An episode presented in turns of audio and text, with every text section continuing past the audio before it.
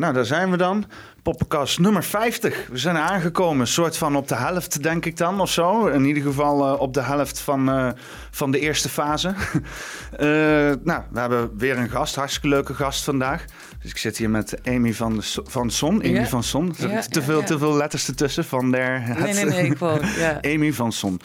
Ja, ja ik, ik, ik ben... Tim Lenders, die heeft mij aan jou... In ieder geval, die heeft mij aan jou bewust gemaakt van jou, zeg maar. Je volgt de podcast al een tijdje. Ja. Ik heb jouw podcast ook een beetje gevolgd hier en daar.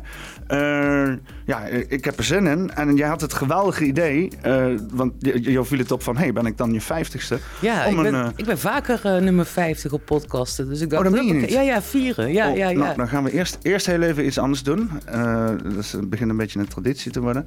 Dus even, even opzoeken wat nummer 50 dan betekent. Oh, ja, interessant. Ja, eens even kijken.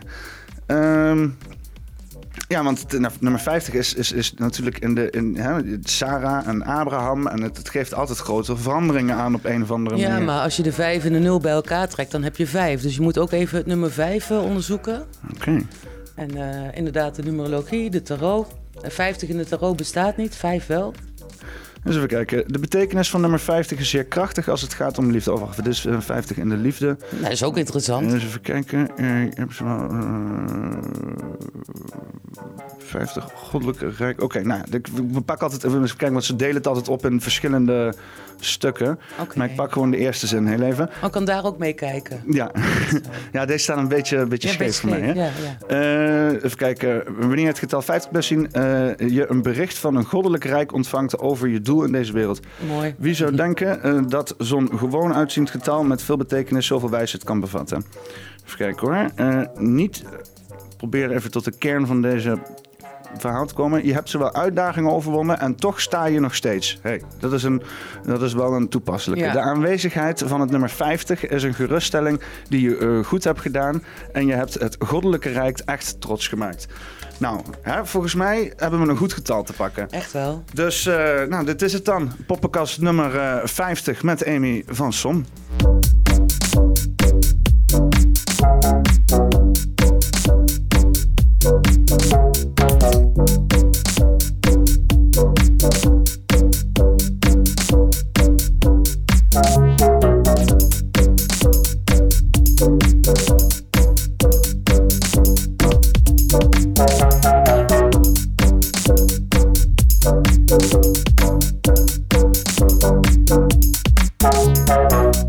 Ja, wat, wat jammer is, even kijken, want ik heb hier mijn, mijn, mijn, mijn GoPro-camera en dan kunnen we dan, en dan zouden we dan inderdaad dan makkelijk die taarten zo mee kunnen filmen. Maar uitgerekend vandaag krijg ik mijn GoPro-camera niet aan de praat. Dus ik, ik ga gewoon heel even, even, ook een beetje met, met deze camera zo, ga ik heel Ja, even een beetje zo Dan uitzoomen. moeten we ook de doos eh, even openmaken, even kijken.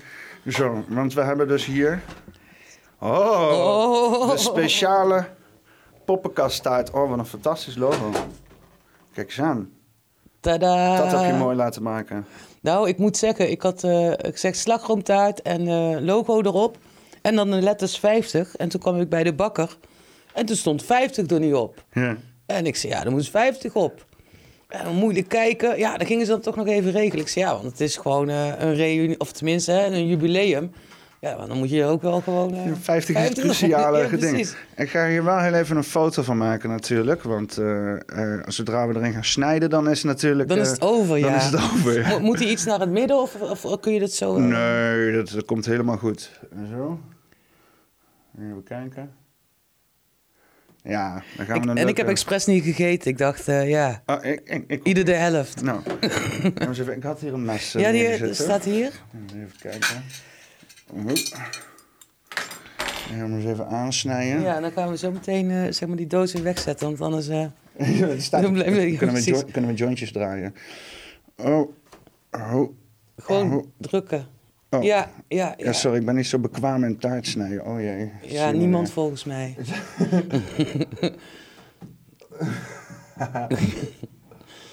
Oh. Ja, Ja, oké. Nou, opwerken. Ja, ja, ja, ja. Kijk, kijk, kijk. zo. Nou, hè, een beetje zo. eh. Kom maar, dan neem ik die aan. Ja. Nou, dames en heren van de podcast, als jullie uh, luisteren, hè, dan uh, zien jullie... Uh, ja, de, de, de, kijkers zien de taart ook niet. Dus eerst zijn jullie gelijk, nu de kijkers en de luisteraars. Maar als ik het heel even mag uitleggen, het is één grote ravage. het is Tiananmen Square zou er niks bij vergelijking zijn. Nog een oh, ja, in stukken. Oh shit, oh mijn god, het is een ravage. Nou ja, de eerste minuten eh, zijn al eh, machtig interessant om af te haken ondertussen. Nou, nou, mijn luisteraars die zijn wel wat gewend hoor. Oh, Een beetje inbeeldingsvermogen is niet verkeerd. Ja, dat vind ik wel uh, jammer dat het niet live is, dat je niet uh, de comments uh, hebt en zo, zeg maar. Ja, dat je geen reacties ja. kan geven. Nou ja, wat ik, ik doe dus altijd een première uitzenden op YouTube. En dan kunnen mensen dus live meekijken. Ja. Of nou ja, live. Dan kijk je met z'n allen zeg maar naar dezelfde tijdlijn. Ja, en dan kan je er alsnog een soort van een moment van inderdaad uh, interactie van maken, zeg maar. Ja, dat zal zaterdag zijn dan. Dan kan je ook nog gewoon uh, mee, uh, mee inhaken op YouTube. Zo. Met, met, de, de, de, steen moet erop blijven ja, zitten. Daarom leg ik hem wel terug. Ik denk met een fake account dan gewoon gaan bashen, zeg maar, op de ja, ja podcast. Ja, inderdaad. Ja. Wat is dit? Een slechte zooi. Nou, ja, dat is... Uh, ja. Dus op proosten dan maar op de vijftigste podcast. Woep, woep. Nou, Amy. Uh, jij bent een veteraan. Ja. Hoe kom je, hoe kom je van veteraan naar podcasten? Wat is, wat is daar zeg maar de overduidelijke brug om dan te gaan zeggen van... Nou, laat ik mijn podcast gaan maken? Nou, eigenlijk geen. Ik denk, hoe kom je van veteraan naar podcast is gewoon de leven. En uh, wat ik wel gelijk denk is... Uh, militairen zijn gewend uh, om altijd op zoek te gaan naar oplossingen, de creatieve ontsnapping. Dus misschien is dat wel een, een aanleiding. En um, van oudsher was ik verbindelaar, telegrafist, zijner. Dat gaat natuurlijk ook altijd heel erg over communicatie. Mm En natuurlijk, ja, vervolgens uh, het leven. Nou, je hebt een stukje techniek, maar het gaat natuurlijk ook over... Uh, ben je bereid om het achterste van je tong te laten zien... en je uit te spreken over de dingen die jou uh, bezighouden. Ja, en ja... Want had je daarvoor al iets gedaan met, met zenden, met, met techniek, met iets, of weet ik veel, opnames maken of zo? Ja, natuurlijk wel. Want uh, ja, je bent heel erg gewend ook uh, uh, vanuit... ik heb dan bij de marine gezeten als verbindelaar. ja, zit je ook met zo'n headset. praat je ook in een microfoon. Het gaat allemaal om verbindingen van schip tot schip. je was niet vreemd met het apparatuur. Nee, nee, precies, precies. Het is wel grappig dat je dan dat soort dingen meekrijgt in een situatie waar je nooit zou denken van, oh, dat je er op die manier gebruik van gaat maken, of zeg maar. Ja, maar ik denk ook in die tijd, zeggen, was het, ehm, wat had je dan, wat vergelijkbaar is, was gewoon radio. En dat was het. En ik bedoel, podcast is pas iets van de laatste vijf of tien jaar. Het is ook gewoon radio in principe. ja. ja. Ja, het is, het, ik, want ik, ik vind het op een of andere manier uh, mooi om te zien dat je dus... Uh, want je hebt dus zeg maar al die mogelijkheden met video, met VR, alles super HD, HQ, 4K, weet ik veel. Uh, extra breed, extra lang, weet je wel. In ieder geval, alles is mogelijk visueel. En dat er mhm. dan toch nog zo'n drijfveer is voor mensen om te zeggen van... nee, ik wil gewoon luisteren. Dat is voor mij voldoende. Ja, maar luisteren is super intiem. Ja, het, het, het, is ook, het is ook iets, want ja, je ogen sluit je zo nu en dan, maar je oren staan altijd open. Uh, ja, ja, ja. Want, wat denk, wat, heb je het idee dat dan, dat dan, zeg maar, eh, door dan die podcast te maken, dat je dan op een andere manier mensen aan je verbindt dan als je bijvoorbeeld zo'n videootje zou maken of zo? Of... Ja, zeker wel. Uh, ik bedoel, ik kijk ook wel eens podcast met video en dan merk ik toch wel dat ik bijvoorbeeld mijn ogen laat rusten op de een of de ander. En op het moment dat het uh, alleen audio is, en je moet gericht gaan luisteren, dan uh, hoor je uh, emotie ook door in stem. Net zoals dat je naar iemand kan kijken terwijl je aan het praten bent. Zeg maar, uh, de onbewuste signalen in je gezicht, dat zijn, dat zijn allemaal vormen van communicatie. Ja. Ja, want ik, ik, ik heb mensen die mij volgen die expliciet zeggen: nee, ik kijk de videopodcast niet, ik luister alleen maar. Ja. Dus ik, vond dat een hele grappige ontwikkeling. En vooral inderdaad met in de gedachte dat alles mogelijk is, maar dan schijnbaar toch podcasts, zeg maar. Ja, maar voor jou is het misschien nog wel lastig, omdat je ook best wel veel beeld uh, erbij uh, pakt. Waar uh, het visuele ook nog wel belangrijk is. Dus ja. Ja, en dan, en dan toch. Uh, want ik, ik, heb, ik luister ook wel. Ik, hiervoor ben ik natuurlijk eerst zelf in podcast gaan duiken. Ik luister graag naar Joe Rogan. En uh, als ik toen, toen, toen, ik, toen ik nog ging sporten. ja, nou ja, dus, ik had even een goede, goede aanloop voor de pandemie. En dat is op een gegeven moment weer helemaal afgevlakt. Maar, Plus 10 kilo. Ja, nou ja, het valt mee. Het is, uiteindelijk is het meer voeding dan iets doen, weet je wel. Ja. Dus, maar het voelt altijd wel goed om een beetje beetje massa te hebben, zeg maar. Dat je niet uh, moe wordt van kratjes slepen en dat soort dingen. ik denk belangrijk is dat je sterk bent in je core dan uh, massa, uh, zeg maar. Ja, oké. Nou ja, nou, fijn. Ik ben sowieso massa, dus... ik doe niet voor je onder, dus... Maar uh, ja, dan, om dan zo'n podcast in te hebben. Uh, en dan inderdaad dat dan mensen bijvoorbeeld over bepaalde onderwerpen praten. En daar dan misschien iets niet meekrijgt. Dan ben je sneller geneigd om er zelf achteraan te gaan. Om even uit te gaan zoeken. Zeggen, hé, hey, waar, hoe, waar ging dat dan over? Wat voor materiaal haalden ze naar boven? Ja. En dan ben je toch eerder geneigd om zelf onderzoek na te doen. Dan als je het soort van hè, zomaar uh, aangevoed krijgt. En dat mensen denken van oké, nu ben ik op de hoogte. Ja, ja precies. Met, wat mij ook opviel, opviel in, in de YouTube beschrijving bij jou. Je hebt een intro, je hebt de outro. Maar je doet niet echt aan show notes. Bedoel je? Want ik, ik, ik, ben, ik ben sowieso, ik heb helemaal niks, ik, ik weet helemaal niks van radio af of niks. Ik duik er echt vanuit een hele andere wereld in waarschijnlijk. Oh ja, met, uh, zeg maar met podcasten is het uh, vaak zo dat, je host hem natuurlijk op YouTube, maar je kunt hem ook hosten via je website. En dan kan hij een eigen pagina krijgen met een eigen URL, net zoals dat het YouTube heeft. Maar je zou bijvoorbeeld bepaalde gespreksonderwerpen waarvan je echt denkt dat is interessant voor mensen, zou je in de show notes nog wat linkjes kunnen zetten die doorklikbaar zijn zodat mensen eigenlijk naar je kanaal gaan om dan ook daar die informatie op te halen. Dat is natuurlijk wel wat extra werk, maar... Ja. Maar, maar, maar knip, je dan, knip je het dan in uh, verschillende stukjes of zo? Of? Nee, nee, eigenlijk zet je, zet je gewoon textueel uh, onder, uh, bijvoorbeeld bij YouTube, de, de, de onderwerpen.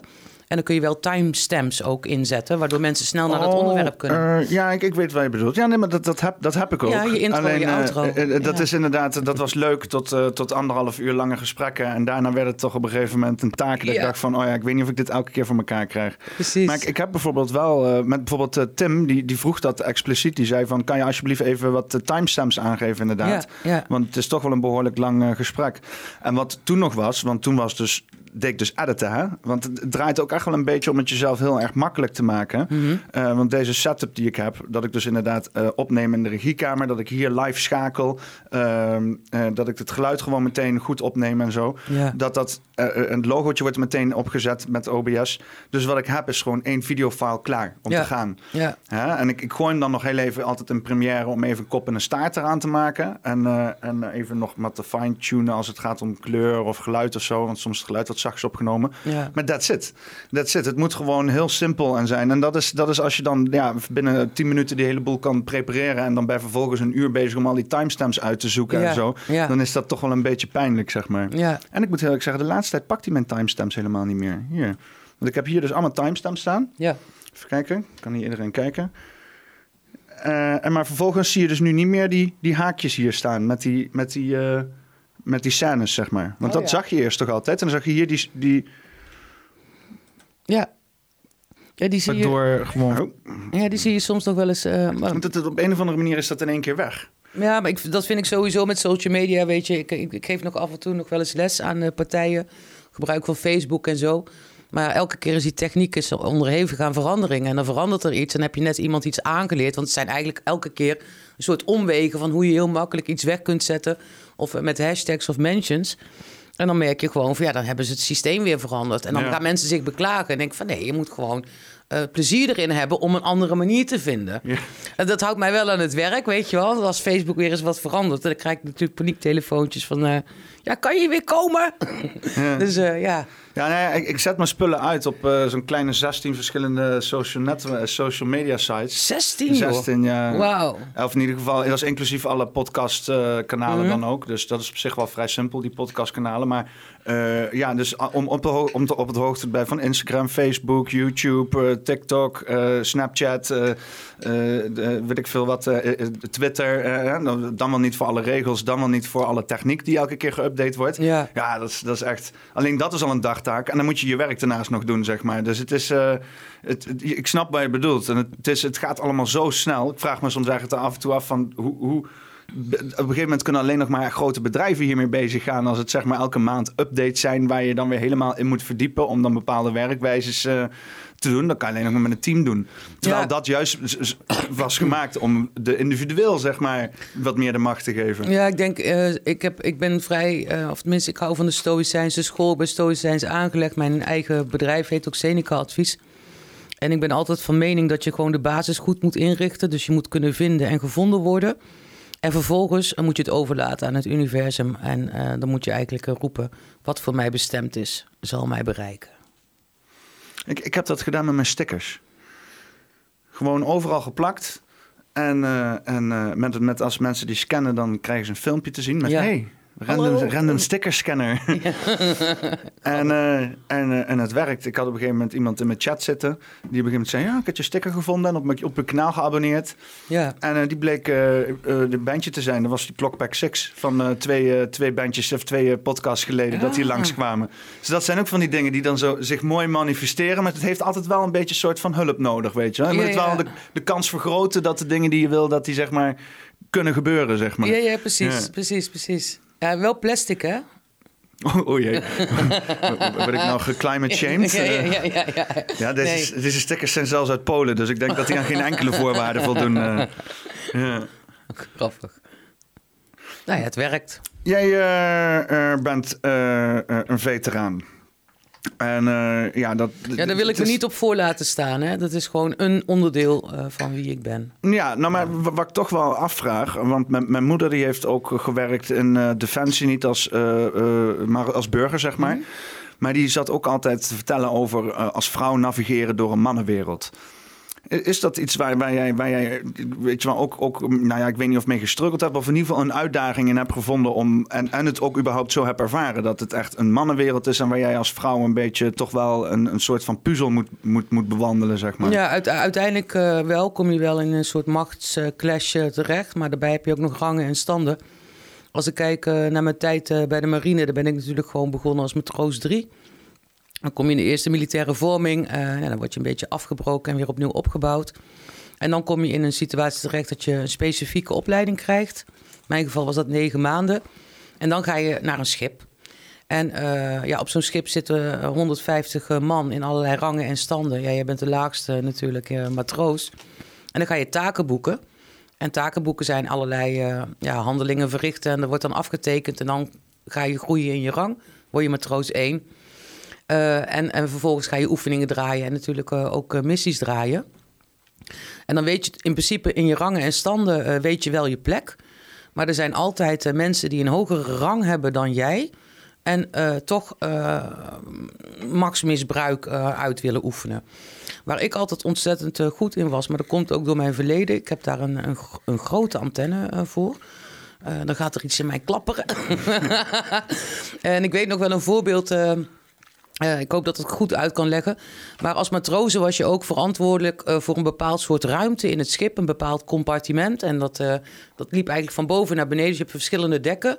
En een compartiment is dan weer een gedeelte in dat schip. En dat moesten wij dan ook schoonmaken. Hmm. Dat was toegewezen aan onze dienst, de verbindingsdienst. En op een gegeven moment was het zo dat ehm, meestal waren je met drie matrozen, twee corporaals. En op enig moment waren er uh, uh, twee matrozen die uh, waren er niet bij. Dus ik was als de enige matroos op, een op, op de divisie. En eh, ja, dan, dan ja, mag je meer dingen doen. ja, je bent de enige uiteindelijk. En ik was al heel lang gewend dat ik elke avond om 11 uur een, ehm, ja, een weerkaart ging downloaden via Satcom.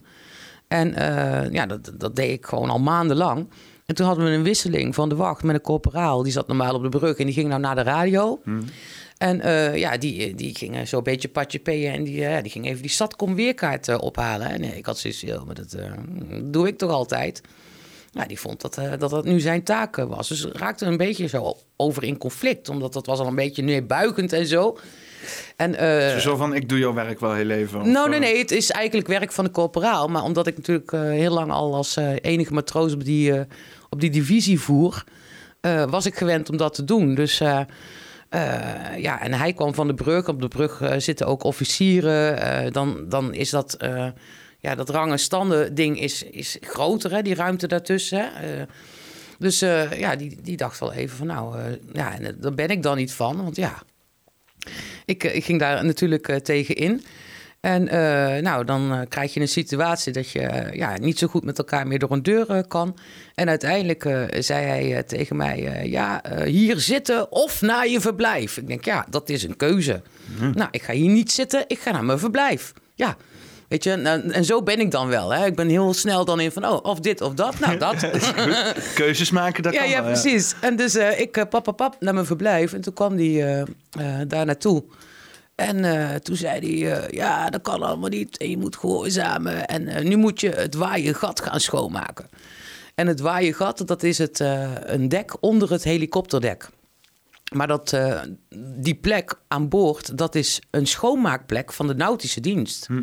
Dus dat is niet van de operationele dienstverbindingen waartoe ik behoorde. Maar dan gaat bij mij gelijk... Ik denk, oké, oneigenlijke opdracht. Wat je dan wel moet doen, opdracht is opdracht. Hè? Dus ik ging op, op, op, op, dat waaien gat schoonmaken. En vervolgens heb ik me beklaagd uh, bij uh, de adjudant uh, operationele dienst... dat ik een oneigenlijke opdracht heb gekregen van de corporaal. Ja, en dan is het gevolg. Want het oneigenlijke opdracht houdt een opdracht die, neer, die niet uh, ja, precies. Als, als je had gezegd, doe de wc's van de onderofficieren... wat dan wel bij de verbindingsdienst hoort, dan had ik dat gewoon moeten doen. En had ik dat niet... Hij heeft gewoon een verkeerde taak uitgezocht Ja, precies. Maar dat was hetzelfde als van ja, of zit of naar je verblijf. Ja, naar je verblijf. Ja. en uiteindelijk heeft hij daar wel een, uh, heeft hij wel een probleem uh, daarmee gekregen. Hij was ook niet zo'n aardige uh, corporaal. Meerdere mensen hadden een hekel aan hem. Dus zeg maar de adjudant had, een, een, ja, dat wel iets in handen om oh ja, een stok om mee te slaan.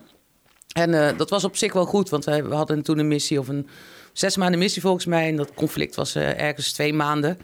Uh, dat we aan het varen waren. Dus uh, de rest van de tijd heb ik uh, geen last gehad van die meneer. Ja. Oké, okay, ja.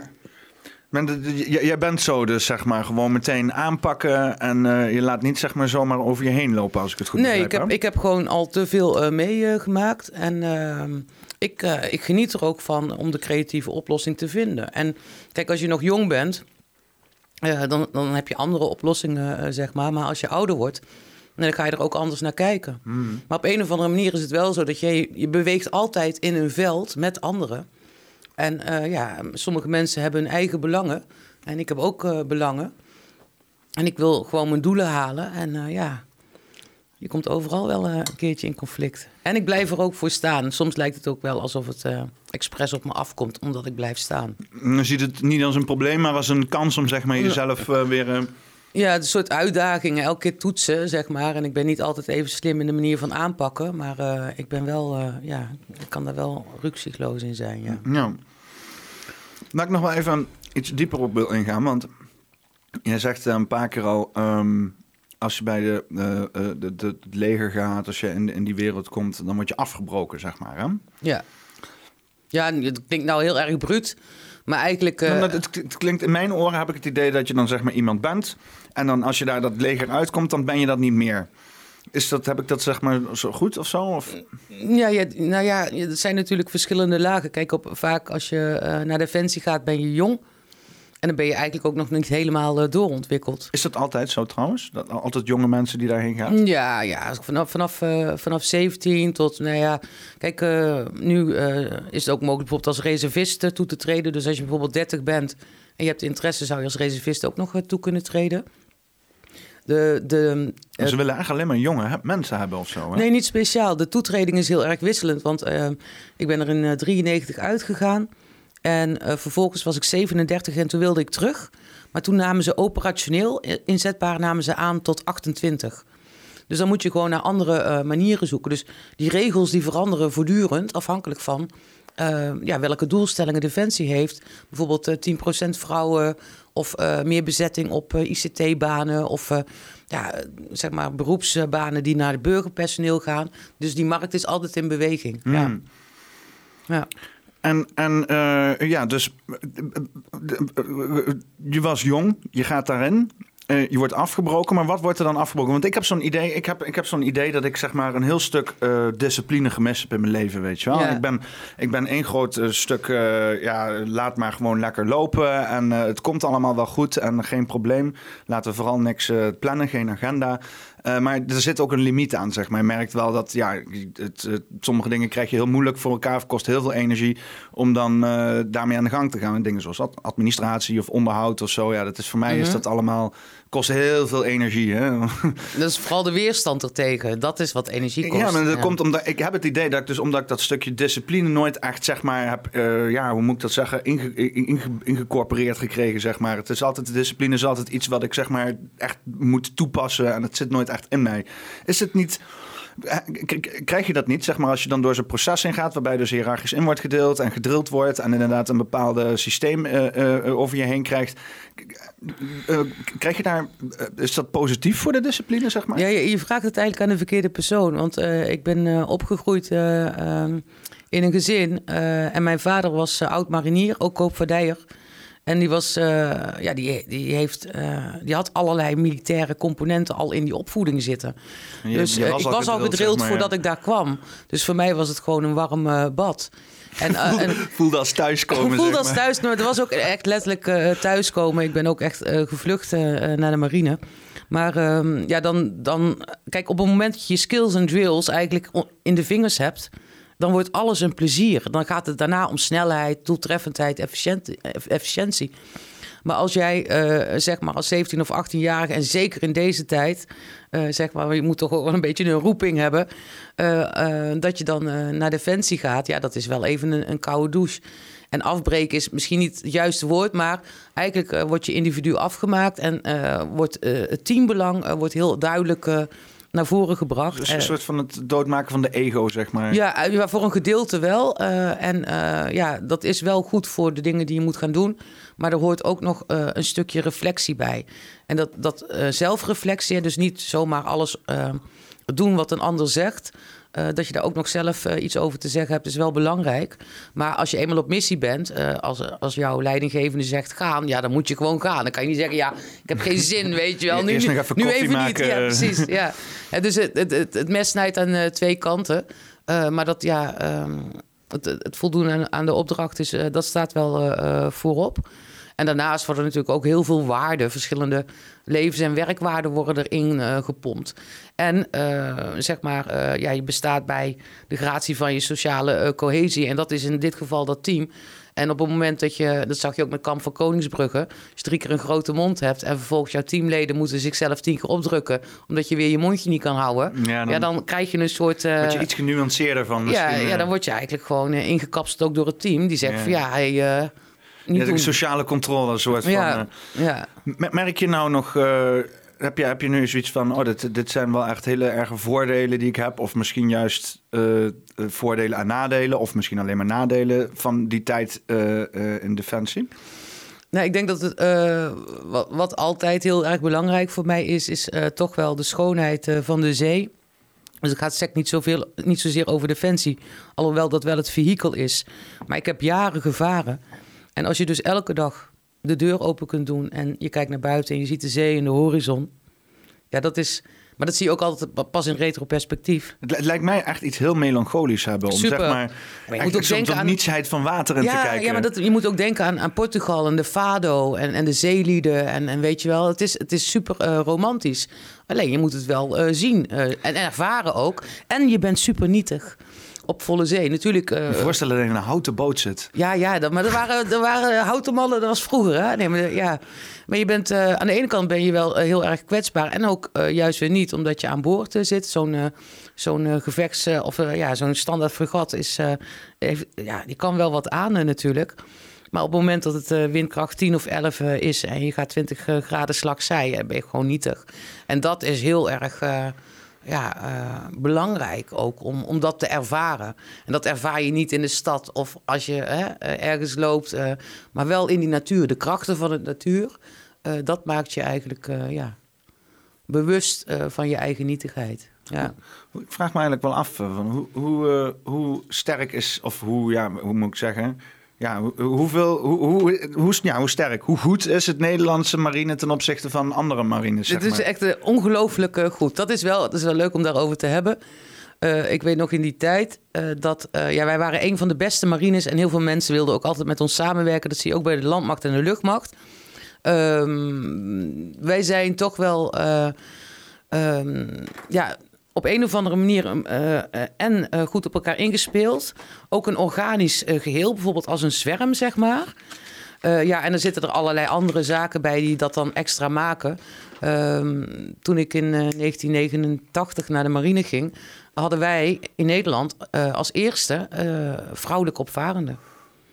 En dat was natuurlijk voor andere marines van, oh wauw, vrouwen aan boord, weet je wel. En want marine is volgens mij toch wel extra mannelijke omgeving, volgens mij, of niet? Nee, ik denk dat landmacht, uh, uh, nou nee, ik denk landmacht is meer mannelijk. Okay. Kijk, marine hebben ze ook heel veel eh, technische specifieke beroepen. Uh, en uh, in de tijd dat wij, of tenminste dat ik opkwam, er zaten ook nog die oude zeebonken. en dat waren inderdaad allemaal mannen. En die moesten ook allemaal wennen aan, aan het feit dat er vrouwen bij waren. En uh, wij uh, hadden in die tijd ook nog bier aan boord. Dat oh, is nu niet meer. Ja, bier, roken, dat kon allemaal. Oh, dat is wel een feest inderdaad. Ja, en de Amerikaanse marine had dat niet. Uh, dus ja, dan, dan, nou ja, goed. Het is dus eigenlijk een soort van samenspel van dingen, cultuur. Nou, wij zijn een, een zeevarend land natuurlijk. Ja, maar dat is ook waar ik me afvroeg. Want Nederland was toch ooit een keer een heel dominerende speler, zeg maar zo in, uh, ja, in, de, in de marinewereld. Ja, Michiel de Ruiter, hè, dat, is, uh, dat is de eerste aanzet geweest ook voor de Korps Mariniers, 1665. De, de, hij heeft, maar wat was dat dan? Want hoe, hoe ver, weet je er veel vanaf van die geschiedenis? Ja, een beetje. Je kunt me Want je had natuurlijk Spanje en, en, Engeland die ook gewoon grote zeemachten waren. Zijn dat dan nog steeds concurrenten of zijn die helemaal ergens anders mee bezig? Want, mm, ja, ik, ik, ik kan eens een keer toevallig onderzeeërs, uh, zo'n filmpje en die gaat onderzeeërs vergelijken. En wat dus blijkt is dat Griekenland veel onderzeeërs heeft op een of andere manier. Mhm. En Nederland niet zoveel in vergelijking met een China en Amerika helemaal niet. Ja. Ja, we, je vaart in NAVO-verband, dus je doet het eigenlijk met elkaar. Ik weet wel, kijk, ik kan daar eigenlijk nu niet meer actueel over spreken, want het is 30 jaar geleden. Maar uh, dan voer je in NAVO-verband. En wij hadden daar ook uh, Spanje, uh, Portugezen, Engelsen, Fransen, allemaal. Maar die hebben allemaal hun eigen eigenaardigheden. En ik weet dat de schepen van de Portugezen, die hadden geen stabilisator aan boord. Die hadden wij wel. Dan moet je je voorstellen, als je uh, zeg maar uh, gaat varen, dan ik klap naar beneden, dat dat gaat dan in stukjes, maar ook het, het slagzij maken. En uh, ja, wij moesten altijd lachen, want dan zagen we daar zo'n Portugees schip en dat ging alle kanten op. En dan waren wij heel blij dat wij wel die stabilisatoren hadden. Dus uh, ja, iedere, iedere, ieder land heeft zijn eigen dingetje, zeg maar. Dat is een specialiteit, zeg Ja, ook qua eten en zo, uh, ja. Maar is dat niet dan de, de kracht van ook Europa en de NATO... dat iedereen inderdaad zo uh, ja, toch wel soeverein bezig is... met een eigen legertje op een eigen manier... dan ten opzichte van een Amerika of een China? Want dat zal waarschijnlijk één grote homogene bende zijn. Ja, Amerika hoort natuurlijk ook nog bij de NAVO. het gaat meer over ja, wie bepaalt en, en, en wie moet zich daarbij aansluiten... Wij zijn natuurlijk wel een zeevarend land, maar het gaat echt over de investeringen die we wel of niet kunnen maken. En ik weet dat uh, Engeland, ja, die heeft ook heel veel schepen, is ook een hele grote uh, marine traditie. Uh, ik moet nu heel erg naar mijn, gewoon, naar mijn gevoel luisteren van wat, wat maakt de indruk eh, op mij en de manier waarop. Ik, de Duitsers zijn gewoon heel gericht. Uh, want je had natuurlijk ook altijd verbindingen met die andere schepen als je aan het varen was. Ja, ja en dan, ja, uh, zeg maar, nee, het is gewoon net zoals in het echte leven. Hè. De meer zuidelijke uh, landen is meer laissez-faire. En ja, hoe noordelijker, hoe ambitieuzer. Ja, zeg maar. nou ja, gestructureerder uiteindelijk, ja. ja. Ja, want hoe, hoe, hoe kijk jij... Ik wil eens even een sigaretje. Oh ja, vooral doen. Eh. Want, want uh, ik weet niet, ik, kan me voorstellen dat je nu helemaal niet meer bezig bent met allerlei militaire operaties. Nou, ja, juist wel, juist door wel? het project Helmen Vol Verhalen waar ik mee bezig ben. Oké, oh, nou, dat, nou ja, in ieder geval, maar dan, oké, maar dan eh, ook zeg maar met, met want wat, wat je nu dan, ja, nu is Rusland hè, aan de grens met Oekraïne. Is dat iets waar je, waar je mee bezighoudt? Waar, waar je, waar je denkt van, oh, dit is... Nou ja, niet, niet uh, heel, heel erg bewust. Uh, kijk, op het moment dat Afghanistan dan uh, viel. Uh, ja, dat is dan even shock en awe. Maar dan, ik ervaar dan gelijk, oh shit. Want nou gaat die dreiging opschuiven. En wij in Nederland denken allemaal ja, zit hier veilig in Nederland. Dat is in, eh, in, in Afghanistan. Zal me reet roesten. Nee. Nee. Weet je, het gaat er gewoon opschuiven. Nou, komt aan de andere kant komt de Oekraïne erbij. En de manier waarop ook, zeg maar. Maar als ik me daar mee bezig zou houden, zelfs met corona, dan heb ik geen leven. Het leven wat ik gewoon, dit is wat ik te doen heb, dat ga ik doen. En daar hou ik me ook mee bezig. En wat er in, in het grotere geheel speelt, dat zal altijd toch wel uh, doorgaan. En dan kun je ook als persoon niet stoppen. En dan hoop je alleen maar uh, dat uh, ja, de mensen die daar wel iets over te zeggen hebben, de juiste beslissingen nemen. Oké, ja. En je hebt er wel vertrouwen in, zeg maar. Jij weet wel een soort van, oh, daar zitten mensen met goede intenties en een goede specialiteit. Of in ieder geval, dat is wel met dat gevoel bij daar weggegaan? Of is dat... Nee, dat is niet te vergelijken. Want nou vraag je iets over wat nu speelt. En dan moet ik uh, diep uit mijn herinnering van 30 jaar geleden. Uh, toen was ik daar ook helemaal niet mee bezig. Ik zag ook alles als een spel. Die via marine, wij kwamen overal, weet je. Dan doe je de deur open, oh, Puerto Rico. Of dan lag je drie, drie dagen in Miami. Maar ja, vaak was je zo moe van het varen of van het drinken, wat je dan nog mocht. uh, en dan ging je niet Miami in. En dan denk je later, ja, waarom heb ik dat niet gedaan? Weet je? Dan kijk je daar heel anders naar. Nu uh, heb ik ook helemaal geen beeld. Uh, als het gaat over politieke keuze, kan ik eigenlijk heel weinig over zeggen. het is gewoon, ik, ja, ik zit er een beetje in op hoop van zegen en leven en laten leven. En ja, het zal mijn tijd wel duren. Ja, als het oorlog wordt, dan wordt het oorlog. Ja. En ja, dan dan wordt er iets anders van je gevraagd. Ja. Dat zien we dan wel weer. Dus sta je dan ook klaar? Ik sta altijd klaar, ja. Uh, ik, ik, ja, nou, je, je was, uh, je komt uit het, uh, uit, dus, uit het leger, uit, uit, de, uit de militaire omgeving. En je moet hè, nou een burger gaan zijn. Ja. Wat, waar, waar liep je als eerst tegenaan? Ja, eigenlijk dat op het moment dat je bij Defensie hebt gezeten, dan is er een bepaald soort logica in de dingen. En dan moet je ook je eigen persoonlijkheid uh, daarbij uh, in account uh, nemen, zeg maar. En dus je bent gespitst op allerlei dingen die fout kunnen gaan, of je ziet oplossingen en mogelijkheden. En dan kom je in de burgermaatschappij en ja, jij bent van aanpakken, want je ziet altijd het grotere geheel, het grotere doel. en je bent ook niet heel snel bereid om je ondergeschikt te maken. Uh, aan, aan iemand uh, die diezelfde waarden niet uh, deelt. Dus de manier waarop je spreekt is anders. En dan kom je ook al een beetje in een soort van wrijvingstoestand terecht. en ook wat jij denkt te kunnen en wat anderen denken dat jij zou kunnen op basis van je leeftijd. Ik weet ook dat toen ik eruit ging, was ik 24. Ik had natuurlijk de hele wereld gezien. Hm. Ja, dan is, is, er een of andere pipo die een stropdas om heeft gedaan. Die is twee jaar ouder. En die gaat jou dan even vertellen wat je wel en niet kunt doen. Ja, dat werkt niet. Ja. ja. Nee, dat is. Uh, en, en, want uh, ja, maar je hebt dus inderdaad uh, op een gegeven moment projecten aangepakt. Dit is wel een stuk verder, neem ik aan. Ja. Want, je zegt het is 30 jaar geleden. Je bent ja. het leger aan toen je 24 was. In 23, 24. 23, ja, 24. Ik ben erin gegaan op 89. Dus het is uh, ja, 33 jaar geleden. En eruit gegaan in uh, 93, 94. Okay, dus, dus inmiddels is grotendeels van je leven is niet militair gericht, zeg maar. Ja, dat is, ja uh... nee, eigenlijk nog steeds wel. Want uh, kijk, ik heb met de paplepel ingegoten gekregen, vervolgens naar de marine. En dan zit het gewoon in je systeem. Je raakt dat niet kwijt. Je bent een militair in hart en nieren, of je nou wil of niet. Nou ja, wel op bepaalde vlakken, zeg maar. En ja, je had het in het begin van, nou, ik mis een stukje discipline. Ja, dat is wel iets wat je dan uh, gewoon uh, meegekregen hebt en de tering naar de nering zetten. Eerst doen wat er gedaan moet worden en daarna ga je maar in een hoekje zitten huilen. Oké, ja. En uh, nou, wat grappig is, als ik jou zo met, met, je praat, een beetje heb geconverseerd, als ik zie waar jij dan de interesses in legt, dan zie ik dat jij toch wel een vrij spiritueel gevorderd persoon bent, zeg maar. In ieder geval open staat voor allerlei spirituele mogelijkheden. Ja. Uh, is dat iets wat, wat, wat, wat, wat, wat je toen ook al had? Of is dat iets wat echt de afgelopen tijd is, is gekomen? Nou, ik, ik moet wel lachen, want uh, de vorige podcast met Claudia, daar hoorde ik dus allerlei theorieën. waarvan ik dacht, oh, oh, zo zit dat. Ja. Dus wat, wat bij mij vaak overkomt, is dat, het, dat ik het wel voel, of een soort weet, zeg maar, maar dat de theorie er nog niet is. Een mooi voorbeeld uh, daarvan uh, vind ik uh, Dragon Dreaming. Dat is een projectmethodiek van de Aboriginals. En um, als je daarnaar gaat kijken, dan gaat het feitelijk over organisch organiseren. En dat is ook spelen met de krachten die erin stappen. het beste uit mensen halen. If it ain't fun, it isn't sustainable. Dat soort dingen. Nou, zo werkte ik eigenlijk altijd. En toen kwam ik in aanraking met de theorie van Dragon Dreaming. En dan kun je het ook verkopen. Want dat, dat is wel iets wat... wat, wat eh, ik, ik, ik, ben een, een, een visiedenker, dus als ik het voor me kan zien, kan ik het maken.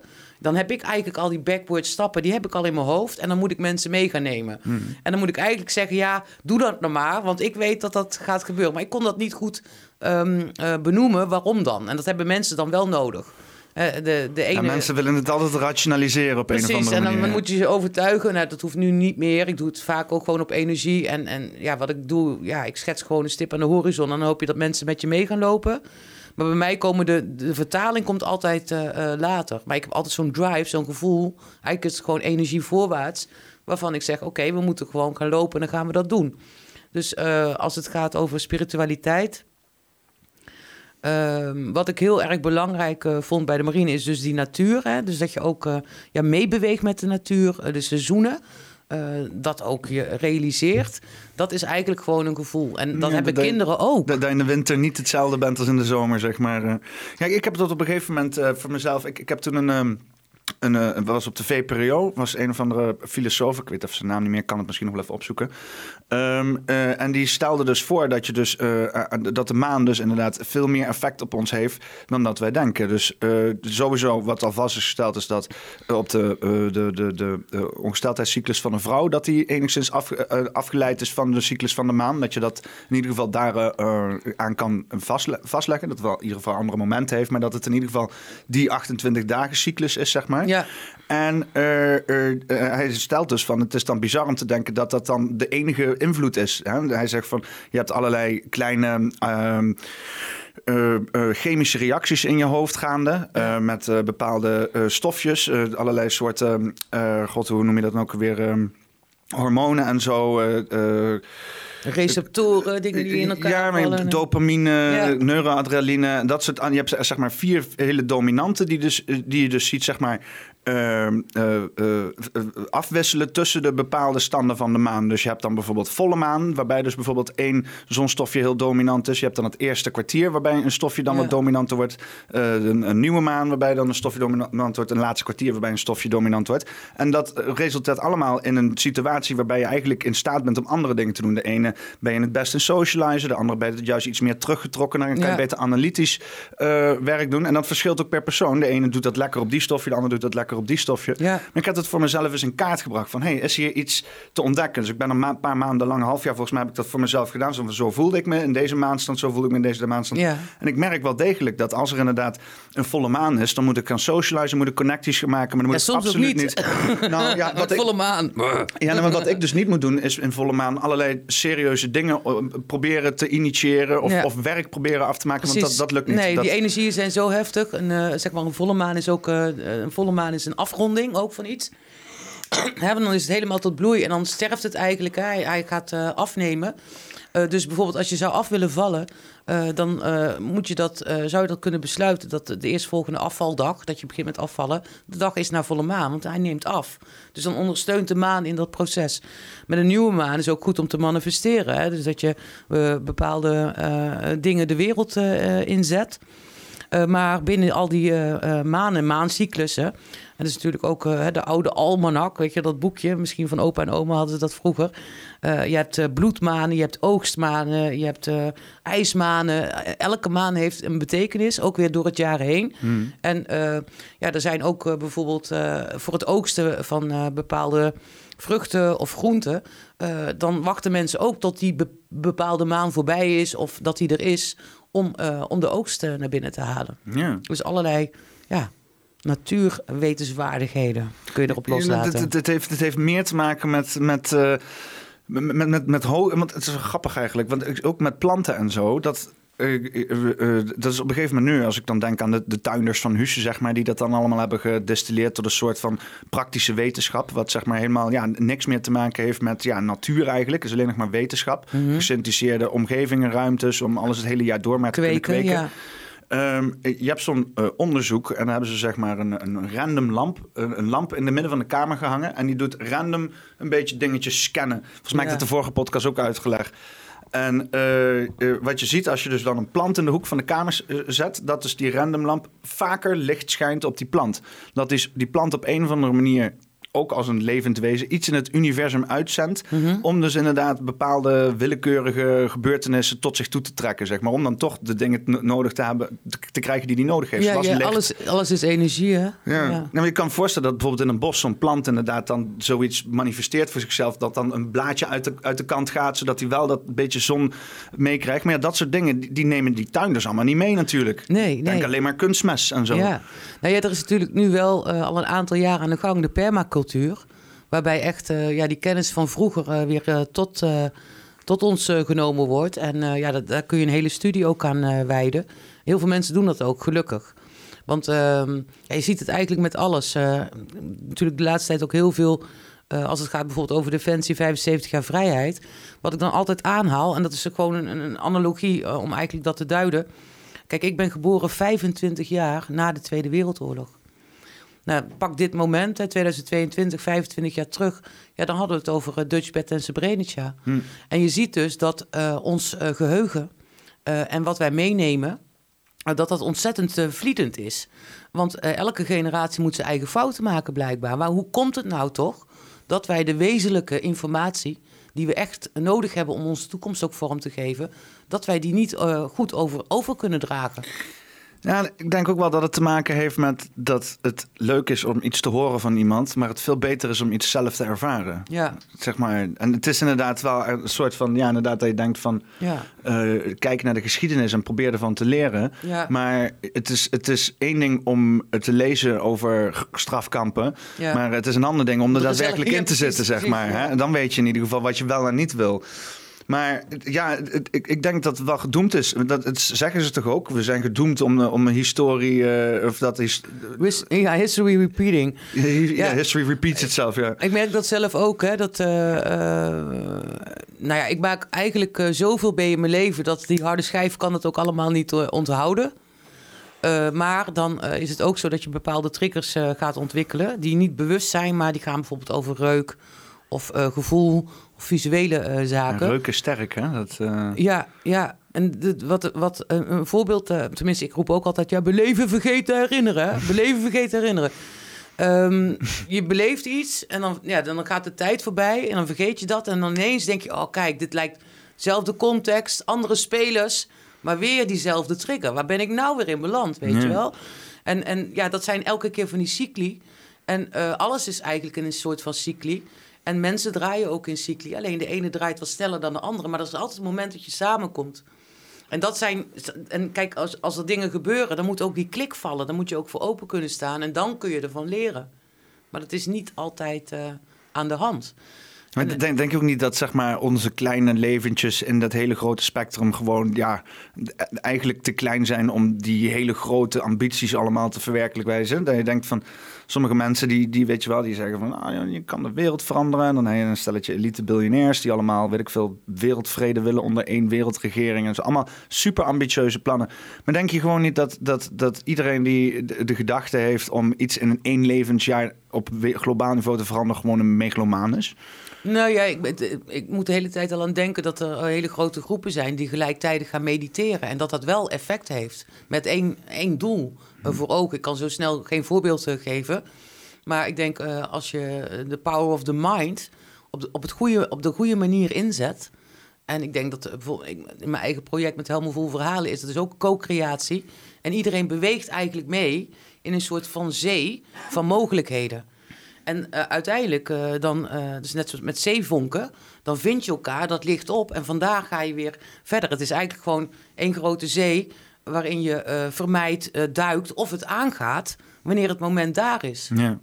Ja, want dat is een beetje inderdaad die kunst van het manifesteren. In mijn optiek is inderdaad alle mogelijke opties openhouden. Nooit iets uitsluiten. Hè? Heel duidelijk weten wat je wil, maar dan vervolgens uh, het, het, niet verwachten ergens van een kant af. Ja? Het kan van alle kanten komen. En het komt meestal in mijn geval van een kant uit helemaal niet, dat ja. wij helemaal niet kunnen bedenken. Ja, maar dat, dat, kan dus ook gevaarlijk zijn. Want uh, in een co-creatie ben ik ook van, uh, ik, ik hou het veld open met, met de goede intenties, positieve intenties. Juist om, hè, een, beetje, een beetje als de Fred Oster show, dat is een ver voor jouw tijd, maar het was een show. Klinkt heel leuk. Ja, ja, ik weet niet of het, of het, of het die show was, kan ook uh, Ted de Braak zijn, weet ik niet. Maar er was, dan hadden ze een halve cirkel en dan hadden ze van die palen aan de plafond hangen. En dan moest dat koppel moesten die palen op gaan uh, vangen. Als je dan liet hij die palen los. Oh, dat is een soort van kermisspel, zeg maar. Ja, dat, dat, dat was zo'n onderdeel. En dat, ja, dat, daar kun je het mee vergelijken. Je moet openstaan voor de mogelijkheden. Maar als je open staat, dan kun je ook geraakt worden. Kijk, en ik sta Vol altijd, een paal op je hoofd krijgen. Precies, ik sta altijd open met een, ja, met, met, een positief hart. Maar als je hele impactvolle dingen aan het doen bent, uh, dan sta je niet alleen open voor de kansen, maar ook voor de aanvallen. Ja, je moet dat het, vraagt iets anders van je. Je moet het hele speelveld kunnen zien, zeg maar. Want als je inderdaad dan daar palen staat te vallen, vangen, zeg maar, maar geen idee hebt dat er... Wordt, ja, ja, inderdaad. Ja, terwijl je, dat er iemand aankomt om je te bodychecken. Ja, dan, dan, ja, ja, ja. ja. dat is... Maar dat is... Want ik ben heel... Ook in je achterhoofd. Ja, nou ja, ik, ik ben um, absoluut niet gefocust. Hè? En ik ben hier vroeger als kind uh, heftig voor gedrugeerd. Omdat mensen het heel moeilijk vonden om met uh, niet-focus om te gaan, zeg maar. Maar nou, nou, dat is allemaal goed gekomen, toch? Of niet? Ja, laten we maar hopen hè, dat dit goed is. Nee, uh, het, is prima inderdaad. En, maar ik, ik, ik, kijk, ik vind het altijd wel. Ik kijk er altijd heel met een soort van bitter hart op terug. Dat zeg maar dat dat nodig was. Hè. Dat dus inderdaad die mensen toen niet zeg maar. Want ik heb het idee dat ik volgens mij als kind ook allerlei potentie had. Ik had in ieder geval levenslust en ambitie. Alleen ja, ik was een ongeleid projectiel zeg maar. Ik kon niet. Hè, dan proberen ze me vooraan in de klas te zetten. Onder het mom van de kankje in de gaten houden. Maar dan gebeurt bij mij alles achter me. Ja. Dan werk natuurlijk voor nee, geen meter. Is, nee, dat is wel heel super onrustig. Nee, maar ik herken dat uh, wel. Maar dat heeft uh, eigenlijk gewoon uh, te maken met de kwetsuren van die mensen die jou dat hebben opgelegd. En die zijn zelf ook nog niet volgroeid, op wat voor manier dan ook. Eentje is dood.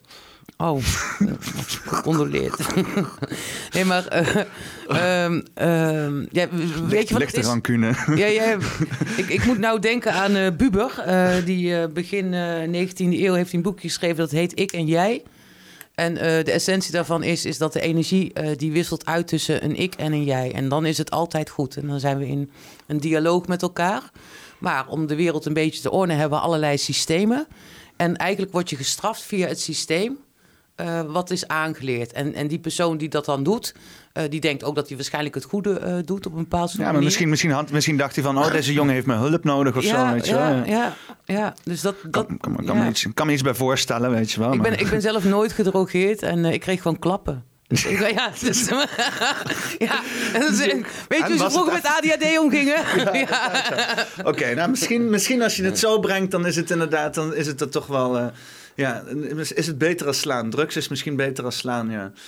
Ja, ze zeggen toch, weet je wel, uh, gewoon uh, van de jaren zestig, weet je wel, gingen ze geen oorlog meer doen, maar allemaal drugs gebruiken. Ja, ja, ja, ja, ja. Je hebt altijd van die tegenbewegingen en uiteindelijk moet je terug naar het midden, naar de balans. ja. ja. Nou, je, je hebt dus uh, uh, toch wel van, van uit dit, zeg maar, ja, ik, ik, ik, noem het spiritueel, het klinkt altijd heel zweverig, zeg maar. En misschien holistisch, zeg maar, een holistische levensstijl, holistische blik op het leven. Ja. Je hebt daar je werk van gemaakt. Ja, Nee, ook weer daarin, hè, je hebt je skills en je drills. Dus eigenlijk als je in staat bent om uh, je lichaam te beheersen met je eigen dynamiek en eigen keuzes en daarop vertrouwt, mm -hmm. dan is het uh, alles wat het veld biedt, is een feestje. Mm -hmm omdat je weet dat je daar altijd uh, mee aan de gang kan of op, op, kunt handelen, zeg maar. En dan, dan is het een spel. Ik vond dat de marine vond ik ook een spel. Uh, hè, de bewegingen van de zee, het schip enzovoort. Nou, kenniskunde, je eigent je dingen toe. Je ziet dat je bepaalde dingen gaan je makkelijker af. Nou, dan ga je misschien iets meer doen. Andere dingen gaan je iets minder makkelijk af. Maar gewoon dat diepe vertrouwen in jezelf. En vervolgens je elke keer in een situatie zetten waarin dat ook getoetst wordt. En dan leer je elke keer een stukje bij. En, en dat gaat gewoon niet over. Uh, dat blijft uh, voortdurend uh, een, een, uitdaging, want elke leeftijd heeft zijn eigen uitdaging. Ik bedoel, ik zit nu aan de, ja, ik weet niet, de verkeerde kant van 50, zeg maar. Nee, maar het is wel, ja, dan, dan gaat gelden, ja, wat is de kunst van het ouder worden? En dan betekent wel dat je, en sommige mensen hebben dat nog wel een, een groot adolescentie deel in hun persoonlijkheid ja, daar kun je uh, eigenlijk dan niet meer mee wegkomen, uh, zeg maar, in de sociale omgeving. Of daar vinden ze dan wat van. Dat vind ik ook wel iets, want ik merk wel van ja, toen ik uh, vroeger klein was, mijn oom was toen 30. Nou, dat vond ik super oud. Ja. Ja, dat weet ik ook nog wel. Dat ja, mensen van 30 heel oud oh, waren en zo. oud, ja. En, en mijn oma, die, die, volgens mij die, die werd vrij vroeg oma op 40 of zo. Ja, die liep altijd in zo'n nylon, nylon overschort. Ja, die mensen zagen er al uit, oud uit door de manier waarop ze zich kleden. Weet je wel? En, uh, ja, dus, Klompen zeg maar, en zo. Ja, wat, wat je zeg maar aan de buitenkant uh, draagt, dat zegt ook heel erg uh, veel over ja, wat je wel of niet wil zijn. En dat is ook gewoon een. Kijk, alles is een soort van manier van communiceren. Alles. Ja, ik, ik heb dat heel erg met kleding, inderdaad. En daarom, ik ben er ook, ik ben, want ik heb sowieso helemaal niks met kleding. Ik vind het alleen fijn dat het warm zit en zo. Ik, ik ben ook, maar dat, dat er geoordeeld wordt. Weet je wat mensen die dan. Ik, ik had ik nieuwe kleding gekocht. Omdat ik gaten had in mijn broeken. En dat de mensen zeggen van. Oh ja, het ziet er leuk uit in kleding en zo. Weet je wel. Ik heb altijd daar een soort van discomfort bij gevoeld. Dat ik denk van. Dus ik, ik, ik, wil niet. Ik wil dit niet of zo. Weet je ja, wel. Ja, ja. Ik, doe, ik draag het niet om er leuk uit te zien. Ja, ik draag het niet om, om een statement te maken. Of om iets te, te, te profileren van mezelf. Ik draag het letterlijk zodat je niet tegen mijn pek hoeft aan te kijken. En anders. weet je wel. En er, er zijn genoeg dagen waarbij ik denk van. Ah, ik wou dat het anders kon zijn. Maar ja het, het, het, ik, ik vind inderdaad dat er wel heel veel, heel veel gewicht rondom kleding hangt. En ik, misschien ben ik een man daarvoor. En Fran, wat, wat vind jij daarvan dan? Nou ja, ik, het is wel grappig dat je dat zegt inderdaad. Met ook dat je kan zien uit wat voor een tijdperk mensen komen. Of wat, in wat voor een zeitgeist ja, mensen zitten. Het is echt super, super simpel. Ik ben geboren in 1969. En uh, ik weet, uh, ja, in die tijd, uh, je kreeg de afdankertjes van je broertjes of zusjes. Ik was de oudste, dat heb ik verder niet meegemaakt. Maar kleding was toen ook helemaal geen issue. Je had twee soorten chips, paprika en gewoon. Je had drie zenders. Uh, dat was het. Het is gewoon het, het consumentisme, dat, dat, of de consumptiemaatschappij die dat om zeep heeft geholpen. Alle keuzes. Hè? Dat ze zeggen van keuze is vrijheid. Ja, ja, nee, dat is helemaal niet. Want het kost veel meer tijd om dan ook die keuze te maken. Nou, vervolgens, een heel praktisch voorbeeld. Mijn broertje is uh, elf jaar later geboren. Nou, toen was het ook een beetje de Olili-tijd. Uh, dus die kindjes werden allemaal heel leuk en lief aangekleed. Kijk, ik... ik ja, ik kom een beetje uit die uh, flauwe power uh, tijd. Mm -hmm. En daarvoor zat dat hele strikte van net na de Tweede Wereldoorlog. In de jaren 50 in Precies. het gereel lopen. Nou, dan krijg je die, uit, die uitbreeksituatie. En ik denk, ja, ik mag ontzettend blij zijn dat ik tot de generatie X behoor. Een liaison-generatie. want wij hebben die verbinding ook nog met de oudere generaties en de nieuwe. Wij kunnen eigenlijk heel makkelijk schakelen. Wij bewegen overal tussendoor. Op het moment dat dan heb je jaren 80, jaren 90. En dan wordt er eigenlijk al een stempel op uh, gedrukt. Natuurlijk uh, zie je ook heel veel rauwheid in de steden. En dan gaat het eigenlijk een soort van downhill. Nou, dan, dan komt dat kapitalisme steeds verder op. De beurs. Krijg je weer een hele andere stroming eroverheen. Nou, ik moet ook aan, aan, aan muziek denken. Nou, er worden bepaalde clips gemaakt. Er moeten grote kettingen komen. Je krijgt het dus gewoon... Het zijn allemaal subcultuurtjes over subcultuurtjes. En daarmee onderscheid je je ook. Daarmee meet je ook een identiteit aan. Dan kun je een post daarin meelopen. En op een gegeven moment heb je een ander moment. Zeg maar, toen ik puber was, was het uh, ska en punk. Uh, madness, uh, One Step Beyond, dat soort dingen. Dat waren toch allemaal wel tegenbewegingen. Um, van het zoetsappige van de uh, jaren 50, 60. Eh, maar heb je niet het idee dat die overduidelijke decennia, zeg maar, dat dat een beetje is geëindigd bij 2000? Of is dat omdat we er gewoon nog te dicht op zitten? Want ik heb niet het idee dat. Want jaren 90 had ook al vrij snel een vrij specifieke esthetiek met die muziek en de opkomst van elektronica en zo. En uh, eigenlijk 2010, 2020, ja, ik weet niet. Het lijkt een beetje alsof alles her wordt gebruikt de hele tijd. Want je ziet van alles. Je ziet de flower power terugkomen, je ziet die neon esthetiek uit de jaren 80 is ook weer hip en zo. Met, met, met eh, die video, uh, videotapes, uh, effecten en zo. Film popcultuur terugkomen. Ja, synthpop en zo, dat soort zaken. Het is nu ontzettend gefragmenteerd. Uh, kijk, als ik, uh, als ik moet denken aan 2000 en ik, probeer iets te vangen, zeg maar, dan lukt dat eigenlijk niet. En dan ga ik al heel snel terug. Oké, okay, 1999. Want wat er toen gebeurde, natuurlijk Prins, hè, die is ook al vanaf 1984, 1999. Dus er waren wel, dat was al toekomst toen. Mm. Van 1999, nou dat ik dat nog mee ga maken nee, ooit. Nou, voordat je het weet, uh, ben je daar. En in 2000, uh, wat uh, echt een, een ding was, is, was de millennial bug. Ja. De he het hele bedrijfsleven zou op zijn gat gaan, want de tellers gingen maar tot uh, 2000. Ik kan me ook nog herinneren inderdaad, ja. ja Y2K. Ja, dus dat is wat ik me van 2000 kan herinneren. Ik moet heel even goed nadenken waar ik uithing in die tijd wat ik aan het doen was. Volgens mij was ik toen uh, aan het studeren, Academie Mens en Arbeid. Op mijn dertigste besloot ik naar het HBO te gaan, omdat ik elke keer in uh, kutbaantjes terecht kwam. en dan na een half jaar hoofd van iets werd gemaakt. Oh, ja. Maar omdat dat diplomaatje niet had, dacht ik, ja, fuck it, ik ga gewoon nu HBO halen. Wat voor kutbaantjes heb je allemaal gehad? Nou, ik heb uh, niet heel veel, maar ja, ook wel weer die banen waarbij vooral dan ook mannen jou de lessen willen ah, lezen. Uh, na uh, schroevers uh, heb ik bij wat ontwerpbureautjes gewerkt, vaak als receptioniste, telefoniste. Vervolgens ben ik uh, terechtgekomen bij een assurantie tussenpersoon. Daar werd ik uh, na een korte tijd receptionist, werd ik office, office manager. Hmm. maar wat er dan gebeurt, ik doe dat dan zo goed dat de buitenwereld denkt dat ik de baas ben. Maar ik heb natuurlijk directeur, groot aandeelhouders, die had ik boven mij. En ik deed ontzettend goed mijn werk. Uh, maar eentje daarvan. Je gewoon autoriteit op een Ja, ja, ja. Eentje daarvan, die, die trok dat niet. En uh, ik weet nog dat. dat is wel een grappig voorbeeld. Ik was natuurlijk verantwoordelijk voor het kantoor en ik opende dat. Maar zij waren s'avonds nog wel eens aan het cold callen, zeg maar. En dan bestelden ze bijvoorbeeld uh, En dat was één grote ruimte. Maar wat, wat die lui dan deden, die gingen daar die shawarma vreten met knoflooksaus en lieten ze die borden staan. En dan kom je de volgende ochtend kom je op kantoor en je doet die deur open. Dan lijkt het net alsof je in de zwamenzaak oh. staat. Dus toen zei ik van nou, eh, niet om het een of het ander, maar het is wel fijn als je dat even opruimt. Ja, dat trokken ze dan niet. Oh jezus. Ja, dat, ik ben, dat zij eruit of ik eruit. Ja, dat hoor ik zo vaak. Zij eruit of ik eruit. Rot op. Oh, ja. vreselijk. Ja. Ja, Nog steeds. Het is, het, is, het is, wel, het is wel leuk. Ik weet niet of je er zin in hebt om over te praten. Maar in het licht van uh, de hele Voice of Holland schandaal. En natuurlijk heel Nederland die in één keer heel erg verontwaardigd is over het feit dat er machtsmisbruik gaande is en dergelijke. Uh, ja, ik, ik, hoor toch wel in, in jou dat jij toch al wel vaker gestuurd bent tegen uh, mannen die het toch wel vrij uh, makkelijk vrouwen proberen onder de. Ja, om eroverheen te lopen, zeg ja, maar. Ja, maar dan, dan is daar nog een verschil. Want je hebt natuurlijk vrouwen die, waar je makkelijk overheen kunt lopen. En dan is dat een soort van zelfsprekendheid. Wat ik tegenkom is een bepaald soort dominantie, gewoon om het domineren. in de ogen van bepaalde iemanden.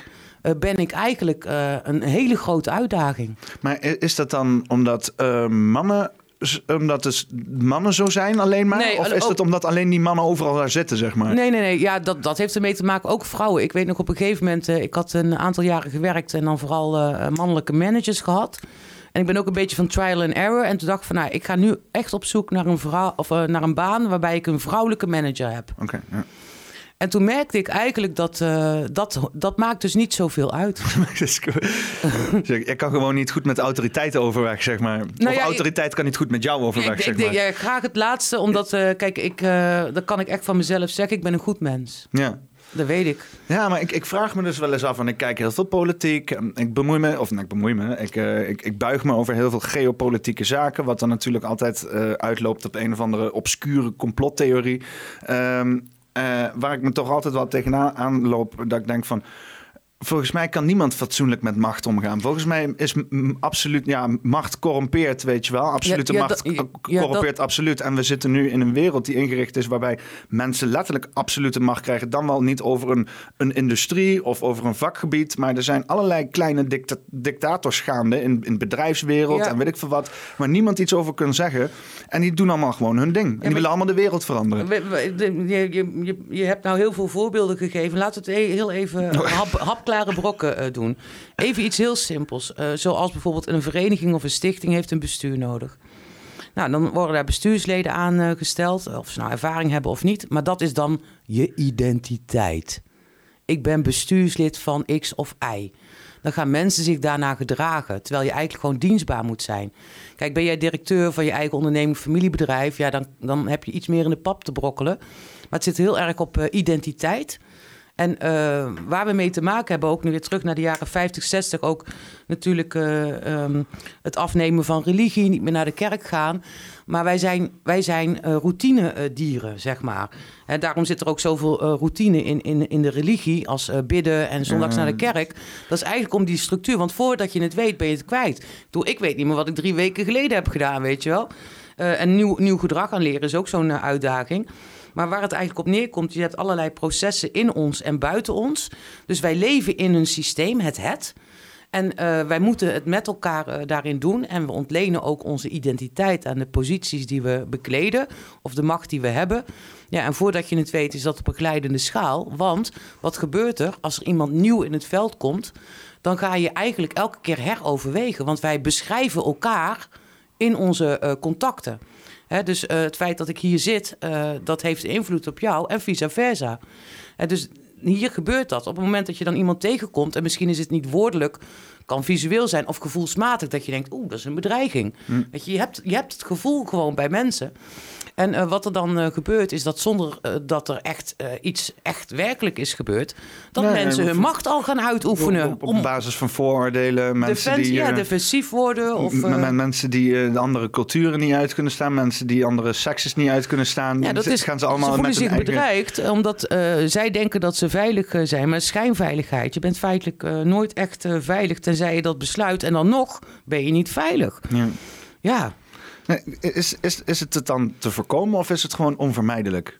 Want dan krijg, kom je een beetje uiteindelijk, als je dan zeg maar in een, in een, in een wereld wil komen waarbij je er iets aan wil doen, dan zou je bijna zeggen van oké, dan moet niemand meer macht hebben. Maar dan krijg je dus al dat allerlei communistische shit. En dan krijg je uiteindelijk toch weer iemand de macht. Dus, of in ieder geval. Hè, want... Nou, ik denk dat wat belangrijk is, is dat wij uh, onszelf en de systemen voortdurend heroverwegen. Maar dat, we, dat het zo groot is, hè, dat we in zo'n groot systeem aan het bewegen zijn. Kijk ook naar uh, de Belastingdienst, fraude, uh, hoe het uh, gaat in de politiek. En je kunt alle, allerlei voorbeelden, zelfs op, op kleuterschoolniveau vindt het plaats.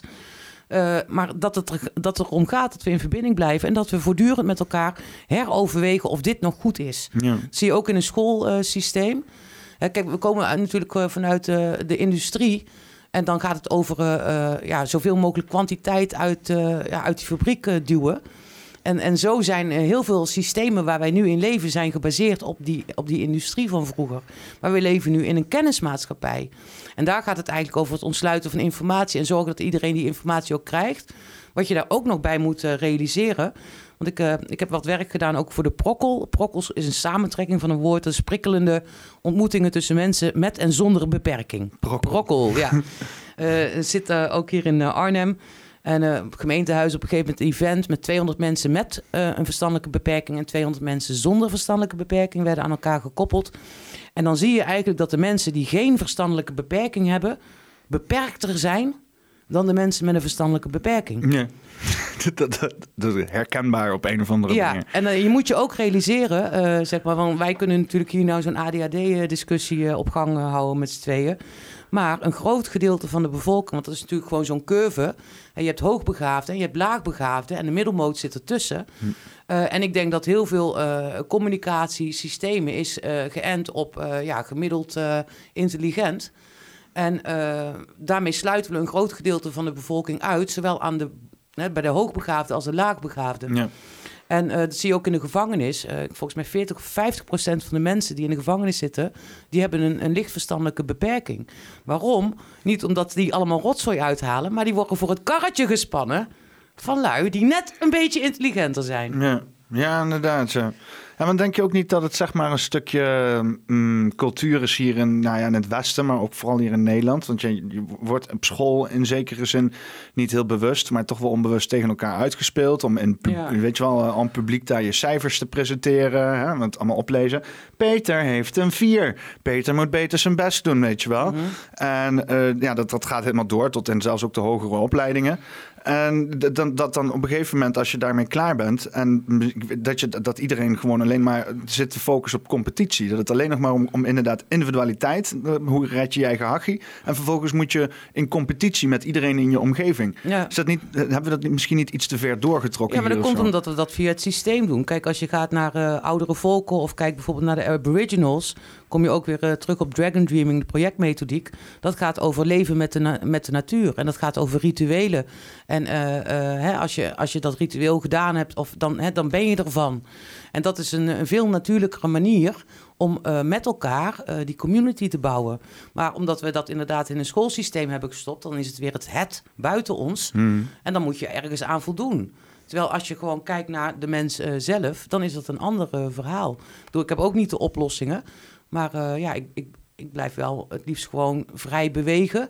En ik wil me ook niet laten labelen. En ik wil me ook niet in de constitutie laten drukken. Dat doe ik met het project Helemaal vol, vol Verhalen ook niet. was me echt heel veel aangelegen om gewoon te kunnen blijven bewegen tussen de constituties in en je, en je niet te laten claimen. Uh, voor mij is dat sowieso als persoon belangrijk, in beweging blijven. Want zolang je beweegt, dan heb je de creatieve ontsnapping. Ja. Kijk, anders ben je gewoon een fucking sitting duck. Ja, als je stilstaat. Uh, ja, Ja, als je in principe, sowieso als je stilstaat, ga je achteruit. Want de hele wereld beweegt, uh, beweegt constant. Dan maar niet. niet. Niet per definitie, want soms is het ook gewoon uh, goed om je terug te trekken en de rust uh, te pakken. Maar de maatschappij jaagt je, jaagt je op, mensen jagen je op. En eigenlijk, ja, wat je moet doen is gewoon een heel goed gevoel met, met je eigen wensen hebben. Of je, ja, wat, wat, wat je zelf wil. Maar ja, soms word je zo erg geleefd door inderdaad al die systemen ja, dan ben je een soort uh, uh, pinballmachine, uh, zeg maar. Hm. Ja. Wil je wat vertellen over jouw project Helemaal Vol Verhalen? Ja, dat wil ik wel. Wat wil je erover weten? hoe, ben, hoe is het bij begonnen? Hm. Ja, um, hoe heet het? Um, toen ik 37, 38 was, toen was ik loopbaanbegeleider, verzuimcoördinator bij een groot advocaatkantoor. Dus ik had de carrière, zeg maar, in de HRM. Uh, ik was wel diep ongelukkig. Ik werkte toen onder een vrouwelijke leidinggevende, een vrij pinnige uh, vrouw. Is een desbetreffende vrouw? Uh, ja, nee, niet. Nee, nee, dat was een, een andere, andere. Een andere ja, ja, precies. ja, maar dat, ja, vrij ambitieus. Ja, en, en, wat ik net al zei, ik, ik, vind mezelf een goed persoon. Dus ik ben altijd op zoek naar ja, dat vind ik wel mooi van de HRM. Je beweegt eigenlijk tussen het, het, volk, zeg maar, de werknemers en het management. Hmm. En heel veel van uh, die HRM'ers, die kruipen dan toch tegen dat management aan. En die hebben een bruine arm tot hier, zeg maar. maar ik was altijd van, wat is in het belang van beide? dus altijd uh, aan het zoeken naar die belangen en ook eh, de, de, de creatieve mogelijkheden. En uh, dat, dat was daar niet zo. maar je komt dan wel met hele mooie oplossingen, zeg maar. En die dan ja, die, die worden al heel snel dan uh, de kop ingedrukt. Dat gaat eigenlijk ook weer uh, over macht. Maar goed, ik zat daar niet uh, op mijn plek. En op een gegeven moment droomde ik elke dag dat ik mijn werkpak aan zou trekken en op post zou gaan. En toen dacht ik, ja, waar komt dat nou vandaan? Weet je? Dus ik, ik had zoiets van, dat, dat, dat is een verlangen. Toen ben ik dat gaan onderzoeken. En toen kwam ik eigenlijk uit dat ik de, de marine miste. dat is dan een volgende stap. Maar eigenlijk verlangde ik naar de zee. En dat is de vrije ruimte. Mhm. Dat je niet meer vastzit in dat systeem, in zo'n advocatenkantoor, maar dat je gewoon weer ja, de ruimte uh, uh, kunt hebben en mm. kunt freewheelen. Kantoor is sowieso een hele aparte omgeving eigenlijk. Uh, ja. Het voelt altijd een beetje als een soort van dagopvang uh, voor mensen. Ja, helemaal mensen die in hun stoel zitten warm te houden en zo. En ja, te wachten op het eind. En... Ik had ook wel het probleem, weet je, had je contract voor 40 uur, maar ik had mijn werk in twee uur al af. Ja. Moet je dan de rest van de tijd gaan Ja, dan krijg, kan je of het werk van anderen gaan lopen doen terwijl hun zitten af, uh, af te kanen. Of, of uh, inderdaad, want je kan alleen maar in je stoel zitten. Ik, ik werk dus nu thuis en dat is echt geweldig, want dan kan je al overige tijd gewoon aan jezelf besteden. Ja. Maar het is, het is ook wel weer aan de ene kant ook wel weer lastig, want dan mengt alles zich met elkaar. Wat, wat, voor werk doe je? Ik ben online marketeer. Okay, dus doe dan dit voor andere mensen. Ja, ja, ja. ja, ja precies.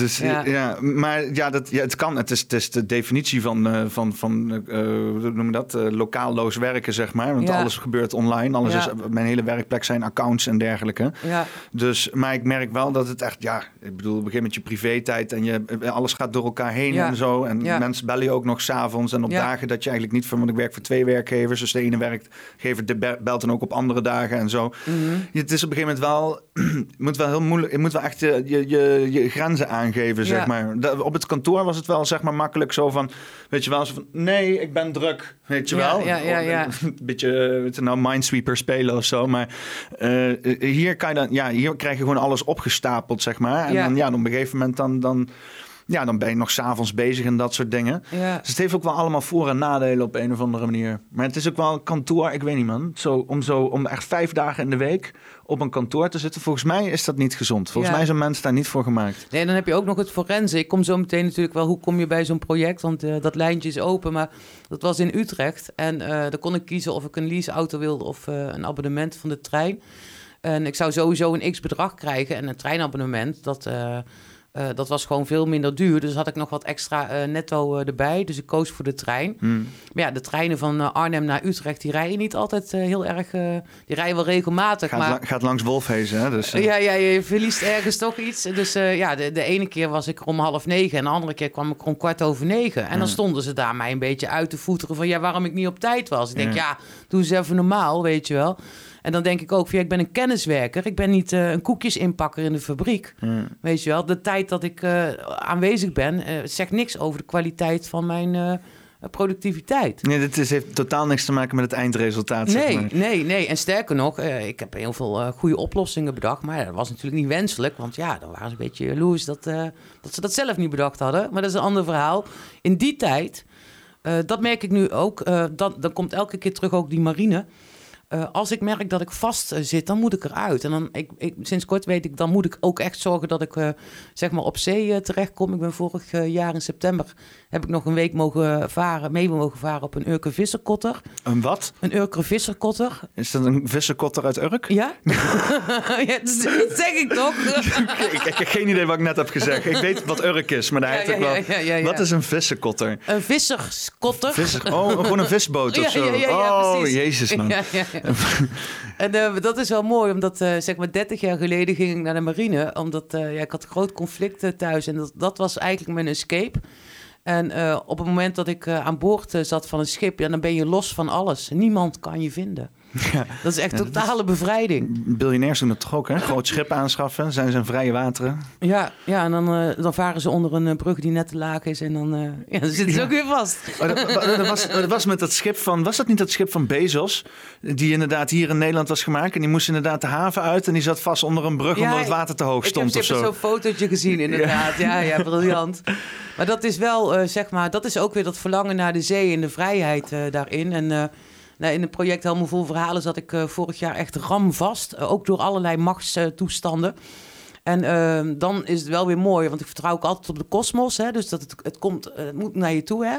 Dus, wil, wat, wil je daar iets over kwijt, over die dingen waar je vast in zit? Ja, dat komt misschien straks wel in de loop van het project, hoe dat, hoe dat dan gaat. Leuk. Maar ik... Um, wat ik merkte was dat op zich ben ik een happy-go-lucky. Maar op het moment dat je heel veel aanvallen krijgt, uh, ja, ik, ik, merkte dat ik aan het verzuren uh, was. En, uh, Mentaal of?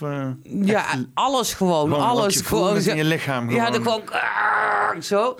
Maar, stress. Ja, echt vette, vette stress. geen inkomsten, geen mogelijkheden. Mm. Uitzitten, dat is helemaal niks voor mij. en dat was in augustus, cumuleerde dat. Uh, en ik voelde dat wel, maar ik, ik, ik kon geen ontsnapping uh, bedenken voor mezelf. Ik zag geen uitweg, dus ik wist ook, ik moet dit gaan uitzitten. Maar dan is het toch in relatie tot die ander dan dat je een wake-up eh, call krijgt. In mijn geval was dat uh, een DHL-bezorger die, die, die, belde aan met een pakketje voor de buren. En uh, ik was zo opgefokt dat zelfs de vraag een pakketje voor de duur, buren was te veel. Mm. Dus ik stond bij de deur uh, helemaal verslonst in mijn badjas. en ik doe die deur open, zeg pakketje voor de buur. En dan kijk ik maar, ik zeg, nee, ga je nog maar een keer. Bam, die deur dicht. ik denk, oh, oh, oh, dit is fout. Ja, zie je, dus in relatie tot die ander, daarin krijg je echt die spiegel van, je, nu moet er ja. iets gebeuren. Kijk, ik, ik ken dat, ik ken dat inderdaad, ja. ja. En uh, ik vond het natuurlijk wel sneu voor die jongen, maar die had ja, is goed. die was ja. gelijk weg. En uh, toen had ik daar... Dat is een offer dan maar, hè? Ja, ja, ja, ja. Maar ze zijn ook wel te makkelijk, hoor. Want, hey, ja... Uh, sommige bezorgers die verdienen het ook echt, hoor. Ja. Misschien was dit wel eens een karma of zo. Ja, ja. gentle. die liep weg. Shit, ik heb dit voor bedanken ergens aan. Ja, het hopen. Omdat ik had het op Twitter gestuurd van... ja, weet je, ik ben gewoon stuk. En ja... Kijk, ik, ik, ik heb al zoveel dingen meegemaakt dat je, je weet op een gegeven moment ook dat er, er komt een andere vorm. En daar ben je mede zelf verantwoordelijk uh, voor. Hm. Uh, maar ik kan me ook voorstellen als je zo'n transitie nog niet hebt doorgemaakt, dat je heel erg zoekende bent. Uh, en ik ben wel meer van de. door al die jaren heen weet ik wel, er komt een ander moment. En de, all this too will pass. Ja. gaat wel goed komen. Maar ik had er dus een tweetje over gestuurd. En toen antwoordde de zingende dominee is dat Fred Omvlee, die ken ik ook nog uit een ander project. Um, en uh, die antwoordde daarop, ja, alleen rust gaat je redden, zeemanswijsheid. En vervolgens reageerde daar een oude Libanon-veteraan op. Die kende dan weer die man van die Urke Visserskotter. Ja. En zei, ik kan wel een weekje op zee regelen. Oh. En dat is toen gebeurd. Toen ben ik een week lang mee geweest met vijf vissersmannen. Oh. En de kust, wat was het, Noordoost-Engeland. Ja. een week mogen varen. En, en dat, dat je je fysieke lichaam eigenlijk uit die setting haalt, op zo'n schip gaat. Dat schip beweegt mee met de zee, daar moet je aan overgeven. Ja. Uh, en uh, ja, dan, dan doe je dat. En dat helpt wel om uit die vaste mindset te komen. Ja. ja. ja is even gewoon helemaal weg uit de omgeving, zeg ja. maar. Uh. Ja, en normaliter zou de, de Stoïcijnse school zou zeggen van ja, hè, waar je ook naartoe gaat, je neemt altijd jezelf mee. Dus dan zou je zeggen, ja, dat is onveranderlijk, maar dat is niet zo. Een andere omgeving kan echt wel wonderen doen. Ja, maar dan weet je weer wat je zelf, dan vind je jezelf weer. Want nu, als je hier in de, als je op een gegeven moment te lang in dezelfde situatie zit, dan krijg je zoveel uh, ja, wat zeg ik, valse verbindingen met situaties, mensen en emoties, naar mijn idee. Dat je echt om de zoveel tijd gewoon even de hele boel moet resetten, zeg maar. Ja. Ik doe dat met drugs. Ja. ja. of in ieder geval, ik probeer het met drugs, laat ik het zo zeggen. Ik denk dat een bootrit er ook wel inderdaad. Of niet, ik merk dat op vakantie ook altijd. Dat je gewoon even helemaal uit die uh, situatie bent, even weer even iets anders. En dan, ja, dan vind je toch weer even van, oh, oh ja, dit ben ik, weet je wel. Want al, je bent gestript van al die dagelijkse routines en zo. Ja. ja. Ja, maar dat was wel ook, uh, want ik vertelde dan over die boot. Maar ik merkte ook dat, uh, ik wil niet zeggen dat ik verslavingsgevoelig uh, ben. Ik kan best wel veel hebben, maar de afgelopen maanden had ik ook zo, ik denk, ja, ik, word zo bijkans alcoholist. Ik, ik dronk een fles wijn per dag. En dat is nog allemaal wel te doen, maar het zit in de herhaling. Ja, en dan dacht ik van ja, dan ga ik koffie halen en dan toch nog even langs de wijnrek. Ik denk, Weet je wel? Heb ik dan weer een fles? Ja, die gaat dan op. Ik denk toch wel dat veel mensen dit dat afgelopen twee jaar hebben gehad. Toch wel veel gewenning erin geslopen hebben, ja, zeg maar. het is ook een beetje afdekken van je emotie, weet je wel. En uh, je kunt niet zoveel. Of, het is gewoon een goed excuus voor iedereen geweest. Je dacht van, ha, einde van de wereld. Nu kunnen we eindelijk gaan zuipen. Zuipen! ja, dat, ja, dus wel, ja, ja. Ja, goed, het, het, komt allemaal bij elkaar. Maar op het moment dat je, ja, bij wijze van spreken, een fles wijn per dag uh, drinkt, ja, dan verlies je ook een stukje uh, ja, helderheid mm. uiteindelijk. En ongemerkt sluipt dat er dan toch in. Ja, dan mis je ook nog wel eens een dingetje of wat. Alhoewel, ik heb wel altijd bij bijna alles wat ik doe, is het toch een soort just-in-time management. Klopt altijd wel. En dat is, dat is wat mij betreft ook flow. Uh, ik ben heel erg overtuigd van flow. En dus dat energie door je heen gaat. Dat je op de juiste plek bent. De juiste mensen, de juiste dingen doet. En, en dat is wel iets wat je ook in moet voelen. En als je uh, ja, te veel afdekt, dan, dan heb je die, dat stukje intuïtie. Uh, dat gaat er ook een beetje af. En soms heb je dat wel nodig. Ja. Dus in principe, want jij doet dat dan voor je werk dan ook organisch organiseren, toch? Noem ja, je dat? Ja, co-creatie. Ja. ja, en, en je past dat dan ook gewoon toe op je eigen leven? Ja, ja. Ja.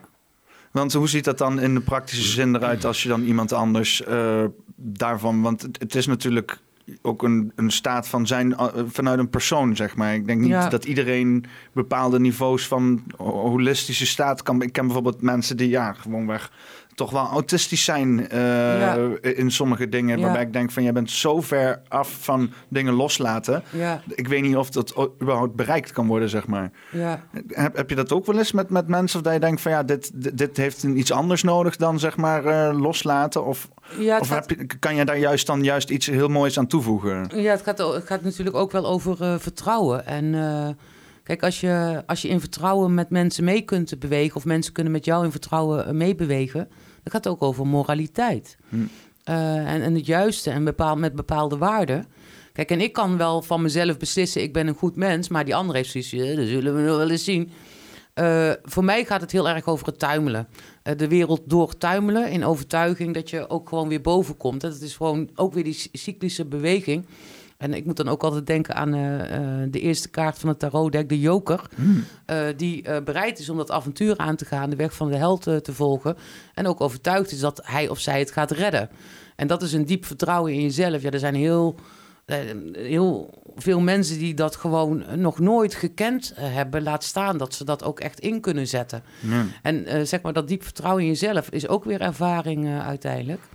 Dus uh, ja, gewoon tuimelen, de, de wereld doortuimelen, dat is gewoon uh, Durven, durven fouten te ja. maken, juist willen fouten maken. Want ik, ik, nou, ik zat het gewoon aangaan, weet je wel. Ik, ik, zat er gisteren over na te denken en ik denk van, van je, als je, je hebt inderdaad heel veel mensen... Ik, ik had toevallig met inderdaad Claudia, toen we daarover hadden, van...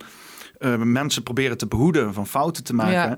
En dat is eigenlijk is dat, dat werkt heel averechts. Want ja. iedereen die, die, die, die moet juist iemand te gunnen, zeg maar, om bepaalde fouten te laten maken. Sterker nog, eh, ik denk als ik bijvoorbeeld iets wil, wil gaan ondernemen of iets voor mezelf wil, dan moet ik juist willen fouten maken, zeg maar. Kijken hoe je, op welke manier je het allemaal fout kan doen om, om uiteindelijk dan tot een punt te komen dat je een expert bent, zeg maar. Ja, dat ligt er ook een beetje aan in welke mate je bereid bent om het advies van anderen aan uh, te nemen.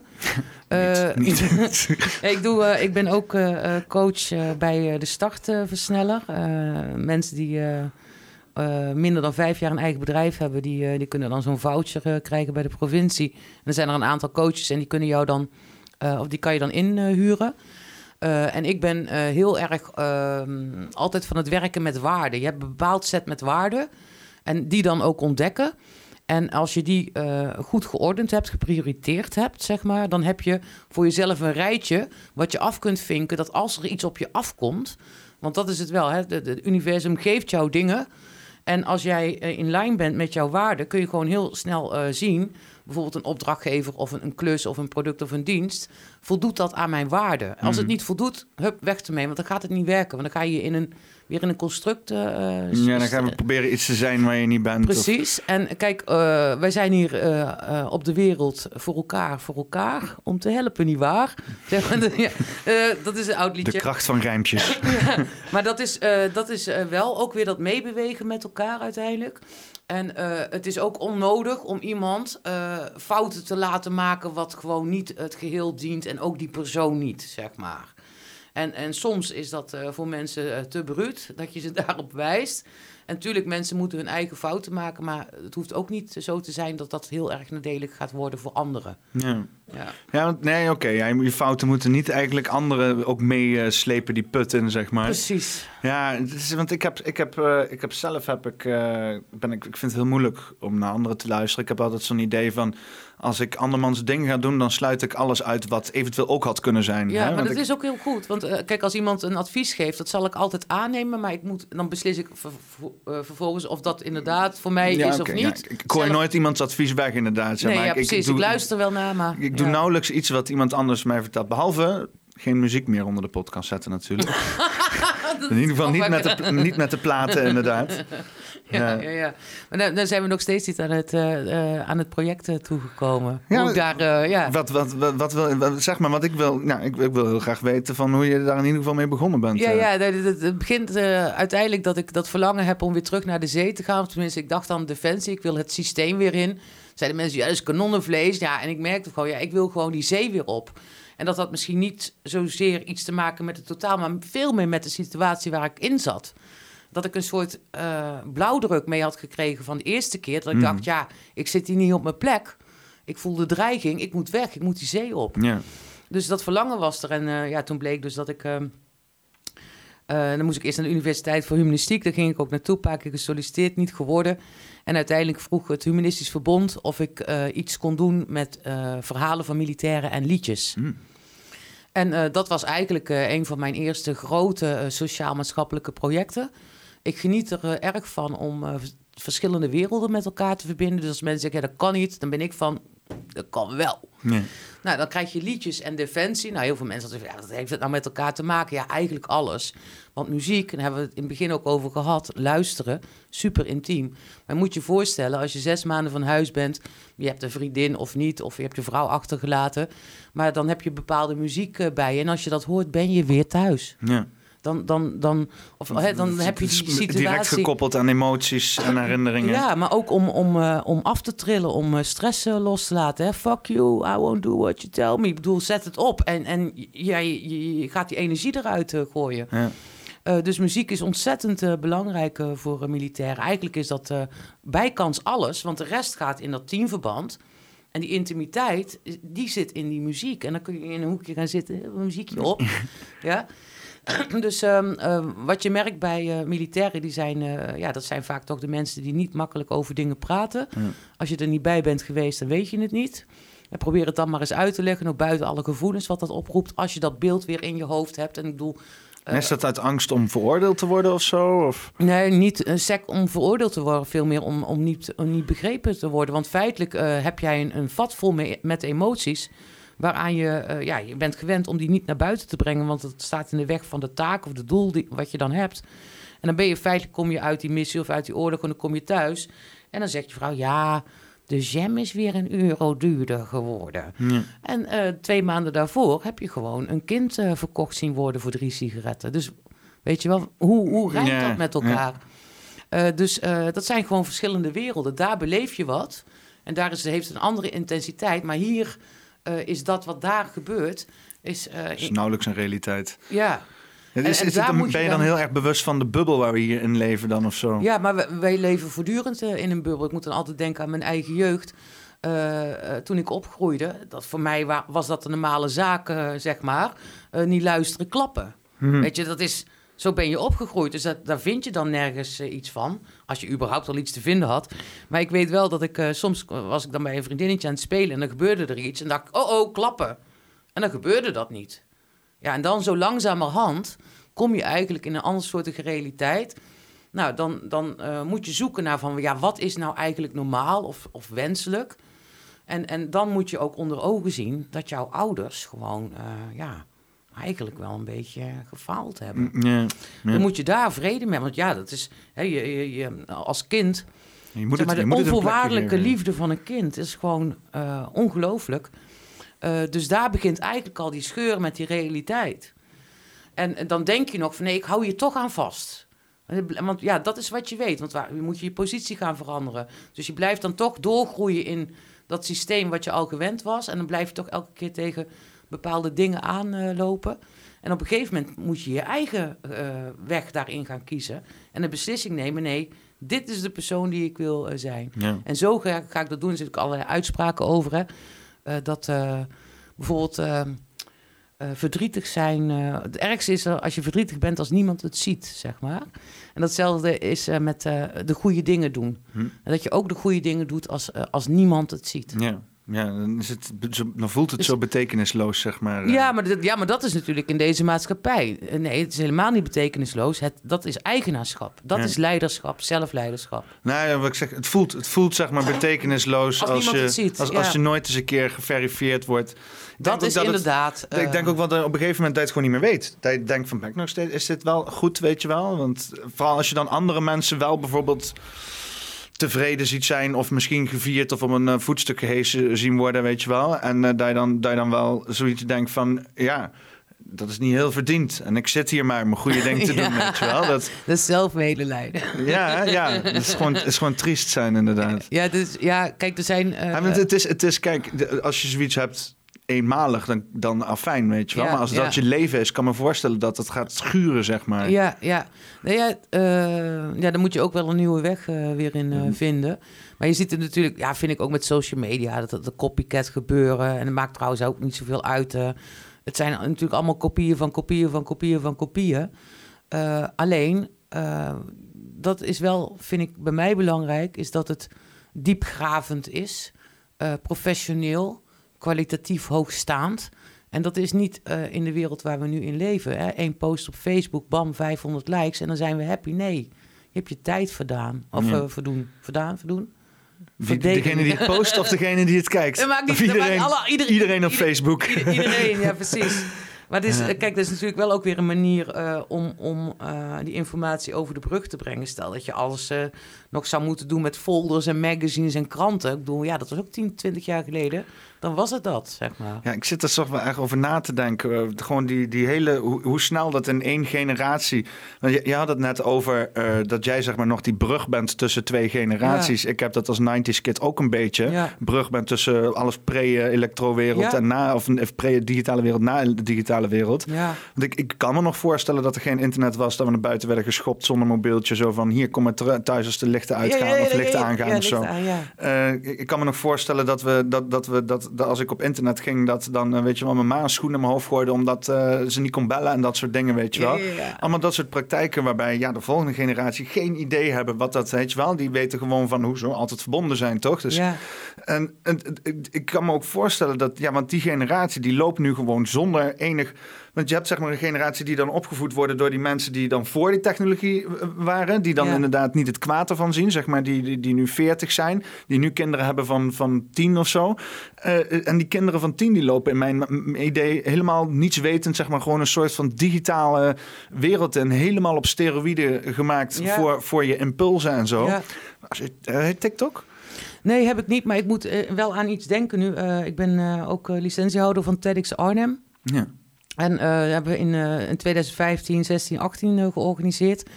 Op het moment dat je zo'n TEDx uh, begint, is gewoon een sterk merk, dan wil iedereen uh, wil eraan deelnemen, zeg maar. Volgens mij heb ik daar gefilmd. Heb jij gefilmd? Dat zou zomaar Was dat kunnen. met uh, Eva ook? Die, ja, met Eva. Ja, die heeft mij in de klas gezeten op oh, CMD. vandaag. Ik dacht al, je komt je kom al bekend voor me. Ik, ik, wist niet van ik, ik, liep, ik liep rond met Olaf, Olaf Knoet en wij gingen van die 360 plaatjes maken met dat stomme bolletje erop en zo. Toen, het is wel gelukt, maar uiteindelijk is er niks mee gedaan verder, zeg maar. Dus ik weet ook niet meer precies wat er... maar de communicatie was sowieso een beetje zo allemaal on the fly. En we kwamen iets doen en het was allemaal heel onduidelijk. Ja, je, ja nou ja, dat vind ik wel een beetje jammer dat je dat zegt. Jullie waren vooral... Denk, ik, mijn team was best wel goed, maar jullie kwamen er later bij met een idee. Of was het via Olaf, weet ik niet Ja, het, het, was ergens ertussen gepropt of zo. Ja, ja jullie uh, kwamen later erbij en zat niet in het systeem. Ja. Oh ja, we kunnen 360 iets maken. Ja, doe maar. Ik, ja, ik, ik weet dat ik, ik, ik, zat daar toen in. Ik denk, ik probeerde vooral niet tot last te zijn en zo. Want het was helemaal een best wel flinke organisatie. En dan waren wij allemaal met, uh, met onze dingetjes. Nou, ja, dat was, het was heel vreemd. En dat is ook wel echt iets waar ik tegenaan ben gelopen met het ondernemen. Is dat ik wel mezelf heel bezwaard voelde de hele tijd. En wij waren toen, ik was toen echt bezig met rare dingen. Mm. Uh, met, met ook inderdaad met uh, Gelders Landschap en Kastelen. We werden uitgenodigd bij alle ambtenaren. Moesten we bij alle kastelen langs om uh, dingen te filmen en zo. Dat was allemaal hartstikke leuk. Alleen het, wij zaten constant, we hadden geen idee waar we mee bezig waren. 360 technologie was net aangebroken. Ja, ja precies. Iedereen wilde het hebben. Ja, maar we wisten alleen vanuit videoperspectief daar invulling in te geven. En ja, ik had wel een hele visie van wat het kon zijn, zeg maar. Mm -hmm. Maar we hadden nog geen idee hoe we daar moesten komen. Maar iedereen liet ons van alles doen. Dus ik had de hele tijd het idee dat we ja, een soort van de, de boel zaten te flessen, weet je wel. En als ik er achteraf naar terugkijk, dan denk ik van shit man, we waren echt goed bezig. Want nu pas komen echt de praktische toepassingen ja. daarvoor. En helemaal straks als we die virtual reality wereld ingaan, dan, dan, dan, ja, dan is het hartstikke ideaal als je bedrijf daarvoor klaar is gestoomd. Maar dat was uh, zeg maar uh, nog voor TEDx, deed ik het Joorsong project. wilden we ook iets doen met 360 graden video. En dat is heel ambitieus, maar dan in de praktijk komt dat dan ook niet uh, goed uit de verf. Maar het is wel grappig uh, dat je dus bij die... Uh, dat is TEDx 2016 in de Luxor. Ja, ja. Was dat. Ja. Nou, dat is mijn ding, zeg maar. Ja, grappig. Dat was mijn ding. en dat gaat dus ook over co-creatie. Dan hebben we allemaal vrijwilligers. Ik werkte zelf ook vrijwillig. En dat betekent dat je als licentiehouder, producent, curator... kostte mij dat bijna 300 uur in het jaar... Dan ben je al een vierde van je ondernemersuren kwijt, waar gewoon niks voor staat. Mm -hmm. En ja, dan uh, wil je ook gewoon uh, ja, een mooi product neerzetten, professioneel, kwalitatief hoogstaand. Het is ook geen kattenpis uh, in die zin. Maar ik had best wel veel jonge mensen, ja, die dan ook heel graag zo'n t-shirtje vooral aan willen op de dag zelf.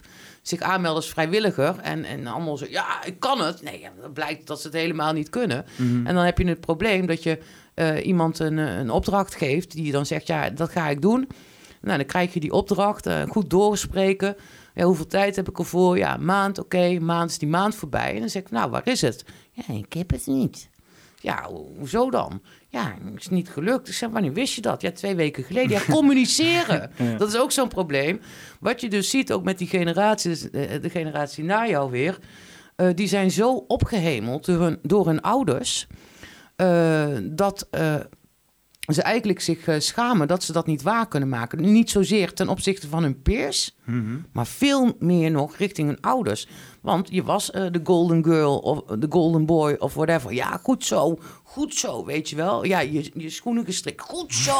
uh, het is, Ja, een- die generatie is veel te veel gepamperd. Hoe noem je dat ook weer? Eh, Een verliezerstrofee of zo? Of, eh, Ja, ja, ja, we zijn allemaal winnaars. Participantentrofee ja, inderdaad ja, precies, precies, precies, ja. Ja.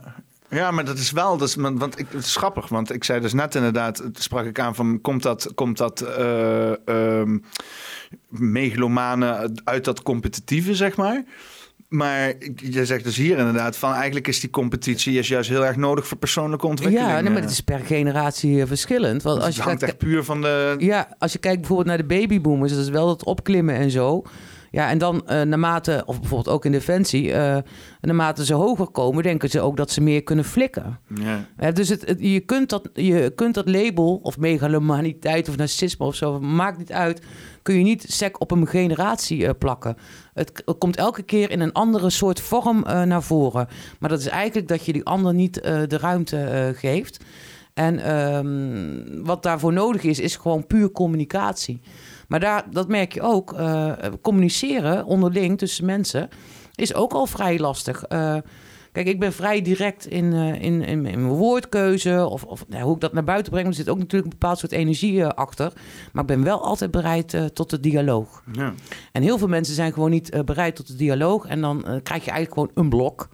Hoe je dat dan ook wendt of keert, zeg maar. En, en, en waar je eigenlijk naar op zoek moet, is van ja, weet je, zoals het nu gaat, dat werkt niet. Maar kunnen we dan misschien een andere manier vinden? En die bereidheid om een andere manier te vinden om met elkaar om te gaan, die is steeds, steeds minder. Mensen houden zich ontzettend vast aan wie ze zichzelf uh, ja, toegeëigend, of hoe ze zichzelf, uh, nou, wat, wat ze zich toegeëigend hebben, wie ze dan zouden moeten zijn, wat ze aan de buitenkant moeten tonen. En dat is dan een soort van schil. Nou, dat kost ook heel veel energie om daar maar aan te, ja, aan te blijven voldoen. Op wat voor manier dan ook. En eigenlijk, daar moest ik net ook al aan denken... wat daaronder uh, ligt, is toch uh, vaak uh, allerlei vormen van jeugdtrauma. Ja. Ja, ja en welke volgens mij een beetje achterkom is dat iedereen wel jeugdtrauma's ja, heeft Ja, ik want denk, ook, ja, ook mensen die in een geweldig uh, dat omgeving... is ook relatief. Ja, ja. want wat je zegt inderdaad, als mensen gepamperd worden en zo... en eigenlijk een hele verkeerde voorbereiding krijgen op de maatschappij... dan kan je ook behoorlijk inderdaad uh, door, door beschadigd worden, zeg maar. Ja, of, of denk je als je in een hele rijke familie geboren bent... en iedereen is advocaat of rechter of weet ik veel wat... en, en, je, en jij wil gewoon kunstenaar worden... of uh, ja, je bent ontzettend goed in je handen of met je handen werken. Uh, en, je wil gewoon een werkbouwtuig kunnen doen of je een timmermansopleiding. Ja, dan, en, je komt uit zo'n familie waar eigenlijk alles HBO, eh, universiteit is. Ja, dan, dan heb je ook al uh, een soort van uh, probleem. Ja, dan word je al zo in, in een mal gegoten waar je niet in past. Ja, zeg ja, maar. ja, hij is zwakzinnig. Ja. Hier, kijk dit. Dit kan ik nog terugvinden. Daar weet ik nog ervan. Ja, nou, die, die foto, daar heb ik heel lang uh, om gezeurd. En die heb ik nooit gekregen. Maar wat grappig dat je hem hier hebt gevonden. Geweldig. Dat vind ik wel jammer om te horen. Dat, dat ik, ook echt, ik, ik zit ook te terug te denken. En hij staat gewoon op jouw, uh, op jouw... Of we hebben hem misschien ja, wel want ik heb, ik, ik heb de, de, Poppenkast, de, de, de, de Orbital 360 Instagram heb ik omgetoverd naar de Poppenkast Instagram. Uh, oh, zo. Nou, misschien dus, uh, hadden wij met TEDx Arnhem al Instagram. Volgens mij je zou even kunnen kijken of TEDx ja, Arnhem Instagram heeft. En als deze foto erop staat, heb ik hem wel gekregen. Wat ik wel weet, is dat het heel lang duurde want bij TEDx is het eigenlijk, gaat allemaal heel snel hè. Dus je hebt, uh, je hebt je livestream, je hebt je show. Gelijk de volgende dag moeten alle bezoekers moeten een, uh, een soort formulier invullen met een evaluatie. Uh, alles onder de acht is gewoon... boven de negen wordt geteld, er zit een percentage aan en dan krijg je ook je licentie op. Het is echt gewoon een systeem dat ik denk, poeh, ook weer zo'n systeem. En ehm, ja, wat je eigenlijk wil, is natuurlijk wel die vibe van die dag uh, bij je houden. Heb je ook nog wel genoten die dag trouwens? Ja, ik kan me het heel, echt heel moeilijk... Ik vond het zo, want ik, ik, ben, ik kijk heel veel naar TED, uh, TEDx en zo over de hele wereld. Ja. En, uh, dus ik vond het heel vet om er een keer bij te zijn. Ja. Ik vind het sowieso leuk om een productie te zien van, van allerlei soorten. Of het ja. een feest is of een conventie toen, of een film. Dat is belangrijk. Wij hadden toen als eerste over de hele wereld... hadden wij International Sign Language dus onze hele TEDx-stream werd getolkt in Nederlandse gebarentaal en International Sign Language. Maar wat is het verschil tussen International Sign Language en is dat heb je een soort van een globale Sign Language taal? Ja, International Sign Language is uh, ja voor, voor, uh, kan, kan, iedereen in de wereld ons lezen? Ja, ja, ja. En, en, ja, ja, precies. En de Nederlandse gebarentaal heeft gewoon waarschijnlijk weer andere dingen. Maar we hadden toen een dubbele livestream, eentje gewoon en eentje met een inzet van een tolk in 2016 al. Maar dat is ook, ja, ik loop altijd voor op uh, dingen. Dus ik moest ook wel lachen natuurlijk nu met uh, corona. Corona. Corona. Corona. Maar dat filmpje van Eva Eickhout, want we hadden twee Eva's. We hadden Eva Westerhof, die opende mm -hmm. met Irma. Irma was haar tolk toen. Dus we hebben een filmpje van Eva Westerhof en dat was wel mooi. Zij was de eerste spreker, maar zij is doof. Dus zij staat op dat podium en begint te gebaren. En dan die hele zaal van ja... ja. Ja, en toen eh, Irma was dus uh, de beroemde Irma. Uh, dat was uh, haar tolk. En um, dat filmpje van Eva Westerhof, die spreekt dus over. ja, dat, die is geadopteerd en hoe ze doof is geworden. En dat toegankelijkheid heel erg belangrijk is. Echt een voorvechter van toegankelijkheid. en dat de, de voice-over, zeg maar, is van Irma de doofdolk. Ja. ja. Grappig. En dat filmpje van Eva Eickhout, dat gebruik ik echt ontzettend vaak. Ik geef nog wel trainingen op HBO-scholen, communicatie. En dan gaat het over het, uh, ja, eigenlijk over het presenteren belang van pitchen. En uh, dan gebruik ik het uh, filmpje van Eva Eickhout. Want ehm, ja, nee, je weet, Eva die heeft, die heeft stompen en haar benen zijn vergroeid. En uh, zij staat dan op het podium. En uh, dat is eigenlijk ook om de mensen te laten zien van ja, het hoeft niet helemaal aan alles te voldoen. Je moet vooral jezelf zijn. Ja. Want uh, als je iets gaat pitchen of je gaat ergens over spreken, dan willen men mensen komen voor jou, om jou te horen. Niet om een PowerPoint te zien, niet om ja, wenselijk gedrag te vertonen, maar dat je echt in je verhaal zit. En dus ik gebruik heel vaak dat filmpje van Eva, want die heeft het over haar bad hair day. Dat ze dus meer baalt van het feit dat haar haar niet goed zit dan van, van het feit dat zij beperkingen heeft op ja. ledematen. Nou, want ik, ik heb haar natuurlijk op school meegemaakt en zo. En dan uh, ja, liep zij gewoon rond door de gangen, waarbij je in het begin natuurlijk zoiets hebt van... hé, hey, dit is niet gewoon. En uh, ja, dan op een gegeven moment, na, na een aantal, ja, dan, dat constant te zien... dan denk je toch wel op een gegeven moment zo van zij voelt zich helemaal niet beperkt. Nee. Zij is gewoon aan het doen en, en weet je wel, en op haar eigen manier. En dan, en dan zit, ik, zit ik hier te worstelen met mezelf, terwijl ik niet eens in de buurt kom van de hoeveelheid beperking die ik vind dat zij heeft. Want zij vindt dat zelf dan weer niet, weet je wel. Nee, ja, Het is heel inspirerend om, om, om gewoon eens een keer, weet je wel, gewoon ja, met, met, in, vanuit een ander perspectief te zien, zeg maar. Ja, maar dat, zeg maar, dat gevoel dat je niet uh, voldoet, dat is ook uh, iets wat je jezelf uh, eigenlijk oplegt. En natuurlijk wel op de manier waarop je opgroeit of in de situaties waar je terechtkomt. Of dat, kijk, mensen zijn altijd geneigd om uh, kritisch uh, te zijn. Maar dat is vooral op dat stuk wat ze ook in zichzelf herkennen. Ja. Dat moet weg. Dat is eigenlijk de, pijn, de, de spiegeling in die ander, zeg maar. En dat, dat wil je dan weg. Dus eigenlijk, je wordt geconfronteerd met je eigen kwetsbaarheid. Je wordt geconfronteerd met de andermans uh, beperking evenwel. Ja. Ja. Nee, dan zijn we nog niet bij het project gekomen. Ja, het is, lastig hè? Nou ja, dit, dit, dit project wordt gewoon een drager van heel veel andere discussies, zeg maar. Ja, ja, of uh, gesprekken. Precies. Ja. Nee, ik, ik, zat er ook heel even aan te denken om heel even misschien iets op te zetten. En kunnen we even een, een kleine break doen. Kan ik even kijken of alles nog loopt. Even een, een, nieuwe dranken, een, een koffie reset doen. Uh, is, dat, is dat een idee? Uh, Lijkt me heel heb, heb, heb, je iets wat je wil laten zien? Ik, zat, ik, denk, ik dacht eerst misschien een podcast, een stukje van, uh, van Helm en Verhalen als je iets wil uitleggen. Of ik dacht ook misschien de TEDx. want die staat denk ik ook gewoon op YouTube, TEDx Arnhem. Ja, Ik weet niet of ik de, hoe, hoe dat zit met rechten. Daar ben ik eigenlijk wel nee, dat... nieuwsgierig, nieuwsgierig naar. Kan, is dat vrij te gebruiken? Ja, ja TEDxArnhem.com kun je naartoe. En daar staan ook gewoon plugins. Het is natuurlijk gewoon op, you, op YouTube. Ja, het is natuurlijk altijd op YouTube. Want dan YouTube op YouTube, dat is altijd... Uh, heb ik het idee dat het het veiligst is, zeg maar. Nou, dan pak dan het filmpje van Eva Eickhout. Want daar hebben we natuurlijk uitgebreid over gesproken. Uh, en uh, dan is het ook leuk om voor de mensen om dat te zien waar het over ging. Eens even kijken. Vijf minuten, dat, ja, dat gaat ja, wel lukken. Ja, precies, precies.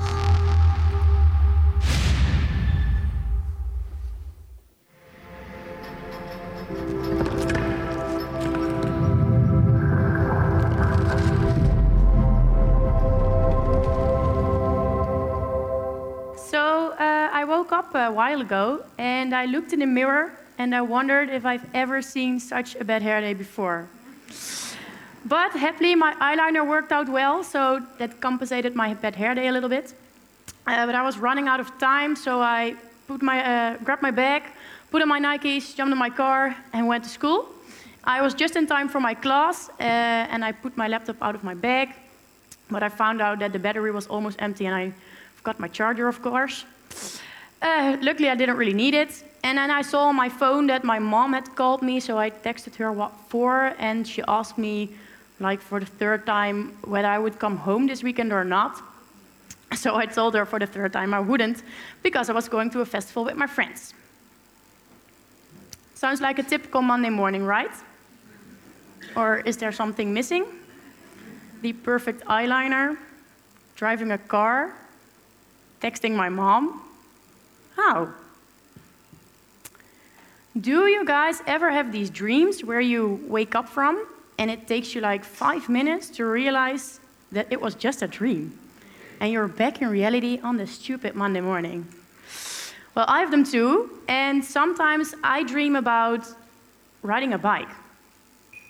And those dreams are my favorite ones because I can just jump on a bike and I can go wherever and whenever I want to go.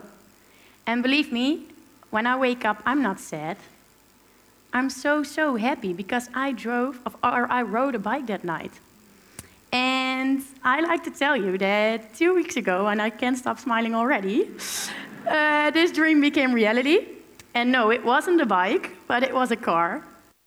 And I've been trying to find the right words to explain how this car makes me feel, how this freedom I've never ever experienced before, what it does to me. And I still haven't found the right words, but I thought you might see on my face because I just can't stop smiling what it does to me.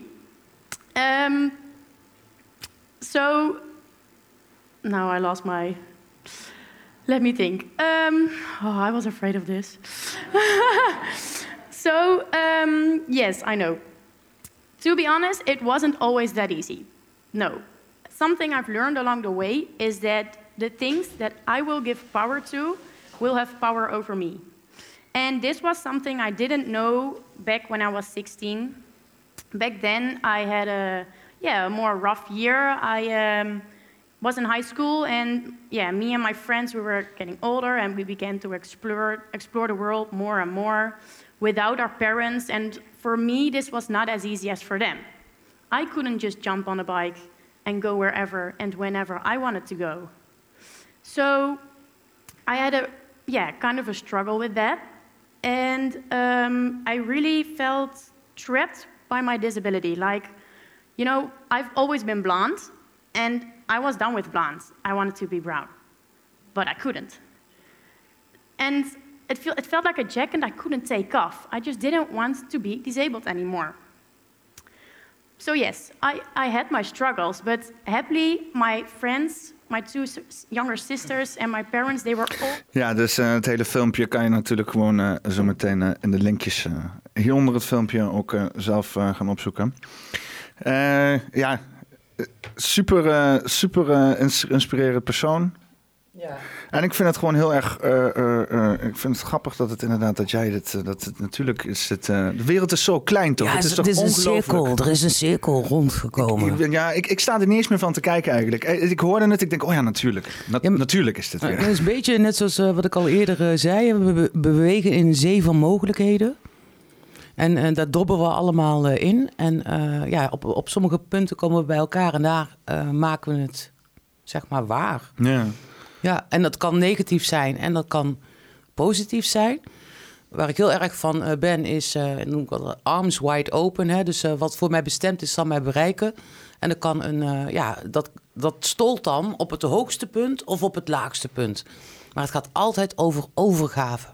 Want waar je energie verliest, is daar waar je weerstand hebt op dat wat er gewoon is. Ja. Je hebt dat is ook dat machtsmisbruik. Want heel veel mensen denken: oh, dan ga ik het zo en zo en zo doen. En dan ga ik het naar mijn hand zetten. Maar dat gaat dan niet uh, werken, want je moet je overgeven. En daar is ook, dat, daar is ook die hele problematiek. Uh, in met, met, met, met, met dat machtsmisbruik. Obsessie, obsessie voor controle, zeg maar. Ja, ja, ja, ja, ja, ja.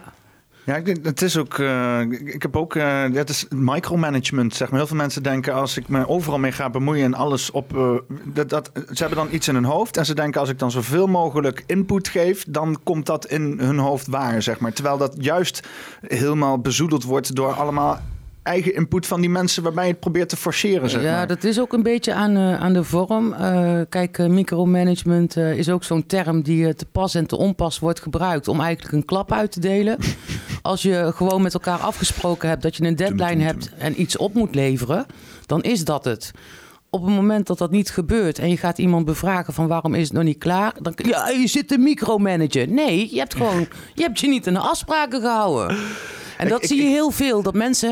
Ik heb nog nooit volgens mij micromanagement gebruikt inderdaad in zo'n letterlijke zin inderdaad. Nou, dat, wordt echt gebruikt ik ben, ja, Loop niet zo te micromanagen. Ja, ja precies. Want ik, ja, ik zit natuurlijk vaak in een positie dat ik uh, zeg maar de leiding heb over uh, iets. En uh, of dan, dan, krijg je eigenlijk uh, iets anders terug. Maar dat is ook gewoon een manier uh, van doen. dat zie je ook bij kinderen. Kinderen zijn natuurlijk heel gewiekst erin om een, een trucje aan te leren. Eh, wat ze de rest van hun leven uh, gebruiken. En maar het zit in het kwetsuur, maar dat is ook in iets verkrijgen.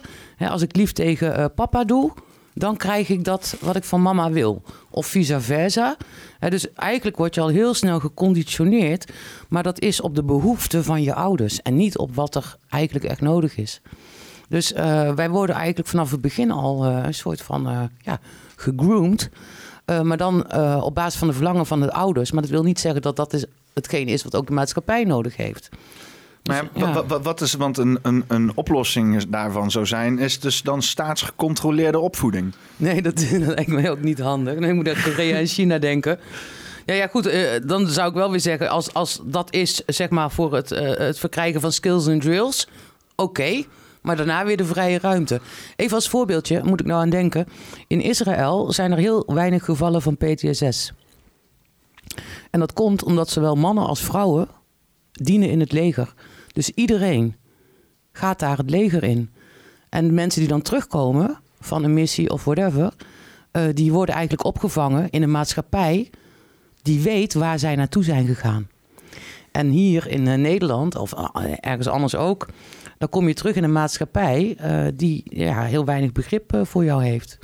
En PTSS ontstaat vaak niet na het incident of missie of wat dan ook, maar eigenlijk door, door jarenlange negering uh, negeren van jezelf, je eigen wensen, maar ook door de maatschappij. Dus ja. Ik, het, verbeter me als ik, uh, als ik uh, onzin aan het praten ik, ik ben. Ga ook, uh, ik ga ook even kijken oh. of ik het nog kan, hoor. Ja, moeten we, moeten we, ja er staat net niet op. Doet mijn GoPro het al? nee, dat hoeft helemaal niet. Nee? Je hebt een hele grote doos, zie ik ook. ja, ja, ja, ik, heb, ik, ik ben helemaal prepared. Ja, dan, doet hij het alweer of nee, niet? Ja, nee, ja, niet ik weet niet wat er nou... Ja koop allemaal tweedehands schrijven en dan krijg je dat soort dingen. Ja, ja, ja. Nee, maar uh, wat ik wou zeggen is, uh, want jij zei net iets, uh, wat ik nog steeds wel een beetje op wil terugkomen, is dat inderdaad, wat je net zei, dat er dus heel veel mensen zijn en een kind opvoeden wat niet helemaal in de gunst ligt van de maatschappij, zeg maar. Mm -hmm. Maar is dat niet, zeg maar, iets wat jij dan bekijkt vanuit een, een, ervaring die jij hebt, met toch, ja, toch wel dat je denkt van, oeh, mijn, mijn, mijn, mijn kindertijd was, dat, dat gun je misschien niet iemand anders. Ja. Maar dan kom je dan weer op dat, op dat stukje van, als je dan probeert te voorkomen dat iemand ook niet zoiets meemaakt als dat zijn, nou ja, laten we het even lot noemen is. Dat je dan iets geforceerd probeert te bewerkelijkstelligen, wat dan misschien later alsnog gaat gebeuren. Heel kort samengevat. Was jij geweest wie je nu bent zonder dat stukje wat je hebt gehad? Nee, dat denk, dat denk ik uh, uiteindelijk uh, niet. Ik ben heel erg afgehakt op een bepaald soort manier, maar ook super gevoelig. Dus ik, ik ben niet heel erg van het drama, maar er zit uiteindelijk wel een ondergrens aan. Maar ik ben, uh, op mijn dertigste ben ik naar de Academie Mens en Arbeid gegaan. En PNO, Human Resource Management. Maar ook loonbaanbegeleiding. En wat je dan doet, is eigenlijk met mensen hun leven doorlopen. Dat doen we eigenlijk ook te weinig. Te weinig reflecteren aan zich. En wat heeft het betekend en wat betekent het voor Ja, dus uh, even heel simpel. Uh, een, een, leven kun je opdelen elke keer in zeven levensjaren. Uh, dus 7, 14, 21, 28 zijn ook schakeljaren. Oh, ja. uh, en als je iemand eh, gaat bevragen van, uh, oh ja, je was 7, hoe was je schoolleven? of hoe was je emotionele leven? Wat gebeurde er dan? En je laat dat ook tekenen. Trouwens, kunst en cultuur is ontzettend belangrijk. Maar maak er eens een tekening van met een x- en een y-as. En beweeg gewoon eens met je potlood over dat papier. En, en geef dan aan van, had je hier een dipje en waarom dan? Dus dat je echt een gewoon. Een soort van lijngrafiek tekent. Ja, de creativiteit uh, loslaat daarin. En dan, kijk, want als je iets vraagt aan mensen, dan gaan ze toch altijd een soort construct maken of ze bedenken iets. En heel veel mensen zeggen altijd: Nee, ik had een geweldige jeugd. ja, wacht maar, want er komt een moment, en meestal rond dat, ligt dat rond dat uh, 40ste levensjaar. En dan slaat het in als een bom. En dan zie je pas. Mm -mm, dat was niet het geval. Ja. Hoe komt dat? Kijk, ik heb zelf bij mezelf heb ik ook. Uh, um, heel lang. Um, kijk, ik, ik, was niet heel erg van het veroordelen, maar ik had wel altijd een grote verwondering. Nou, inmiddels heb ik de leeftijd uh, bereikt dat, uh, dat ik net zo oud was als mijn ouders toen ik feitelijk het huis uitgeslagen werd. En ik wilde eigenlijk niet een mening vormen totdat ik zelf die leeftijd bereikt had en bij mezelf te raden kon gaan: oké, als deze situatie zich nu voor zou doen, hoe zou ik daarop uh, op reageren als 42-jarige, als 45-jarige? Jij dacht van misschien heb ik dit ook in mij of zo. Nou, dat heb ik altijd gedacht. Dat, dat was ook de, een van de redenen dat ik dacht, ik moet niet aan kinderen beginnen, want ik sla ze hartstikke dood. maar dat is, uiteindelijk is dat iets wat ik bedoel, kinderen houden van mij en ook uh, dieren zijn altijd dol op mij. Dus ik weet ook gewoon, dat het is niet zo, maar je hebt wel een bepaald soort angst, omdat je je ouders uh, gezien en meegemaakt hebt, zo destructief Dat je denkt, ja, ik heb die DNA in mij. Ik, ik, ik heb een beetje hetzelfde, denk ik. Mijn ouders die hadden, die hadden veel ruzie en zo. En uh, uiteindelijk dan ook uit elkaar gegaan. Nou ja, dat heeft mijn hele blik op sowieso een vaste relatie al een beetje zoiets gehad van... Uh, ja. dat ik dacht van, nou, waarschijnlijk kan dat dan niet. Ja. En ook omdat ik herhaaldelijk dingen in mijn eigen relaties doe... Die, waarvan ik een lijn kan trekken van... oh, volgens mij kan ik niet een relatie onderhouden of zo. Ja. En dat is ook wel inderdaad dan... dat ik voor, mij, voor mezelf dan toch wel bang van... Ja, misschien, misschien ben ik helemaal niet gemaakt om kinderen op te voeden, weet je wel. Ik kan me ook niet voorstellen dat... Misschien ik weet niet, hè? Dat, die verantwoordelijk. Ik weet niet. Het, het, ik, ik, heb, ik denk er wel eens vaker over van moet ik wel kinderen doen? Want volgens mij uh, uh, ben ik daar niet tot in staat toe. En dat is dan ook terug te leiden aan, aan hoe ik dan wat ik heb meegemaakt met mijn ouders. Ja, ik, ik, ik, heb, ik denk wel, ik weet nu inmiddels dat ik dat niet moet denken, maar ik heb dat wel gedacht. Ja, ja maar dat is ook dat is heel begrijpelijk. Alleen zeg maar denken aan kinderen als je ze nog niet hebt. Dat is een hele andere tak van sport dan kinderen hebben. Ja, ik, ik, dacht, ik zie op een gegeven moment allerlei mensen met kinderen die, die, die ik incapabel acht voor zoveel andere zaken. En die doen het gewoon, weet je wel. En denk van ja, volgens mij is er ook allemaal heel moeilijk over na te denken. En volgens mij komen bepaalde dingen ook gewoon, zeg maar, weet je. Dan heb ik daarover mensen die gewoon altijd rotstreken uithalen, weet je wel, waar ik eigenlijk vrij weinig goeds over te zeggen heb. Maar ze, ze voeden hartstikke liefdevol een kind op. Dan ik denk van, nou ja, volgens mij, weet je wel, het, het, het, je hebt sowieso een band met je eigen kind, hoe je het ook doet. Ja, niet, niet iedereen, maar feitelijk op het moment dat je kinderen krijgt, ik spreek natuurlijk niet uit ervaring, maar dat heb ik van horen zeggen. Op dat moment leeft je hart uh, buiten je lichaam. En dat uh, vraagt eigenlijk een hele andere houding ten opzichte van het leven, je verantwoordelijkheden. Dus er is. Uh, je, ja, zolang je geen kinderen hebt, uh, kun je eigenlijk niet echt daar iets van zeggen. Maar het zijn twee totaal verschillende werelden. Ja. ja en sommige zijn ervoor gemaakt en andere iets minder. maar ja, Kijk, het is natuurlijk ook, uh, je hebt ook wel voortplantingsdrift. Of dat mensen denken van ja, maar anders is, blijft er niks van mij over. Ik moet een stamhouder hebben en de, de genen moeten doorgegeven worden. De, inner Genghis Khan wordt bij mensen dan... Uh... Ja, ja, ja, ja, precies. Ja, je hebt, ken je die film Idiocracy? Uh, die ken ik wel, maar ik kan zo niet scènes. Uh, die, die, die, begint met het openingsverhaal. Dat dus inderdaad, dan zie je twee van die uh, hoogopgeleide mensen. die mm. dan een beetje op de bank zitten, preuts te wezen. en op het goede moment te zoeken wanneer ze kinderen kunnen maken. Want ze zijn er nog niet klaar voor, want ze zijn in het goede moment van het leven. Ja, precies, precies. En aan de andere kant zie je dus een stelletje van die tokkies. die er maar op losneuken. Ja. En die, zitten met een partij kroost voor te brengen. En zelfs het kroost zit alweer erop los te neuken, ja, weet je. En dan zie je zo'n stamboom van, nou ja, niet heel erg hoogopgeleide mensen. die gigantisch aan het uitbreiden is. En dan één zo'n poging van die hoogopgeleide mensen. Maar dat kind dan is dat een misselijk kraam geweest. Het is allemaal ellende, weet je wel. Omdat ze allemaal al veel te oud zijn. Dus ja, waar je dan uiteindelijk mee eindigt is een wereld vol met idioten. Dat is dan de opzet van de film Idiocracy. Oh, ja, ja, ja, ja. ja. Ik, ik, zie dat, ik, zie dat, ik, ik, eh, ik, ik zie dat toch wel. Eh, de tweede helft. Het, is logisch van mensen die heel veel aan het piekeren zijn, hè, die, die, die blijven maar wachten tot het juiste moment. En de mensen die gewoon gaan en gewoon uh, niet ja. zoveel over nadenken, ja. die, die doen het gewoon, zeg maar. Ja, ja. Nou, ik had wel, uh, zeg maar, dat. Uh, ja, dat ik echt dacht van ja, daar, daar moet ik niet aan beginnen. Ik was, ik was daar echt wel bang voor. Omdat ik, ik weet wel, ik heb heel lang een bepaald soort uh, woede eh, in mij gehad. Die heb ik trouwens nog, uh, zeg maar.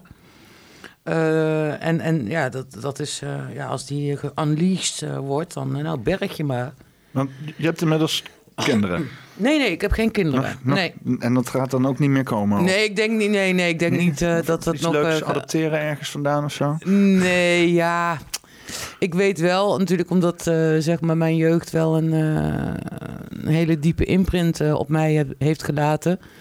Dat op enig moment, volgens mij was ik 35, 36, weet ik niet. Ik heb mijn hele tijd ook heel lang geleefd met verdriet en met de waarom-vraag en waarom alles zo gelopen was en zo. En toen kwam ik bij een, uh, een psycholoog uh, terecht. Eigenlijk heb ik daar gewoon zes, uh, zes keer een uur zitten huilen. Want dat deed ik dan ook niet bij bekenden of zo. Maar die, die dame was een paar jaar jonger. En ja, die zei van ja, als we jou in behandeling moeten gaan nemen, dan duurt dat vier jaar. Ik denk, ja, doe normaal, weet je wel. ja. ja, maar dat is dan ook van iemand die dan net HBO psychologie af heeft gerond, eigen praktijk heeft begonnen. Maar ja, denkt, oh, hier heb ik wel een modelletje voor. Ja, ja precies. Ja, ja, ja. En ik dacht, ja, daar gaan we niet aan, aan beginnen. En je kunt het eigenlijk ook veel beter uh, ja, toetsen in de wereld. Maar dan moet je wel uh, bereid zijn om te reflecteren en je gedrag ook aan te passen. Hmm. En dus het, volgens mij leer je ook in de interactie met, uh, met anderen. Ja, het is gewoon complex. Het is gewoon heel complex. Waar groei je op? Wat is je persoonlijkheidsstructuur? Nature, nurture. ga maar door. Maar wat... Um, door, door mijn verleden heb ik wel veel meer begrip en empathie, zeg maar, voor mensen en ook voor hun, hun gedrag. En ehm, ik ben ook wel heel accepterend naar mensen toe, maar het moet ook niet te lang doorgaan. Ja, ja, dus als een trucje, ja, precies. Als het een trucje begint te worden, dan ja, ja, ja. Dus voor de rode lijn in het verhaal. Uh, je, was de, je, je, je, was de zee opgegaan ja. en uh, je was op een gegeven moment in contact gekomen met het humanistisch verbond. Ja, nee, de Universiteit voor Humanistiek. Oh, dat is ja, de zenden. Het is misschien wel handig om er even uit te leggen.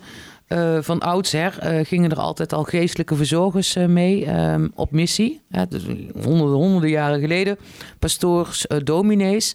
En net na de Tweede Wereldoorlog dan is er Jaap van Praag. En die richt dan de humanistische traditie op. En dat is eigenlijk een, een, een, een extra tak van sport buiten de Rooms-Katholieke protestanten enzovoort. Dat was toen ook helemaal nog niet aan de hand. Maar dat was eigenlijk voor de mensen die dan niet geloofden. En in die tijd was dat echt vooruitstrevend. Nou ja, Van Praag heeft de humanistische traditie opgericht. En dat gaat vooral kijken naar ja, de, waarbij de mens centraal staat. En die, dan word je niet gestuurd door boetedoening, schaamte of schuld, zoals dat in de Bijbel staat, of, of waar dan ook. Maar gewoon kijken naar ja, de, menselijke emoties die daarbij komen.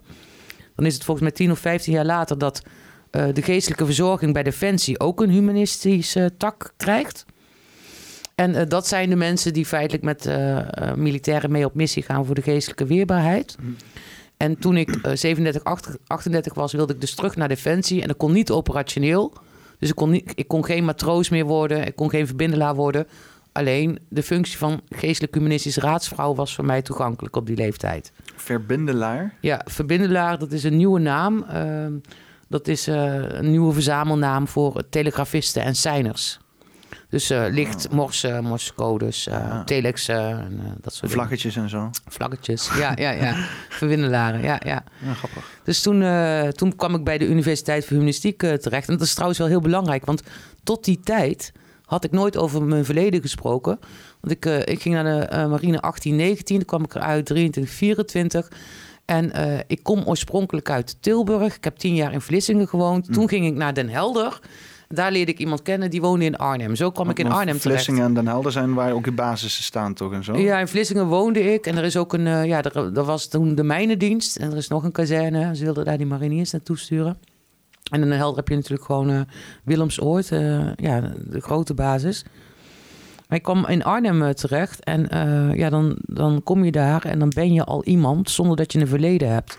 Want je hebt met niemand op school gezeten, of middelbare school. Je bent daar ineens als een persoon. Terwijl je eigenlijk uit een heel eenzaam verleden uh, komt. En dat is natuurlijk ook apart, want dan mensen zien je dan van, oh ja, dat is, dat is een militair bijvoorbeeld. Of, uh, of puur op je persoonlijkheid. Nou, je, merkt het ook aan mij. Ik heb allerlei vragen erover, omdat het voor mij een vreemde wereld is, zeg maar. Ja. Het, het, is toch wel iets waar als mensen ja, toch wel zeggen dat ik denk van... oh, wauw, die heeft dan wel dingen gezien en zo meegemaakt. Het, heeft wel... Uh, ja, ik weet niet stigma. Ik denk dat het positief en negatief kan zijn uh, dan in dit geval. Maar ja. dat je wel een, een, soort stigma over je heen hebt als je een veteraan of een militair bent. Ja, wat, wat, wat is jouw eerste idee bij een veteraan of een militair? Wat komt dan eerst uh, in je op? Ja, die zal wel heel gedisciplineerd zijn, zeg maar. Mm -hmm. ja. Maar aan de andere kant, ja, ik, ik weet niet. Uh, ik, ik heb altijd inderdaad zoiets van, oh, die zal wel vreselijke dingen gezien hebben en zo. Dat is zeg maar een beetje wat ik uh, bij eerste, veteraan, als ik veteraan ja. hoor, dat ik denk van, oh, dat is iemand die inderdaad uh, weet je wel, bij helikoptergeluiden onder gaat duiken en zo, dat soort dingen. Dat is een beetje heel, heel, kort gedacht, zeg maar. Nee, zeg maar voorheen, uh, ook nog voor uh, Defensie. Uh, als er het, het, woord veteraan viel, dan, was, dan waren dan gewoon de 40-jarige mannen met bierbuikjes die veteraan bij de voetbalclub waren. Dat was de eerste connotatie met veteraan. Twintig jaar geleden is er iets echt wezenlijk veranderd. Is ook de veteranenwet ingetreden. Voorheen was het zo dat je jezelf alleen veteraan kon noemen als je een missie had gedraaid en uit dienst was. Dus niet meer operationeel. Dan was je een veteraan. En dat is 20 jaar geleden veranderd. En uh, nu kunnen de militairen die nog wel in dienst zitten en een missie hebben gedraaid zich ook veteraan noemen. Maar dan heb je hetzelfde probleem als bij de grot van Plato. Als je erin zit, dan ervaar je dat niet. Als je erin zit, in Defensie en je bent militair, ben je vooral militair. En dan zie je jezelf niet als veteraan. Nou, als je eruit bent, is uh, die titel is wel belangrijk, ook voor de kameraadschap en de broederschap. Maar waar je mee te maken hebt, is dat we kennen oude veteranen en we kennen jonge veteranen. Ja, de oude veteranen, Tweede Wereldoorlog, Indië, Korea, alhoewel wij als Nederlanders bijna niet hebben gevochten in de Tweede Wereldoorlog. En uh, de jongens die uh, 16, 17, 18 waren en naar Indië en Korea vertrokken, die hadden natuurlijk het voorbeeld gezien van de Amerikanen en Canadezen. En die dachten, wij gaan ook die mensen daar bevrijden. Maar dat was natuurlijk een, een andere soortige oorlog. En toen die mensen terugkwamen, het is natuurlijk onvoorstelbaar dat je drie, vier, vijf jaar in een oorlog zit. Ja. En dan ook niet het minste, want het zijn natuurlijk echt van die guerrilla-oorlogen. Ja, in de uh, jungles en zo. Ja, ja, echt te bruut. En waar, waar gewoon alles op leven en dood. En dan kom je na vier, vijf jaar terug en dan word je helemaal niet ontvangen als held. Want Nederland was nog veel te gemankeerd en gekwetst van de Tweede Wereldoorlog. Ja, en dat, dus ja, dan krijg je een, een hele generatie ja, die heel erg uh, gemankeerd uh, opgroeit. En dat zijn feitelijk onze uh, opa's, oma's, vaders, moeders. En wij zijn daar de kinderen van. Dus dat trauma, dat is ook op ons neergelegd. Ja. Ja. Het is een soort van multigenerationeel trauma. Het, blijft, het blijft maar doorgaan. Uh, we hebben het eerder over beleven, vergeten, herinneren. Ja, weet je, voordat je tien jaar verder bent, dan weet je het niet meer. Maar ja, je kunt ook al die informatie niet, uh, uh, zeg maar, in je denkvermogen bijhouden. Maar dat moet in je lichaam zitten. Dat is je gevoel, je cellen die gaan klapperen als iets niet goed is of bedreigend is of zo. Dus ja. En wat het mooie is, uh, Helmo Vol Verhalen richt zich juist op de jonge veteraan. Uh, ook uh, op basis van de ervaring die ik zelf heb opgedaan. Ehm, dat doen we omdat die ook nu in zijn rol kan stappen. Dus met trots veteraan zijn. En zij zijn in staat om die oude veteranen nog mee te nemen daarin, want die leven nog vijf of tien jaar. Maar je ziet nu bijvoorbeeld ook bij de Oeroes-gangers, Afghanistan-gangers... die hebben nu pas een goed beeld, ook Dutchpad... wat die Indië-Korea-veteranen hebben meegemaakt. Dus nu, we hebben 110.000 veteranen... Uh, nu is het zo dat die, uh, die jongere veteranen hebben gewoon veel, een veel beter beeld. En dat kunnen zij dan weer communiceren met de maatschappij. ja. ja. Ik, heb hier al, het grappige is, je bent niet de eerste veteraan die hier komt. maar dat was dus inderdaad was Joey en die was inderdaad heel jong. Uh, volgens mij mijn leeftijd of iets dergelijks. En die is dan ook een veteraan, die is naar Afghanistan geweest. Ja, ja. Ja. Maar ja, dat is dan heel vreemd om dan inderdaad, voor, mij in elk geval, dan van hem te horen van, ja, ben een veteraan en zo. Dat ik denk van, oh, wat? Dat, zo had ik dat, zo had ik dat niet... Uh, dat, dat is een, ja, want je denkt toch altijd uh, oude mannetjes en oude legertrucks. Dat is, precies, dat is het beeld wat burgers uh, hebben. En uh, dat is natuurlijk wel heel wonderlijk. Net dat ik zei, van, ik ben 25 jaar na de Tweede Wereldoorlog geboren. Denk nu 25 jaar terug. Dan kom je uit bij Dutchbed. Dus pas vorige jaar dat die documentaire ook online kwam. En dat jonge mensen denken, wow. Maar dat is wel wat er ook speelt. Maar we zijn zo gewend aan onze vrijheid. Het is allemaal maar normaal. Je moet ook gewoon. Kijk, de Eerste Wereldoorlog, landenoorlog, Tweede Wereld, landenoorlog. Dit is ook voor ons een nieuwe tijd. Maar we moeten niet vergeten waar we vandaan komen. Gewoon. Ja. Ja, wat ik bij hem proefde is gewoon dat hij zeg maar niet kan tegen die schijnheiligheid die hier zeg maar hoog wordt gehouden. Terwijl hij zeg maar daar heeft allemaal verschrikkelijke dingen heeft gezien die dan allemaal zeg maar goed zijn. En dan mhm. hier dan zeg maar die schijnheiligheid ervaart en vooral van de politici. Ja, hij struikelt er enorm over. Ja. Hij heeft een hele raam volgeplakt met anti-overheid shit, weet je wel. En ja. je denkt van uh, stek er maar in. Ja. En ik kan me daar heel goed in vinden. Ja, ja, maar het is ook, volgens mij is dat ook een soort van wrijving die er is. Want aan de ene kant wil je iets goed doen hè, voor Nederland, voor het volk. Het is net zoals met de uh, verpleging en zo. Weet je, het is een roeping of zo. Uh, en ben je hoog opgeleid, dan ga je naar Artsen zonder Grenzen. En ben je lager opgeleid, ga je misschien naar Defensie. Dan kom je eigenlijk in een nieuwe sociale cohesie. En dat voelt als een warm bad, want dat is het team. En dat gaat er niet om of ik jou wel of niet mag. Er is één ding wat ik weet. When the shit hits the fan, jij zult daar zijn. In zo'n militaire constructie. Ja. En dat is een grotere zekerheid dan dat je die ooit zou kunnen vinden in de burgermaatschappij. Ja, af en toe heb je eigenlijk dat je op niemand kan bouwen hier. Precies. Uh, ja. Precies. Nou, en dan uh, zeg maar, als je dan uh, een aantal jaren daarin beweegt en je gaat uiteindelijk dan naar de burgermaatschappij. dan, heb, dan verlies je feitelijk, misschien voor de eerste keer, maar veel vaker nog voor de tweede keer, verlies je je familie. Mm. En dan sta je er weer alleen voor. Maar je bent altijd gewend geweest om in een team te opereren. Dus ja, dat, dat geeft ook alweer uh, allerlei dilemma's. En als je dan niet erkend, gehoord of wat dan ook wordt... en ja, voor iedereen is het natuurlijk uh, verschillend... ja, dan, dan uh, krijg je als militair zijnde al heel snel een soort van schakelklik... en die gaat dan die kant op en dan is er geen andere kant meer. Nee. Ja. Dan is dat hè, ja, de kop ervoor, zeg maar. Dat is het dan. En, en mensen blijven dan heel vaak in die structuur doorlopen. Ja. ja. Ja, het heeft, het heeft natuurlijk ook.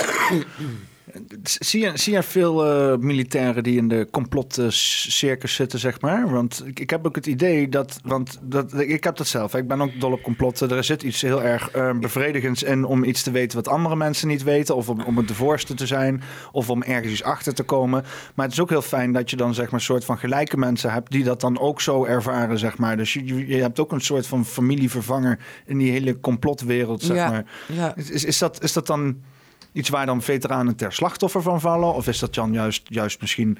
Uh, hoort dat erbij of zo? Is het... Nee, ik kan, ik kan helemaal niet uh, zeggen dat dat... Uh, dat heb, heb, je er zelf daarvan wel eens iets van ervaren of zo? Ja, ik, ik, ik, ik heb best wel veel kennis over ja, veteranen, complottheorieën... maar ook mensen die heel erg achter het beleid staan van, van onze regering. Dus je vindt ze in allerlei, ja, op allerlei plekken... Maar ik heb, ik heb wel in zijn algemeenheid het idee, omdat ook gewoon uh, militairen uh, inderdaad vaak in het veld. kijk, als je in een stad zit, dan heb je lichtvervuiling ja. bijvoorbeeld. Ja, zie je de sterren niet. Zie je de sterren niet. In het veld wel, is ook leven met de natuur.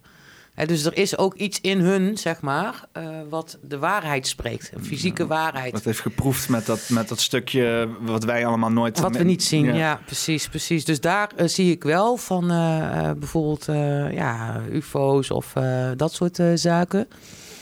dan ook natuurlijk de, de, de, dreiging die er theoretisch is...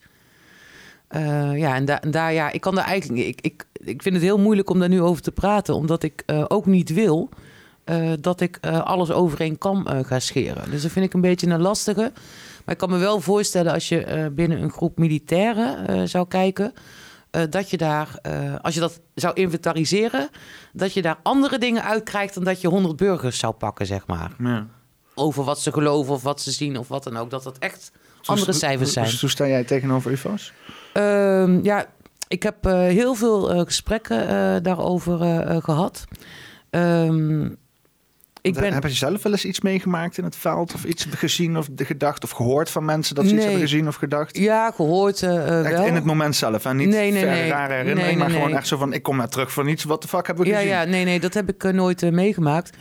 Uh, ik ben iemand die heel erg op mezelf vertrouwt. En ik, ik ben van mening dat ik uit de oerbron kom. En uh, dat alles door mij heen gaat. Dus ik ben ook helemaal niet bezig met het uitzoeken van dingen of het uh, nalopen en of dat wel klopt. Ik heb een, gewoon een soort van rotsvast uh, geloof in de kosmos en in de natuur. En het moet gewoon door je heen gaan. Want anders, ja, ik wil gewoon creëren. En als ik bezig ben met allerlei theorieën om dat te onderzoeken, om me gelijk te halen of mijn vermoeden te bevestigen, dat is voor mij verloren tijd. Maar ik accepteer wel alles. Dus ik, ik sta ook nooit te kijken van mensen die een bepaalde mening zijn toegedaan. Of dat is gewoon, ik, wat ik doe is ik, uh, ik voel of die persoon voor zichzelf de waarheid vertelt. Hmm. En dat is wat voor mij telt. Je zou eens, je zou eens uh, uh, um, ken je ja, ik denk het niet, Steven Greer. Dat is een van de Amerikaanse ufo-gozer die helemaal los aan het gaan is. Met een hoop controversie eromheen. Maar hij heeft een documentaire gemaakt, die heette The Close Encounters of the Fifth Kind. En daar koppelt hij zeg maar uh, het hele alien manifest, manifest aan zeg maar de, de Great Awakening die er nu gaande is. En Ja. dat hij dus inderdaad, want grappig, want eerder zei je ook van als mensen in een groep aan het mediteren zijn, kunnen ze heel veel manifesteren. Ja. Hij claimt dus inderdaad met groepen mensen over de hele wereld te gaan mediteren en Ja. aliens op te roepen en shit. En dat hij dus, dus zegt dat dat dus inderdaad bij die Great Awakening hoort. Om dus inderdaad ja, op een andere manier met het leven om te gaan. En dus ook allerlei wezens die, die om ons heen zijn waar we nu geen zicht op hebben. Maar Ja. dat we daar dus wel gewoon mee kunnen communiceren. Ja. ja, ik denk dat dat voortdurend ook eh, gaande is. Eh, ik ehm, moet ik heel even denken. Wat, eh, je, je, je, je, je communiceert feitelijk op, op heel veel niveaus. En ik kan me ook voorstellen dat dat. Eh, nou, misschien ook om, iets om ergens in te geloven. Maar eh, ik vond het lach omdat ehm, we zijn in 2019 hebben we eh, moeten stoppen met, of eigenlijk 2020 met TEDx Arnhem. En de volgende TEDx zou heten Close Encounters. Oh, dat meen je niet. Ja. omdat ehm, die film natuurlijk ook als teken, hè, dan, dan zie je de, de ene helft zegt ja, kom, kom, kom. En de andere helft zegt blijf weg, blijf weg.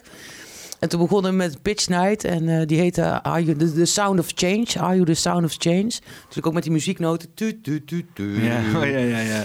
En, en dan zou het Close Encounters uh, heten. En, en, natuurlijk zit dat ook wel, hè, dat specie en, en het spirituele. Maar het ging eigenlijk uh, over een close encounter met jezelf. Close encounter met de ander. Want daar gaat het uiteindelijk om. En zeg maar, heel TEDx Arnhem is feitelijk opgebouwd rondom Wubo Okkels. Uh, die kwam ik uh, een jaar voor zijn dood uh, tegen op een festival. En ik herkende hem heel, helemaal niet, met regen. Ik stond onder een afdakje en hij wilde de hele tijd sigaretjes bietsen. en toen kwam ik pas later achter dat het Wiebo Oggels was. Um, en, en, het jaar daarna overleed hij. En ik vond dat er eigenlijk te weinig aandacht was voor zijn, voor zijn visies. En hij heeft dan de Ten Commandments gemaakt. Hij heeft er echt nog heel veel moeite voor gedaan om dat ook over de buis, ja, op de buis te krijgen. En een van die commandments is: uh, We are all astronauts of Spaceship Earth. Hm. En daar is uh, heel TEDx Arnhem rondgebouwd. Dus de eerste uh, TEDx was We are all astronauts of Spaceship Earth. De tweede was The Second Time Around. Mm -hmm. Het overview effect, dus op een andere manier kijken. Nou, dan zag je ook met Eva Eickhout met beperkingen. Eva Westerhof die doof is. En daar hebben we allemaal dingen laten zien van ja, de second time around. Net zoals dat je een, een déjà vu hebt of een uh. Uh, Wat? ja, ja, precies dat. Uh, met de, voor de tweede keer kun je met andere ogen kijken. Ja, en, en, neem die tweede keer. bijvoorbeeld wat je ook zegt, dan zie je Eva en heb je... Maar dan kijk je nog een keer en dat is gewoon een heel tof wijf die gewoon veel vrijer is dan de meeste mensen. is een beetje, een beetje dat, ik had er een hekel aan, dat, de, die term dat mensen zeggen van ja, de, de, eerste, de eerste indruk is het belangrijkst. En dat oh, ik denk van van wat is dat nou voor hoge druk op iets? En dan wat? Dan de eerste keer dat als je jezelf presenteert, dan ben je voor de rest van de tijd die persoon. Want heel vaak word je wel sollicitaties of dingetjes, word je natuurlijk, hè, moet je die eerste goede indruk maken. Ik heb er altijd zo'n hekel aan. Ook gewoon om het te doen, inderdaad. Maar vooral ook om het te moeten, moeten doen, zeg maar. Ja, maar dan is het dat is ook een soort openheid van doe ik, voldoe ik dan wel aan de verwachting. En als het dan de eerste keer niet goed is in de ogen van de ander, ben ik dan af? Of zo? Mag ik dan niet meer meedoen? Grappig. Ik, ik heb een keer een laatste sollicitatie dat ik heb gedaan. En ik, was, ik had eigenlijk al werk en zo. Maar ik ging erheen onder het mom van... Nou ja, uh, even, ik heb afspraak gemaakt. Laat ik maar in ieder geval aan die afspraak voldoen. En even kijken, whatever. Dus uh, ik ging daar langs en het was zomers. En ik kom aan op mijn slippers en mijn korte broek. En uh, echt geen kolder. Zo kom je niet met een sollicitatie aan. En zij zei dat ook toch aan het eindgesprek was ze bereid om met mij een soort van traject in te gaan. Waarbij ik dan gekoppeld werd aan een mentor in een bedrijf. En dan kon ik dan, weet ik veel, opgeleid worden tot marketing specialist en gewoon betaald worden en zo. Mm dus, dus, dus, dus, alsnog met mij bereid om in zee te gaan. Ben ja. er niet op ingegaan, omdat ik helemaal niet zit te wachten op een mentor. Maar ik vond het wel heel wonderbaarlijk. Dat ik denk van, want ik heb zoveel sollicitaties waar ik dan zo mijn best voor doe. En dan helemaal picobello kom. En dat dan mensen zeggen van, ja, het klikt allemaal niet. En laat maar zitten dan. Ja, maar misschien is het ook uh, omdat op het moment dat jij komt uh, picobello, dat dat niet bij jou past. Dus dan kloppen die twee dingen, die kloppen niet met elkaar. Nee, nee, inderdaad, ja. En puntschoentjes en zo. En, ja, ja, ja. Nee, maar je kunt het beste gewoon eigenlijk onversneden jezelf zijn. Want als je dat bent, uh, de mensen die dan op je afkomen, die horen dan ook bij je. Ja. Ja, nee, dat, dat is het inderdaad. Dat is eigenlijk echt, dat is echt wat ik de afgelopen tijd heb gedaan, ja. Dan maar een keer een joggingbroek aantrekken en dan kijken wat er van komt en zo. Ja. Ik kreeg dan opmerkingen in een groep van de baas van... Uh, oh, daar je Peter ook weer altijd in zijn pyjama. In het Duits dan. Hè? Ik weet, in deine uh, slapbruken. Maar uh, ja, weet je, als je dan je, je schouders daarvoor ophaalt en dat prima vindt, ja. hè, dan prima, dan ben ik maar die gozer in die joggingbroek. Voor de rest heeft niemand me er ooit al op aangesproken, weet mm. je wel. Dus het is ook wel, uh, het geeft ook wel inderdaad een soort van vrijheid om de lak aan te hebben en... En dan inderdaad maar de, de mensen die dat wel accepteren op je af te laten komen, zeg maar. Ja, maar het is natuurlijk best wel uh, lastig. Want uh, ik weet nog dat op een gegeven moment uh, heb ik een beslissing genomen... dat ehm, dat mensen mij daar niet uh, op aan kunnen spreken. Ongeacht wat ik gedaan heb. Ik bedoel, ik heb ook wel rottige dingen uitgefroten uh, of zo. Maar als ik uh, voortdurend rekening houden met wat anderen daarvan vinden. Dat is super vermoeiend. En misschien kunnen ze jou wel wat verwijten, maar dat doen ze ook wel vaak vanuit hun eigen gekwetstheid. Uh, en uh, ja, dat moet je ook gewoon uh, loslaten. Hij zou ook misschien in een joggingbroek willen lopen. Bijvoorbeeld. ja, bijvoorbeeld. Hij wil gewoon die baas zijn die gewoon in een tracksuit binnenkomt lopen, weet je wel. Ja, Alsof hij een, olie, een Russische oligarch is of zo. Ja, maar mensen zoeken echt op de, op de muizerigste dingen... zoeken ze zaken eigenlijk om je te claimen. Ja. Dus um, dat kan in iets heel kleins zitten. bijvoorbeeld welke keuze uh, vloei uh, je hebt. Of uh, het toch Jan? Ja, ja, het toch Jan? Oh, dat is nu met, is nu met Heineken is dat dan helemaal een ding, hè? Oh, drink je duivelsbier? Ja, ja, ja. ja ben je een Freemason? Ja, ja, ja, maar dat is... Kijk, dat is... op, op dat niveau proberen mensen eigenlijk ook een stukje te claimen. Zie je, in Arnhem is dat met voetbalclub heel erg, hè? Nijmegen. Ja. Het is, dat, dat, dat, dat, de hele strijd tussen Arnhem en Nijmegen is eigenlijk alleen maar gebaseerd op voetbal, toch? Ja, ja, ja, klopt. Het heeft geen gronden met niks anders, toch? Geen historisch event, geen oorlog, geen landheren die elkaar de tent uitvochten. Dat zou eigenlijk aan Tim Lenders moeten vragen. Die heeft er wel verstand van. Want die heeft de, de kunst en cultuur uh, proberen aan elkaar te knopen Tim met 025. Ja, ja, ja. ja, nee, ja, dat is... Uh... Nee. Ja, maar het is, soms, soms heb je dat ook nodig hè, om ergens bij te horen of uh, ja, mee te bewegen met, met een zwerm of een groep. Uh, het, is, het was leuk. Ik had voet, Vitesse kussens lopen en zo. En vooral toen ik klein was. Ja, ja, ja. Het is toch leuk om te juichen voor een team of zo op een of andere manier. Ja, ja dat je ergens bij hoort is altijd ja, van belang. Ja, ja ben er toch wel een beetje allergisch voor. Hè? Op een gegeven moment denk ik van, oeh, dit wordt een beetje one of us, one of us, google gabble, google gabble, weet je wel. Ja. Als er te veel mensen met dezelfde shirtjes in één ruimte zitten, dan word ik vaak, ja. van laat maar ergens anders heen gaan. Ja, ja, ja, ja, ja. Ja, nee, voor mij is het ook, uh, ja, ik ben ook altijd zo iemand, die, dat weet ik nog, we hadden 15 jaar nadat ik uit de marine was, hadden we een soort reunie, maar dan alleen met de vrouwen. Mm. Ik weet nog, was er nog één zo'n dame. Zei, mag de bakker er ook bij zijn? Ik zeg nee. Gewoon alleen de vrouwen, weet je wel. De bakker? Ja, we, hadden ook een bakker aan boord. Uh, er, was, er was geen vrouw? Nee, er was geen vrouw. nee, nee. Dus dan kunnen vrouwen geen bakkers zijn? Ja, zeker wel, maar toen waren dat toen niet. Toen maar, niet. we hadden volgens mij 24 vrouwen op een bemanning van 150. Mm. En... Uh, uh, 15 jaar na dato en dan kwamen we in een reunie bij elkaar. En toen zei ze ook tegen mij: We waren altijd een soort van positief jaloers op jou. Zei, hoezo dan? Ja, jij deed gewoon wat je zelf wilde. Ja. Kijk, je hebt natuurlijk binnen het systeem heb je altijd ontsnappingsmogelijkheden. Dat is gewoon zo. Maar je moet gewoon wel slim spelen. En ik denk ook als je onversneden jezelf bent, dat is eigenlijk veel acceptabeler. Ook al uh, doe je rare dingen, dan dat je dat masker op hebt. Want dan, wat, wie, wat ben je dan? Dus als je volledig je leven leeft en vanuit je hart, dan is dat veel acceptabeler voor mensen dan dat je dat masker draagt. Want dan voelen ze, ja, dat klopt iets niet. Ja, en raar en normaal is sowieso echt uh, de begrippen die zo rekbaar zijn als het leven zelf, of zeg maar. herkenbaar of geaccepteerd, gewoon ja. veilig. Orthodox. Ja, ja, ja, ja. Volgens, dit is, nee, dit is hoe we dingen doen hier. Ja. Daar ik altijd tegenaan gelopen in bedrijven, joh. Nee, nee, nee, we doen dat zo hier. Ja, precies. Of dat hebben we al gedaan. Ja, ja, ja. Dat hebben we al geprobeerd. Ja, weet je, ja, vijf jaar geleden. Nou, als je kijkt hoe snel uh, de wereld verandert, dat we nu al twee jaar in die corona-shit uh, zitten. Dat is gewoon ongelooflijk. Voor mij is dat uh, eigenlijk wel voorbijgevlogen. Want ik heb natuurlijk met het project vooral heel veel in het veld geopereerd in Nederland. Allerlei hè, matches gemaakt en zo. Was fantastisch.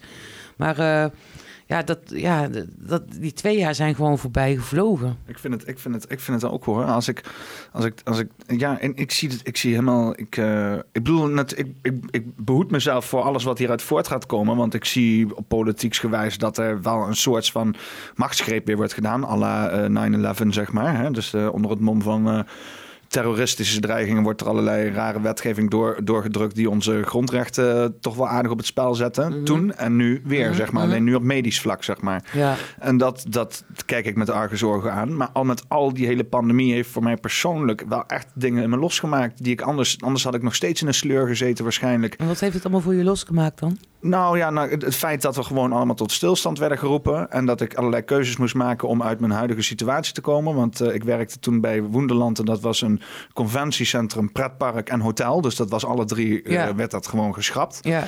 Uh, en in Duitsland. Dus ja.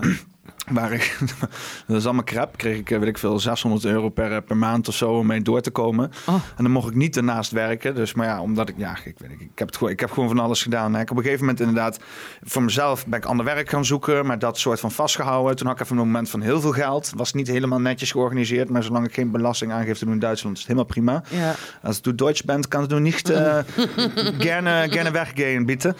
Uh, maar uh, dus, dus ja, ik, ik, ik, zie, kijk daar naar terug. Ik denk, als er dus niet die pandemie was gebeurd, dan was, was ik niet zeg maar weggegaan. Want ik zat best wel in een lastige relatie. Ik zat in Serenberg waar ik helemaal niet wou zitten. Mhm. Ik zat bij dit werk, wat heel veel kantoorwerk was, waar ik helemaal niet. Ik, ik, ik zat echt tegen een soort van tunnel te kijken en ik kon het licht maar niet zien. Ja. En die, die, die, bij die pandemie was even dan de eerste twee maanden was allemaal zo van, nou ja, ik maakte maar wat van. En toen in één keer was de lucht aan het eind, licht aan het eind van de tunnel om precies dat te verwerkelijken wat ik wou.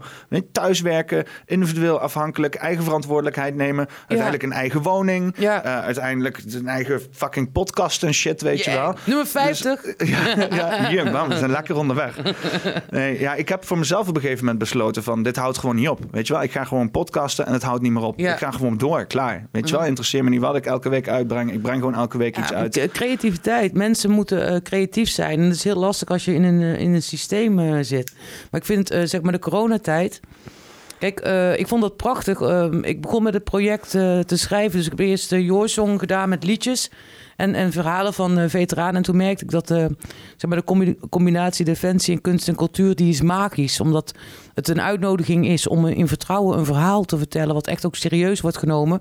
En vervolgens wordt daar door een andere professional uh, wordt er een nieuwe vorm aangegeven die ook te begrijpen is voor burgers. Dus in dit geval bijvoorbeeld liedjes, zeg maar. Ja. En dus uh, wij zullen sowieso veel meer moeten creëren om ook tot onszelf uh, te komen. Want in de creatie zit eigenlijk ook die reflectie. Is ook naar, naar buiten brengen natuurlijk van het verhaal. En, en, met Helmen voor Verhalen begon ik in 2018 om, om wat moverende reden kwam het niet van de grond. En uiteindelijk kregen we net voor de coronatijd kreeg ik een telefoontje van ja, je krijgt uh, geld. nice. ja, maar dan moest wel, dan heb ik ontzettend veel moeite voor. Met eh, voorwaarden. Uh, ja, moeten doen, maar dat telefoontje is een telefoontje. Dus je wacht feitelijk op de brief. Dus ik kreeg, uh, volgens mij was het eind februari een telefoontje. En toen was het ineens 12 maart. En toen was het, oh, dit is corona. En toen dacht ik, oh shit, ja, een telefoontje is geen, telefo dat is geen zekerheid omdat uh, in die tijd zag je ook heel veel fondsen hun, hun subsidies terugtrekken om te herallokeren of nee, wat dan ook. Uiteindelijk kregen, kregen we wel die brief. En toen uh, ben ik gaan organiseren. En uh, wat ik me toen ook super realiseerde is dat die coronatijd, oh die, die boertjes in de microfoon. Dat, dat staat geregistreerd. Sorry. sorry. dat, hoe heet het, mensen, burgers vooral. Kijk, want als militair zijnde dan weet je dat je voor een bepaalde periode iets van jezelf op moet geven voor het grotere geheel. En dat uh, is iets wat burgers eigenlijk niet uh, gewend zijn, want uh, dat is zo individualistisch in de maatschappij. Ja.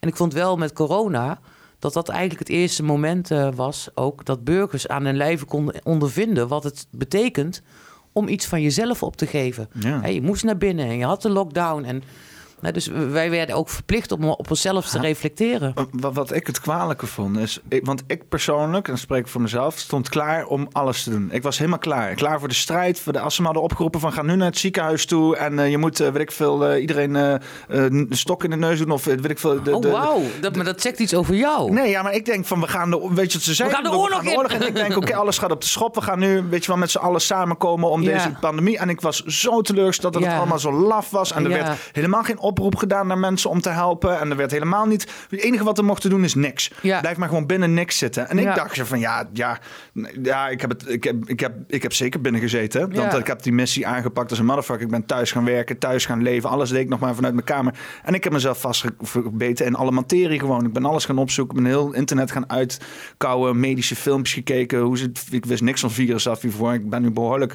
bijgespijkerd zover ik uh, mijn brein het aan kan, zeg maar. Ja. Maar uh, uh, ik vond het zo kwalijk dat ze, dat ze. Ik weet zeker dat er zoveel meer mensen waren zoals mij. die graag gemobiliseerd werden om iets nuttigs te doen. en dat ze daar nul, nul oproepen aan hebben gedaan. Ja, maar ze hebben er ook. Ik, ik weet, er waren mensen in, in mijn omgeving ook. En er waren mensen die klaar waren om gewoon, om gewoon mee te helpen. Ja, om te strijden tegen het virus. Ja, maar, moet je kijken wat het met je we doet. werden Dus- slachtoffer gemaakt, weet je wel. Ja, nou, nou, even dat de slachtoffer even weg eh, doen. Maar ik wil eigenlijk terug naar jou. En de eerste reactie die je dan hebt. Ik wil strijden. Toch? Ja. Toch? En eh, dan, dat betekent dat je bereid bent om je dienstbaar te maken aan het grotere geheel. En dat zegt veel meer over jou als persoon eh, uiteindelijk.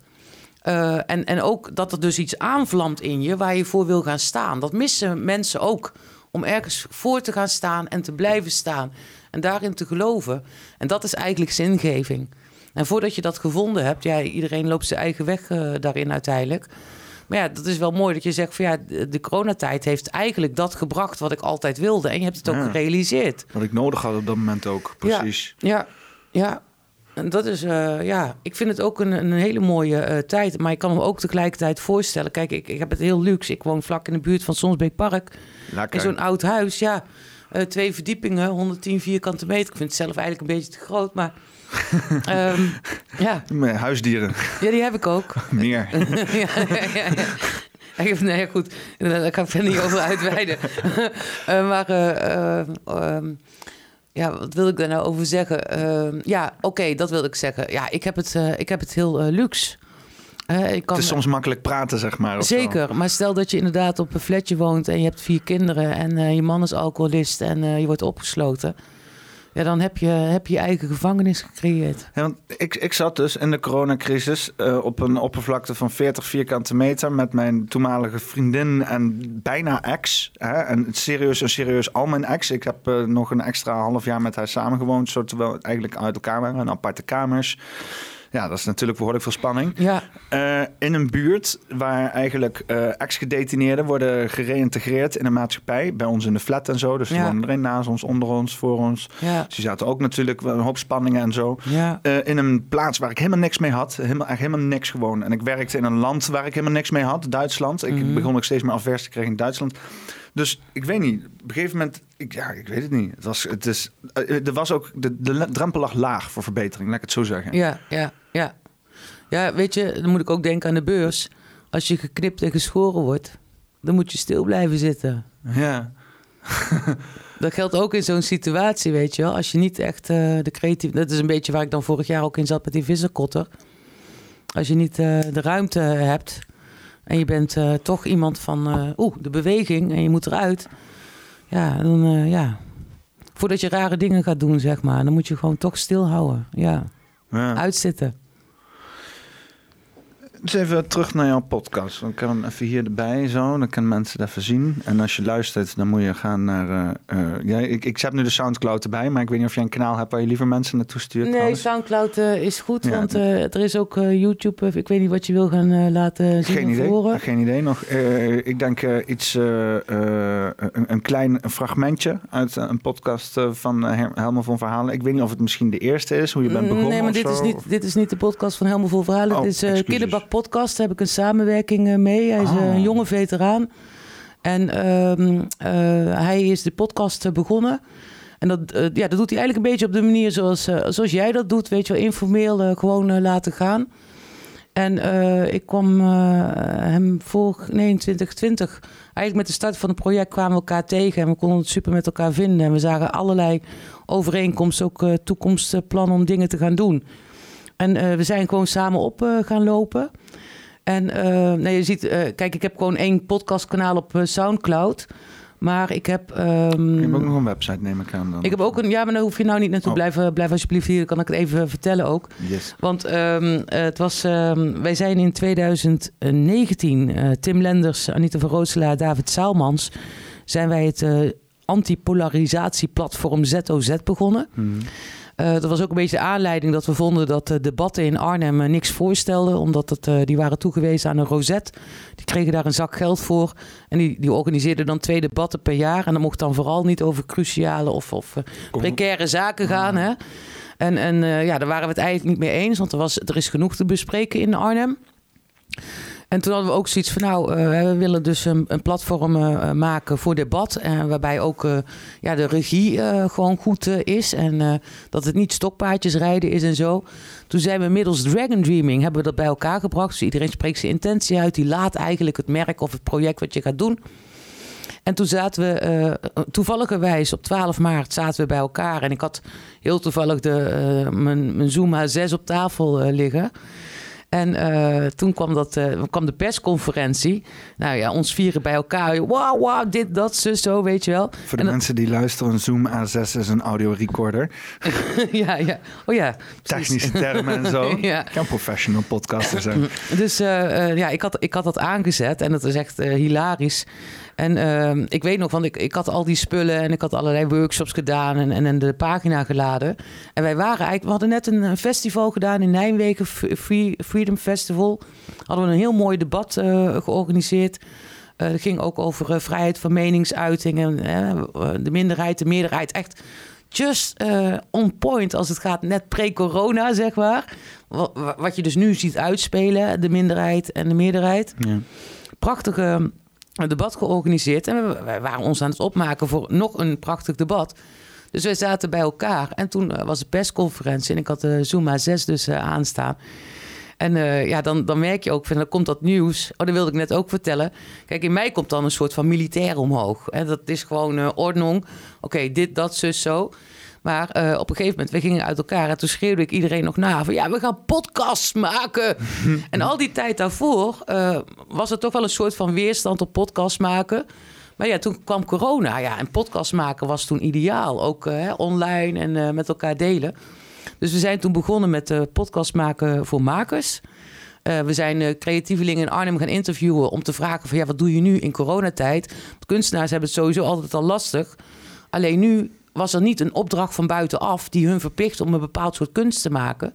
Maar zij gingen nu echt creëren vanuit de kern. Nou, vanuit hunzelf. Hun vanuit hunzelf, ja, precies. En dan, je ziet heel veel uh, Arnhemse kunstenaars... die hebben de afgelopen twee jaar de prachtigste dingen gemaakt... maar die moesten zich eerst losmaken van het feit dat ze betaald moesten worden... of een opdrachtgever moesten hebben voordat ze konden gaan creëren. Dus de kunstenaars konden weer werkelijk kunstenaar worden... mits ze uh, die constructie los konden laten. Dus wij hadden die, die overheidsconstructie van subsidiëring en... Of, of ja, precies een opdrachtgever of het moet ergens aan voldoen, weet je. Dat zie je natuurlijk ook met allerlei events. Ja, er moet een, eh, een, een, een gehandicapte vrouwelijke Marokkaan in zitten en uh, weet je wel. Ja, ja. Uh, in plaats van dat er naar kwaliteit gekeken wordt. Dus toen zijn we die podcast gaan maken met allerlei Arnhemse makers. Ehm, vervolgens hebben we een show gedaan, die heette het, het, het einde van het begin. Dat was toen op 31 juni of zo.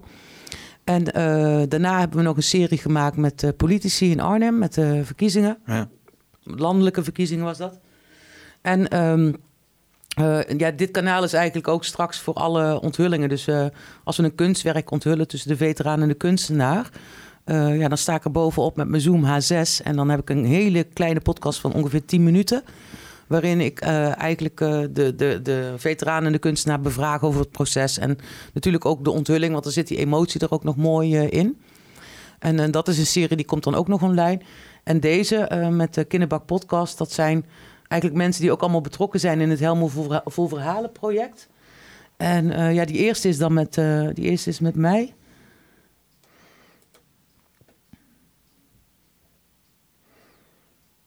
Maar dat is dus de uh, podcast uh, van Ken van Gelswijk. Ja. En uh, ja, dat, wat, wat, wat hij daar doet, ook omdat hij militair is, hij weet precies waar ze het over hebben. Dus het gaat heel erg over het militaire leven. Nee, die zijn er nog steeds, de aalmoezenier. Meer, ja. de aalmoezenier, ja. de raadsman en de humanist. Is het nou allemaal, allemaal geworden veel beter. Wat ze wel moeten doen, en dat is gewoon, dat is mijn mening, is gewoon, ze moeten die rangonderscheidingstekens die moeten ze bij die mensen weghalen. Want dat is toch eigenlijk de GV'er is de eerste stap waar, je, waar je naartoe gaat als je als militair toch ergens mee wil, over, over, over wil praten. Dus dingetjes die er spelen. Ja. En dan zie je, dat is toch een, een blokkade. Ja, maar die hebben ze ook om op hoger niveau die kapitein of uh, die commandant uh, aan te spreken. Dus het, het, het, snij, het, mes snijdt aan twee kanten. Dan moet hij zelf ook een veteraan, zeg maar. Dus dit is dan eigenlijk een gesprek onder veteranen. Ja, gesprekken met veteranen, maar hij heeft ook, uh, hij, hij spreekt allerlei... Hij, dat vond ik wel grappig, want ik zag dat Mickey van Leeuwen bij jou op de podcast is geweest. Mickey komt ook heel vaak bij Ken van Gelswijk op de podcast.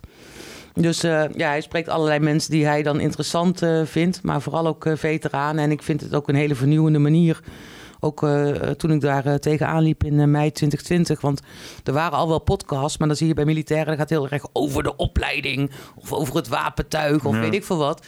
En ik ben er juist ook op zoek naar de mensen achter de militair. Juist ook door de schone kunsten. Want straks met de expositie, als we gaan reizen, dan wil ik eigenlijk gewoon dat je voor een kunstwerk staat en dat dat gewoon een klap in je gezicht geeft of een stomp in je maag. En dat vind ik wel mooi. Want uh, ik moet heel ik, ik ben hier vrij, vrij uh, uh, kennisgewijs naakt ingedoken, zeg maar. Ik heb inderdaad wat dingetjes voor geluisterd. Maar als ik dus nou jou zo begrijp, dan heb jij dus inderdaad nu met helemaal vol verhalen een situatie gecreëerd waarbij je dus veteranen zet tegenover kunst en de kunst weer zet tegenover de veteranen. Dus een veteraan vertelt een verhaal, wordt een kunstwerk gemaakt, kunstwerk wordt terug naar de veteraan gebracht en daar wordt dan een gesprek over ja. komt er een gesprek uit voort. Ja, dit, dit, ja in grote lijnen is dat uh, zo. Wat ik heb uh, gedaan is, ik heb een oproep uh, gedaan omdat ik echt de noodzaak voelde dat die verhalen gedeeld moeten worden. Want die verhalen binnenhouden, dat geldt niet alleen voor militairen, dat geldt ook voor mensen. Dan begint het een soort van bol te vormen in je borstkast. Die voel je dan ook gewoon. Dat, ook ken ik van mezelf ook, dat ik voortdurend getriggerd werd in de realiteit op mijn verleden. En toen ik 40 eh, was, ging ik dus naar de Universiteit van Humanistiek. En daar werd ik verplicht om op mijn eigen verleden te reflecteren. En dat had ik al die tijd niet gedaan. Dus dat heb ik 40 jaar niet gedaan. Waarom? Dat verleden is heel pijnlijk. Daar wil je eigenlijk niet naar terug. En ergens toen ik uh, tussen mijn 30ste en 35ste besloot ik uh, om, om dat verleden gewoon te laten gaan. En aan de andere kant van de lijn, de positieve lijn te gaan lopen. En dan, ja, dan zet je eigenlijk ook een soort van masker op. En uiteindelijk, eh, als ik dan 40 eh, ben, uh, moet ik reflecteren op dat verleden. En dan ja, vragen ze natuurlijk niet direct naar heftige ervaringen. Maar ik had het alles zo weggestopt. Dat ook plezierige ervaringen, die, die kwamen ook niet door. Zeg maar. Dus dan ben je ook ja, een beetje wel gemankeerd. Toen moest ik toch naar die situatie. En toen vond ik wel een hele prettige ervaring. die mij ook wel weer inzichten gaf op de manier waarop ik nu leef. En toen merkte ik van ja, het is gewoon nodig om die verhalen naar buiten te brengen. Want als je ze naar buiten brengt, dan kunnen ze een andere vorm aannemen waar misschien beter mee te leven is. En misschien is het na één keer genoeg, maar misschien moet het verhaal vijf keer verteld worden. En ligt het ook heel erg aan je toehoorder uh, hoe uh, empathisch uh, hij of zij is. en ja, dat is een hele mooie wisselwerking. Ik moet nou ook denken aan onze journalisten. Verhalende journalisten die sturen altijd na. En ehm, die heb ik ook wel getraind om, ja, hoe, hoe interview je een veteraan? Want als een veteraan iets heel heftigs vertelt, maar die doet dat een beetje laissez-faire, dan heeft het voor hem of haar een niet diepe, diepe indruk gemaakt. Maar als je daar als journalist tegenover zit en je denkt, jeetje, Mena, en je reageert ook zo van, oh, wat erg, ja, dan ben je eigenlijk af ja. voor de veteraan. Want dan neemt hij je niet meer serieus. Snap je? Het is een beetje wat ik ook vertelde als je tegenover een 24-jarige eh, psycholoog zit. Dat je denkt, ja, ja, dat, dat is dan toch een, beetje inderdaad die, die uh, god, hoe noem je dat nou? Die, die um, uh, uh, ik gebruikte daar net een woord voor, kom er even niet op. schijnheiligheid, zeg maar, waar je dan mee geconfronteerd wordt. Dat je dan denkt van, hoe kan iemand die nog nooit in mijn schoenen heeft gestaan en nog zo weinig levenservaring heeft, mij begeleiden in mijn proces of zo? Ja, ja, ja. En dus, maar dan, dan weet je waar, waar je dan ook mee te maken hebt. Je, hebt, je verwacht een bepaald soort professionaliteit. Dat is natuurlijk ook wel een beetje de maatschappij waarin wij uh, leven. En dat is wel, um, zeg maar, uh, waar het normatieve feitelijke moet ontstaan. Kijk, uh, ik weet, wij zitten hier in een, soort van informele podcast. We kunnen een biertje drinken, we kunnen roken. ik vertegenwoordig in die zin feitelijk hier niks. Maar ik merk intern wel bij mijzelf, op het moment dat ik over helmoevol verhalen ga vertellen, dat ik een bepaald soort serieusheid Ehm, over me heen krijg. En dat ik wel de behoefte heb om de juiste woorden te kiezen. Dus het is toch minder vrij, omdat het onderwerp uh, precair uh, is. Is het ook een beetje een roeping? Ja, ik denk in mijn uh, geval wel. De noodzaak om die verhalen te delen. Want kijk, ik, ik, ik was daar niet alleen in, maar ik heb wel on, ontdekt. dat niemand één daar alleen in is. En dat al onze. Kijk, voor mij is dat het. Er zijn twee dingen waar je over, waarover je geen strijd voert. En dat is zingeving en leed. En op het moment dat je gewoon met iemand uh, kunt praten, uh, zonder dat je de verwachting hebt dat hij of zij jou uh, daarvan gaat verlossen of helpen, dan praat je op een andere manier dan dat je daar zit en je moet ervoor betalen en dan wil je ook gewoon een oplossing. Ja, ja. Zeg, hallo, ik betaal hiervoor. ja, precies. ja. Zeg me wat het, uh, zeg me wat het is, ja. Ja. ik heb ook, uh, ik, ik, ik, heb zelf ook altijd wel uh, woede-issues. En die bal, dat klopt, komt me heel bekend voor. Ik weet niet waarom. Ik weet ook niet. Ik zit ook altijd een plek te geven waar ik dat dan aan te danken moet hebben. Maar ik heb een goed leven gehad. Dus, hè, dus ik, ik weet niet waar ik dat precies moet kunnen plaatsen dan. Maar ja, er zit inderdaad ook een soort van frustratie in mij. Of iets dat ik inderdaad gewoon sowieso niet match met de maatschappij of zo. Mhm. En ja, door dus inderdaad gewoon uh, ik, ik ben ook nooit naar, ja, naar een psycholoog echt gegaan of zo. Omdat ik eigenlijk zoiets heb van. Uh, het is een, omdat het zo'n uniek. Ja, ik weet het niet. Omdat ik altijd zoiets heb van. Ja, wat, wat kan die persoon nou met meer over mij vertellen dan mij, weet je wel? En als ik dan bijvoorbeeld wil afkaatsen, kan ik dat ook gewoon doen met mensen in mijn omgeving. Ja. Zeg maar, ik, ik heb nooit echt die drang gehad om naar een psycholoog te gaan of zo. Nou, ik denk dat een goede coach nog uh, veel uh, beter is. Eh, heel toevallig uh, viel mij dat toe, net zoals dat ik zo'n weekje op een, een visserskotter krijg. Maar iemand riep van, nou ja, ik, in deze tijd wil ik graag wat terug doen. De eerste twee mensen in DM die je coach gratis. Er hadden al heel veel mensen gereageerd, maar ik had toch de behoefte om een DM'tje te sturen, heb ik gedaan. Toen bleek dat de eerste persoon was uh, weggevallen. Ik ben ook niet iemand die zich makkelijk uh, laat coachen. Hm. Omdat ik uh, ook wel wil waken voor manipulatie. En dan inderdaad, of projectie of weet ik veel wat. En het gaat ook heel erg over wie die ander is, feitelijk. Wie ben jij? ja, maar ook het gevoel een beetje wat je erbij hebt. En je had het net natuurlijk ook over die, die bol in je borstkas. Dat, dat is wel iets, het is een soort signaal, zeg maar. En die, die zwelt dan op. Ik denk dat de locatie al heel erg relevant is. Want ja, wat zit hier? Je hart, zeg maar. Maar het zit ook hier in, kan ik me uitspreken? Dat is met elkaar verbonden.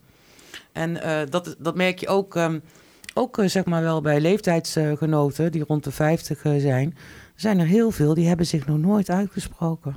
Nee. En dan krijg je allerlei uh, andere problemen er eigenlijk overheen.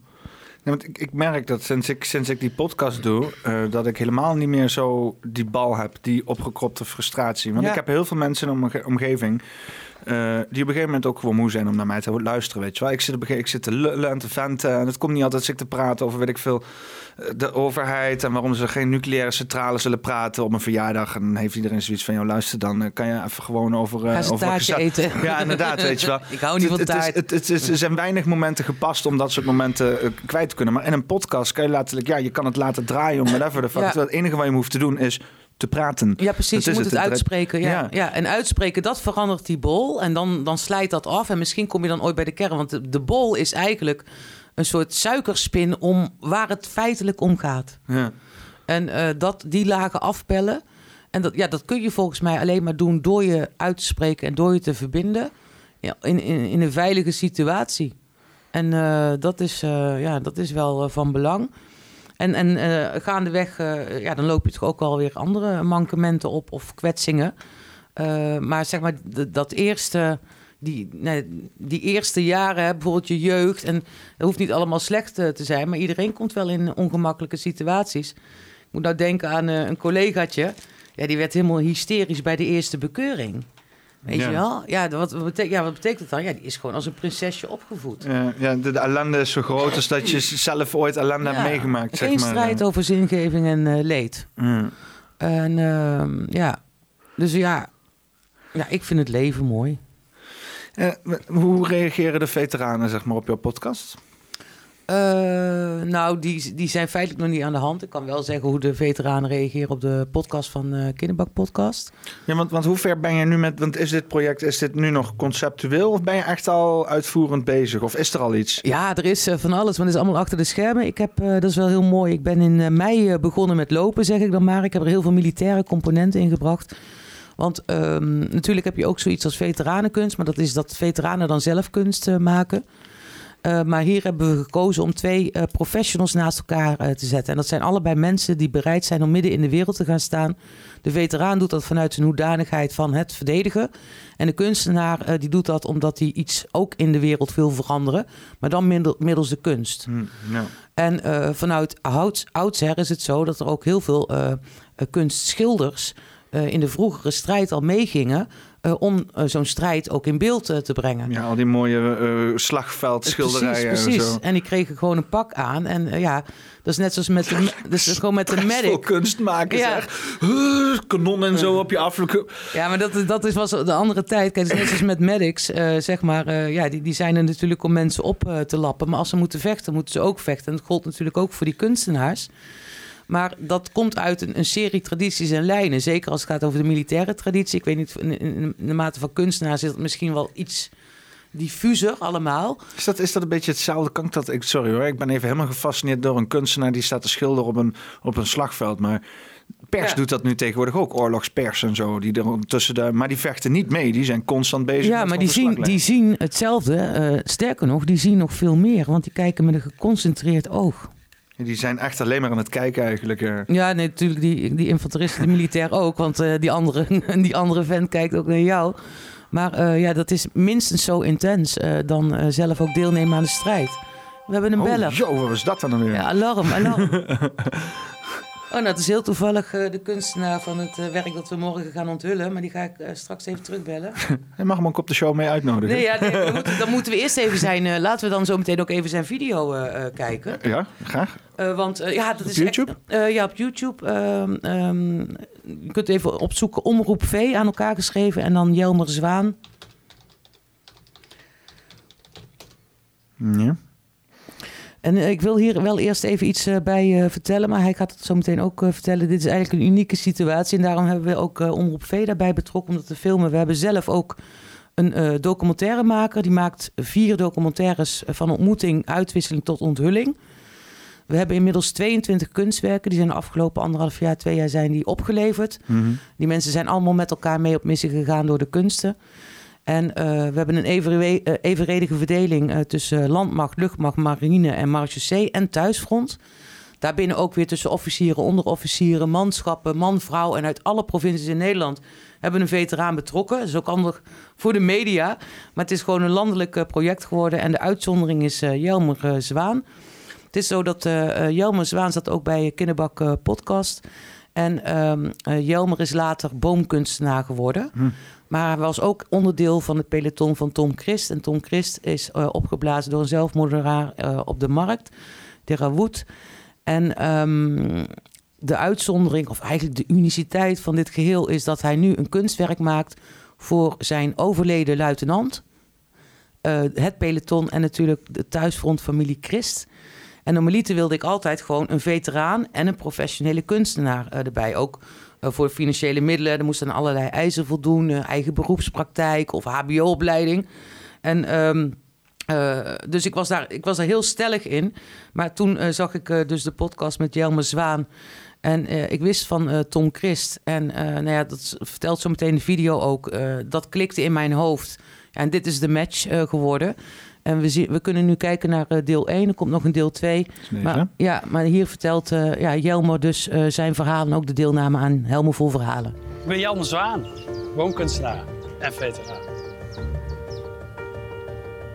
Ik heb twee missies gedaan. TV3 en TV8. Afghanistan.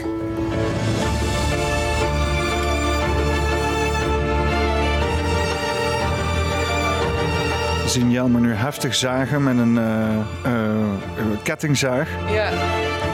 Geniaal met deze dramatische muziek. Ja. Hij zit onder het zaagsel. Ik had een beetje na uitzending, ik ga alleen nog maar mooie dingen maken. En het maakt eigenlijk niet uit hoe, denk ik. Dingen maken in plaats van dingen kapot maken. Hmm.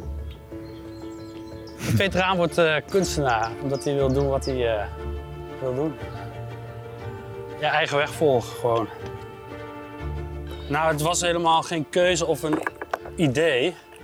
Meubelontwerpen heb ik, uh, ja, noem je dat, gestudeerd of een opleiding voor gevolgd.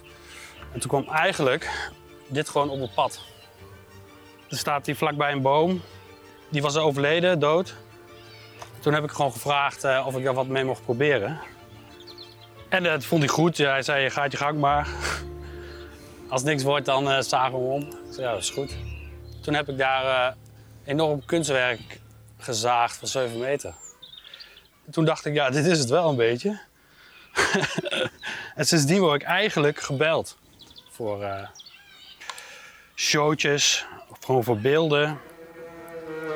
Ja, en toen is het gewoon verder gegroeid.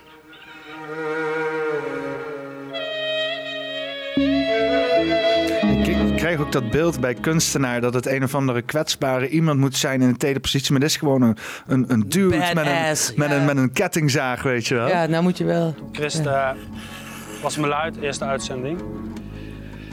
Die door suicide om leven was gekomen.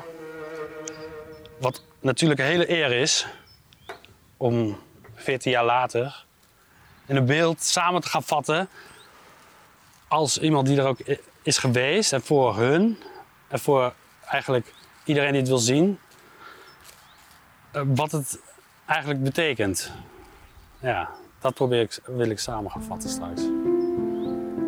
10 juli was de aanslag van Tom Christ op de bazaar in Derenwood. Ehm, ja, voor ons was het al duidelijk dat hij overleden was. De 12e is hij nog naar Nederland gekomen en is hij daar uh, officieel dood verklaard. We hadden tijd over van een actie. Gingen we nog even naar de bazaar. De twee groepen gingen over de bazaar lopen, onder leiding van Tom. Wij zaten in de Overwatch, gewoon uh, helikopterview uh, over het terrein of er iets raas is. Ja, een rietje te eten, te ouwehoeren. En toen, ja, bam, paddenstoel. En een klap. Ja. En het was fout, iedereen wist het meteen. dit is niet goed. En volgens mij ook met de drill, wat je natuurlijk altijd leert. Iedereen zat meteen in de Iper of in de MB of in het voertuig. Er was één ding, zo snel mogelijk naar, ja, naar de bazaar. En toen kwamen we daar, uh, ja, toen was het wel genoeg. Allemaal doden. Anna was er. Die hadden volgens mij Jijken en Tom al naar rol 2, in ieder geval Deraboet gebracht. Ja, toen was alles al duidelijk eigenlijk. We moesten nog een maand en hebben we uitgezeten. Toen konden we terug naar Nederland. Met uh, ja, acht mensen minder. Jezus. Ja. ja. Het gebeurt. Ja. Tijdens het gesprek met uh, de ouders van Tom ja, kwam eigenlijk maar één echt ding voor mij en voor hun samen. En dat is gewoon dat je altijd verbonden met elkaar bent. Dat wil ik eigenlijk ook wel op een of andere manier terugbrengen voor iedereen, voor het hele peloton, peloton eigenlijk bataljon. Dus vanaf dat moment ben je met elkaar verbonden. eigenlijk blijf je altijd verbonden met elkaar. Dat vind ik wel echt het bijzondere. Eén ding wat uh, naar voren komt elke keer als het over Tom gaat, of we naar Tom toe komen. Hij had, uh, ik denk voor zijn uitzending, uh, een tattoo laten zetten. In zijn zij, splijt een stuk hout en ik zal er zijn. Raap een steen op en ik ben er. Maar dat is echt een herdenking geworden, die tekst van Tom. Wat je ook weer bij je draagt. Of altijd in je hoofd blijft zitten. Ja. En altijd aan denkt. Eh, ik spijt af en toe een stuk hout. En ik denk gewoon af en toe aan Tom. Ook al is het 14 jaar geleden. Daarom vind ik het ook een eh, hele eer om nu uitgenodigd te worden. Voor Helmen Vol Verhalen.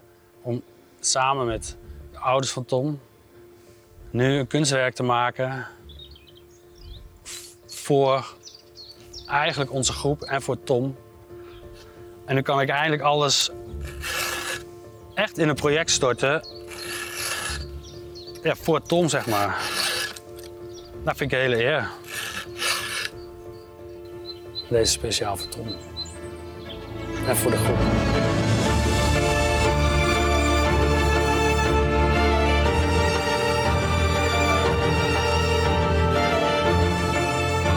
zien hem nu aan de gang met de kettingzaag.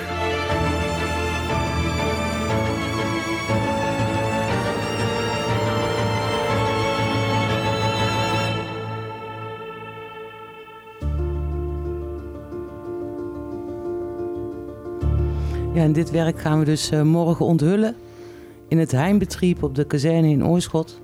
Oké. Eh, samen met de ouders en de broer van zus eh, van Tom en het peloton. Ja, dus ja, je begrijpt... Uh, Kunnen misschien... mensen hierbij zijn of zo? Nee, nee, dat kan niet. Uh, wat, wat we doen is... Uh, we hebben de eerste ontmoeting en dan, dan gaan we eigenlijk... wat je vaak merkt is dat veteranen de behoefte hebben om dan gelijk naar het moment te gaan. Maar het moment is eigenlijk gewoon een kantelmoment.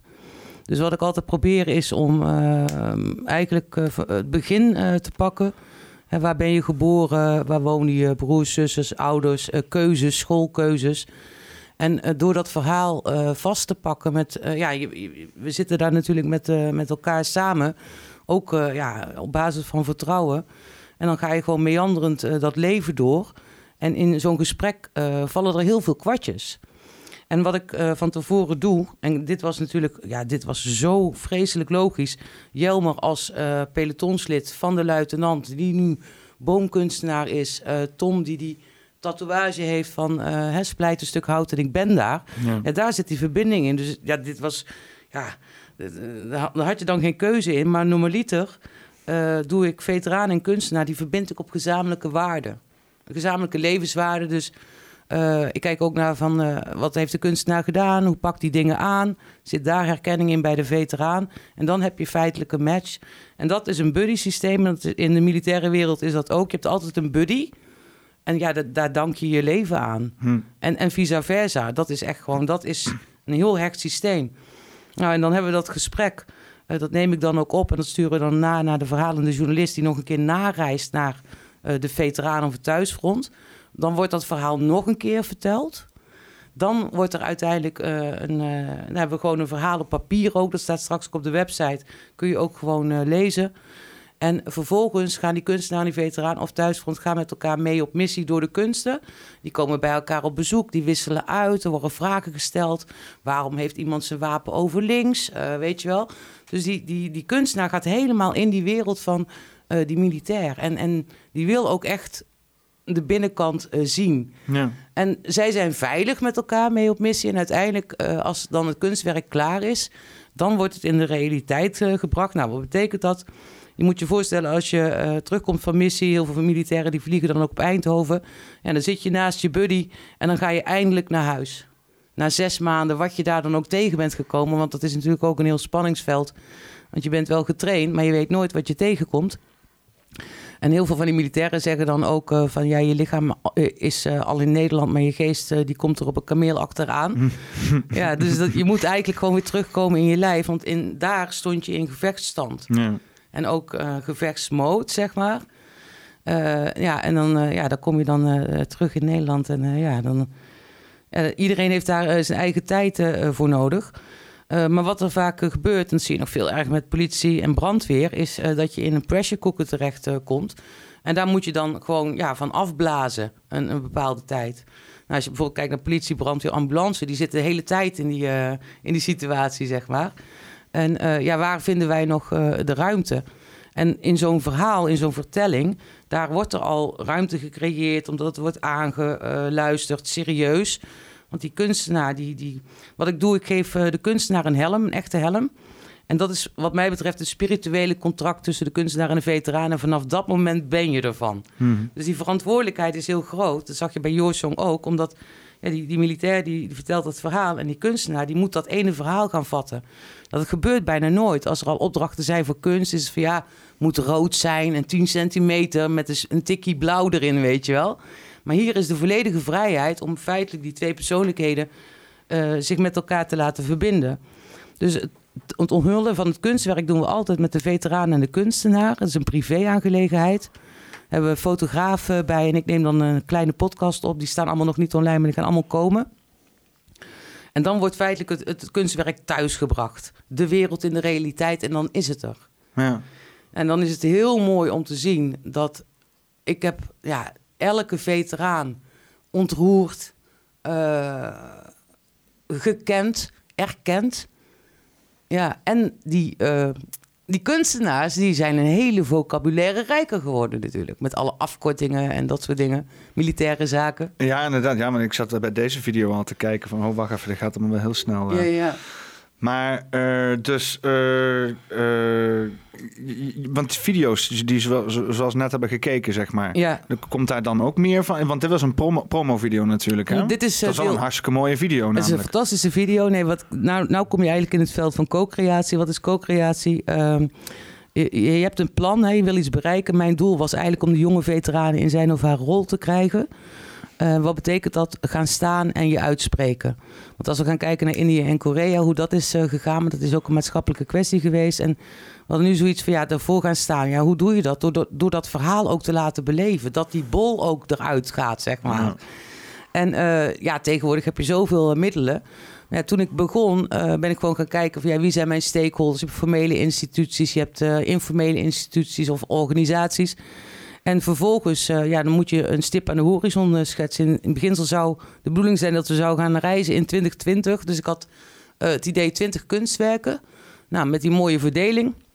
En ja, inmiddels hebben we 22 kunstwerken. Ja, we zijn tenslotte 22, maar dat is ook het effect van co-creatie. En dat is de stip aan de horizon en dan ga je lopen. Nou, we hadden een oproep gedaan in mei in 2020. En binnen drie weken, ik dacht, ja, ik heb twee maanden nodig om genoeg aanmeldingen te verzamelen. De veteranenwereld is niet zo heel erg openhartig daarin. Maar uh, binnen drie weken had ik 75 aanmeldingen van veteranen en 75 van kunstenaars. Ook die precies gelijke aantallen, aantallen dat ik dacht, oké, okay, nou, daar gaan we, we gaan rollen. Ja. En toen ben ik gaan kijken en hebben we elke keer uh, vijf uh, mensen gematcht. Ja, en nu hebben we 22 kunstwerken en we gaan binnenkort, eigenlijk volgende week, gaan we de, de expositie vormgeven. Dus we willen eigenlijk ook een totaalbeleving en contact maken ook met de burgers, maar ook ja, met allerlei partijen, ondernemers, onderwijs. Ja, we willen gewoon Nederland informeren over het immateriële erfgoed van onze jonge veteranen. Die ja, strijden zodat wij hier een hamburger in ons hoofd kunnen drukken. Ja, ja het is toch ook wat, hè? Ja, nou, ik vind het, ik vind het is een hele nobele zaak inderdaad. Ja, gewoon, want je bedoel, behalve het feit dat je iets moois creëert en inderdaad een positief bericht naar de, naar de of naar een, een stukje bewustwording in de samenleving creëert, volgens mij help jij ook een veteraan bij elke stap weer een beetje, beetje bij beetje. Ja, ja, precies. En ook op, op, op, een, op een, uh, ja, een, ja, de veteraan helpt zichzelf, maar ja, precies. Je, je, creëert wel die situatie. Zeg ja, maar, ja, want je kunt het op allerlei manieren doen. Er zijn allerlei oplossingen en ieder, uh, ieder zijn heug en zijn meug. Maar ik uh, denk, ja, de verbinding en het dialoog, uh, dat dat toch wel uh, heel essentieel is. En uh, ik had uh, dat stuk nog niet opgepakt van bijvoorbeeld de Kinderbak-podcast, maar ook Omroep V. In een co-creatie maak je eigenlijk ja, iets heel moois. En iedereen, dat is content die iedereen wil hebben.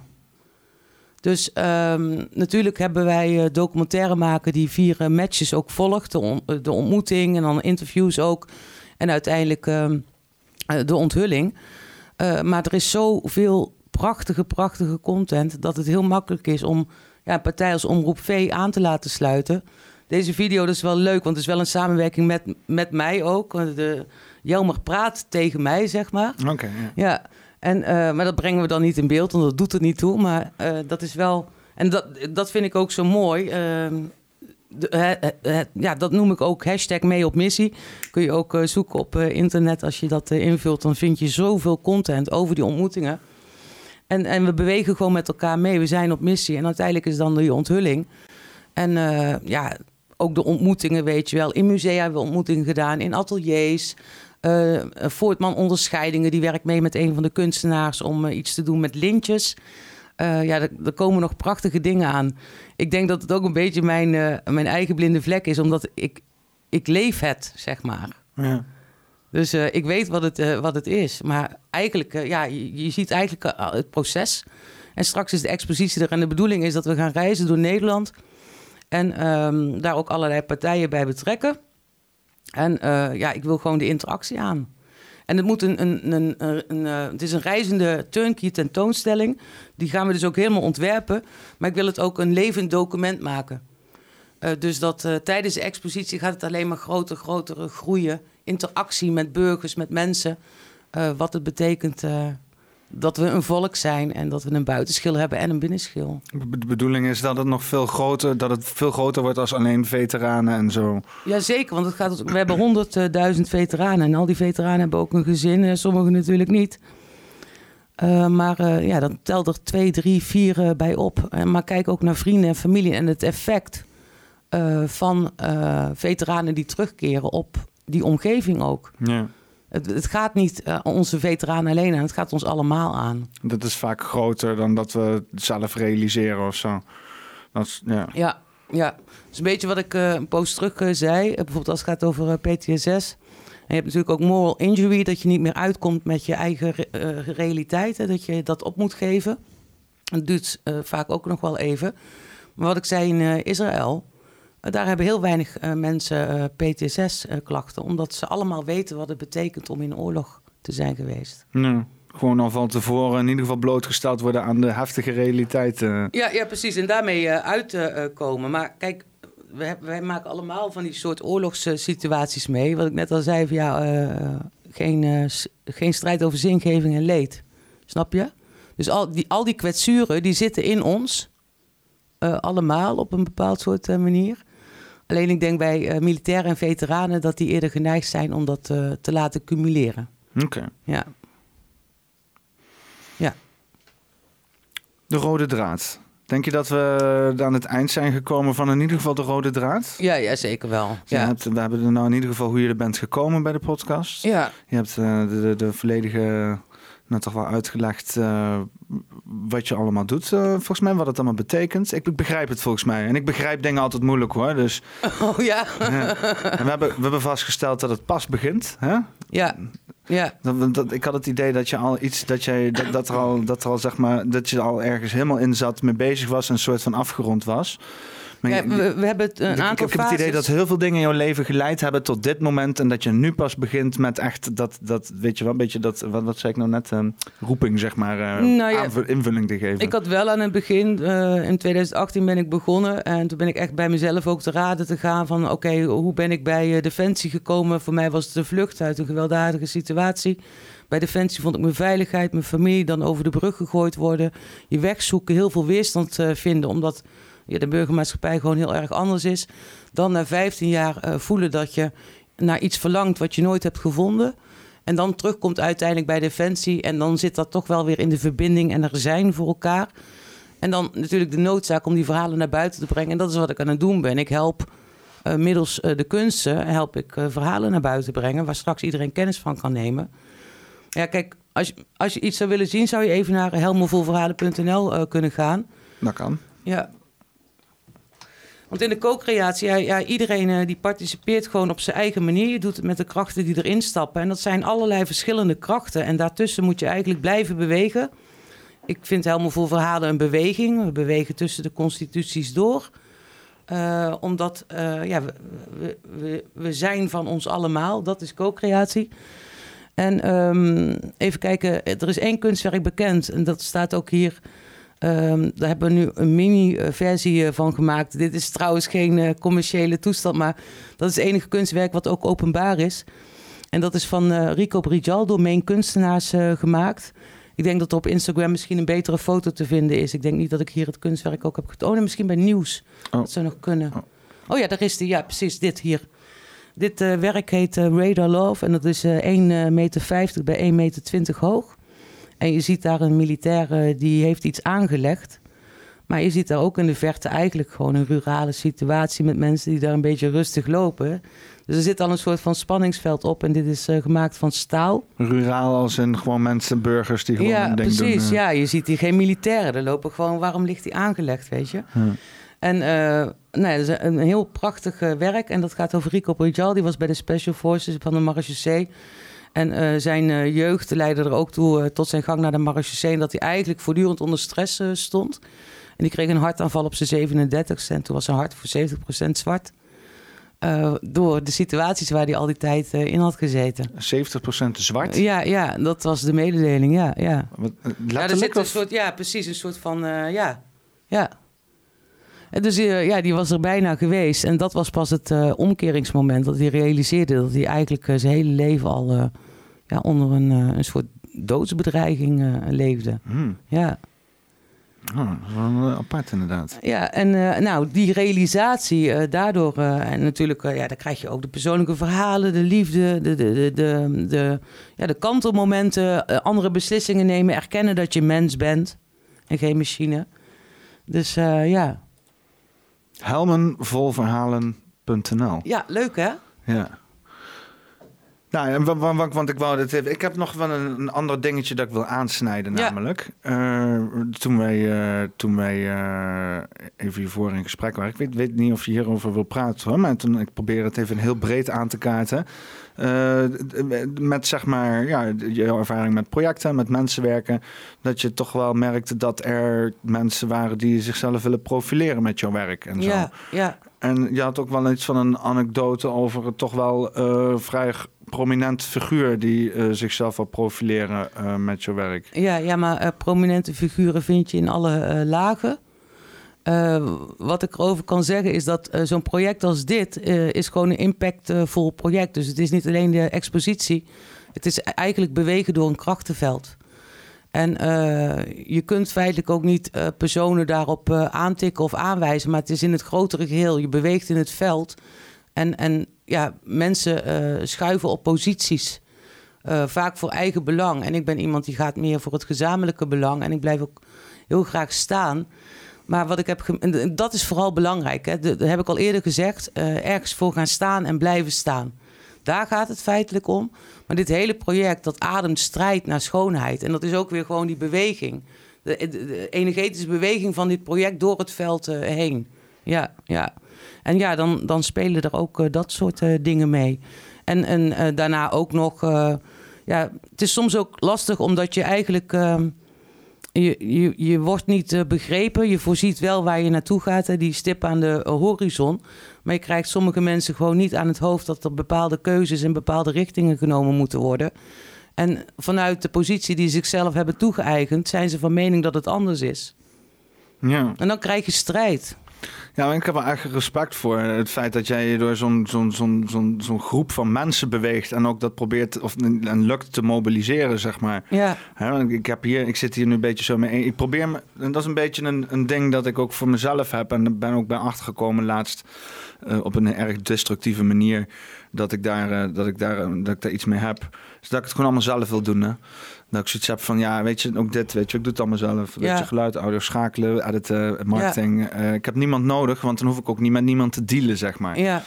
Alleen ja, dat heeft natuurlijk ook wel zijn beperkingen, zeg maar. Want je kan natuurlijk fantastische dingen maken. Je kan leuke dingen maken in je eentje, maar je kan natuurlijk fantastische dingen maken met, met heel veel mensen. Ja, ja. Want, want hoe, hoe hou je jezelf kalm in zo'n wereld met zoveel mensen en belangen? Dealen, zeg maar? Nou, eigenlijk was Die het meditatie of zo? Nee, nee, nee, dat is flow. Eigenlijk was het nooit een uh, probleem. Ik, ik had wel, er was wel wat ruis, uh, zeg maar, op meerdere uh, kanten. Maar je beweegt gewoon naar dat toekomstperspectief. En het is eigenlijk gewoon terugplannen. Je hebt 22 kunstwerken, ontmoetingen enzovoort. En zeg maar, door de loop van tijd ontmoet je altijd mensen waarbij je dan denkt: oh, daar zou ik nog wel eens mee samen willen werken. En um, zeg maar, dat soort samenwerkingen die worden ook gebaseerd op gemeenschappelijke waarden. En dus vaak gaat het erover van jij, jij vertelt je verhaal, ik vertel mijn verhaal, we, we kennen elkaar. We herkennen daar uh, dingen in en op die waarden gaan we met elkaar meebewegen. Hm. En in een co-creatie is het zo dat iedereen zijn eigen eigenaarschap houdt. Dus uh, bijvoorbeeld, we hebben een ontmoeting. Nou, de, de, verhaal, uh, de veteraan vertelt zijn of haar verhaal. vervolgens is daar een fotograaf bij. En die, die komt af, ja, wat moet ik doen? Ik zeg, fly on the wall. Die laat ik gewoon ook helemaal uh, los. Gewoon uh, beweeg je op de achtergrond. En, uh... Ja, precies. Fly on the wall. Ik hoef geen portretfoto's. Ik wil gewoon zien dat ze in gesprek zijn. Ook kun je wel even kijken op flickr.com. 2020 Helmen. Prachtige ontmoetingen. Op wat? Flickr.com? Ja, ja F-L-I-C-K-R. Ja. En dan daar even zoeken op Helmen vol verhalen. En dan daar staan alle ontmoetingen die we hebben gedaan. Nou, niet allemaal, maar de meeste. En, uh, oh, jezus. Een uitgebreide cookie scherm. Oh my god. Ja. Dus even kijken, even naar albums. Um, waar kan je hier... Ik, ik, ken het helemaal niet, ja. Ja, ik, ik, heb er wel eens van gehoord, maar ik ben niet bekend met de interface hier. Even kijken. Is er geen mogelijkheid omdat je naar het account gaat? People moet je even drukken, Peoples. Ja, oh, en dan even daar naartoe. Daar klik maar op. En dan gaan we naar de albums. Ja. En hier zie je alle foto's. Er zijn allemaal verschillende fotografen. Dus ik heb gewoon een oproep gedaan. Ik heb gekeken, oké, wie zit waar? Want deze ontmoetingen zijn door heel Nederland... Uh, hebben die plaatsgevonden. En uh, dit is trouwens wel leuk. Dit is wel mijn, dit is mijn wereld. Ga deze maar, pak deze maar. Dit is uh, veteraan Brigitte Koopmans. Zij was vrouwelijke matroos op een mijnendienst. En zij heeft gevaren voor Desert Storm. En zij komt uit dezelfde periode als dat ik kom. En uh, ja, dus haar verhaal was super herkenbaar. We mochten uh, bij de mijnendienst in Den Helder mochten we ontmoeten. Dat was fantastisch. Want dan merk je ook aan elkaar, uh, zij en ik ook, dat ja, je wil zo'n schip op, je wil zo'n schip ruiken ook en zo. Je moet misschien beter gewoon alleen de kleine zo even doorscrollen, ja, want anders kost dat tijd. Ja, hier mochten we dus op bezoek bij de mijnendienst. Ja, het een en al herinnering.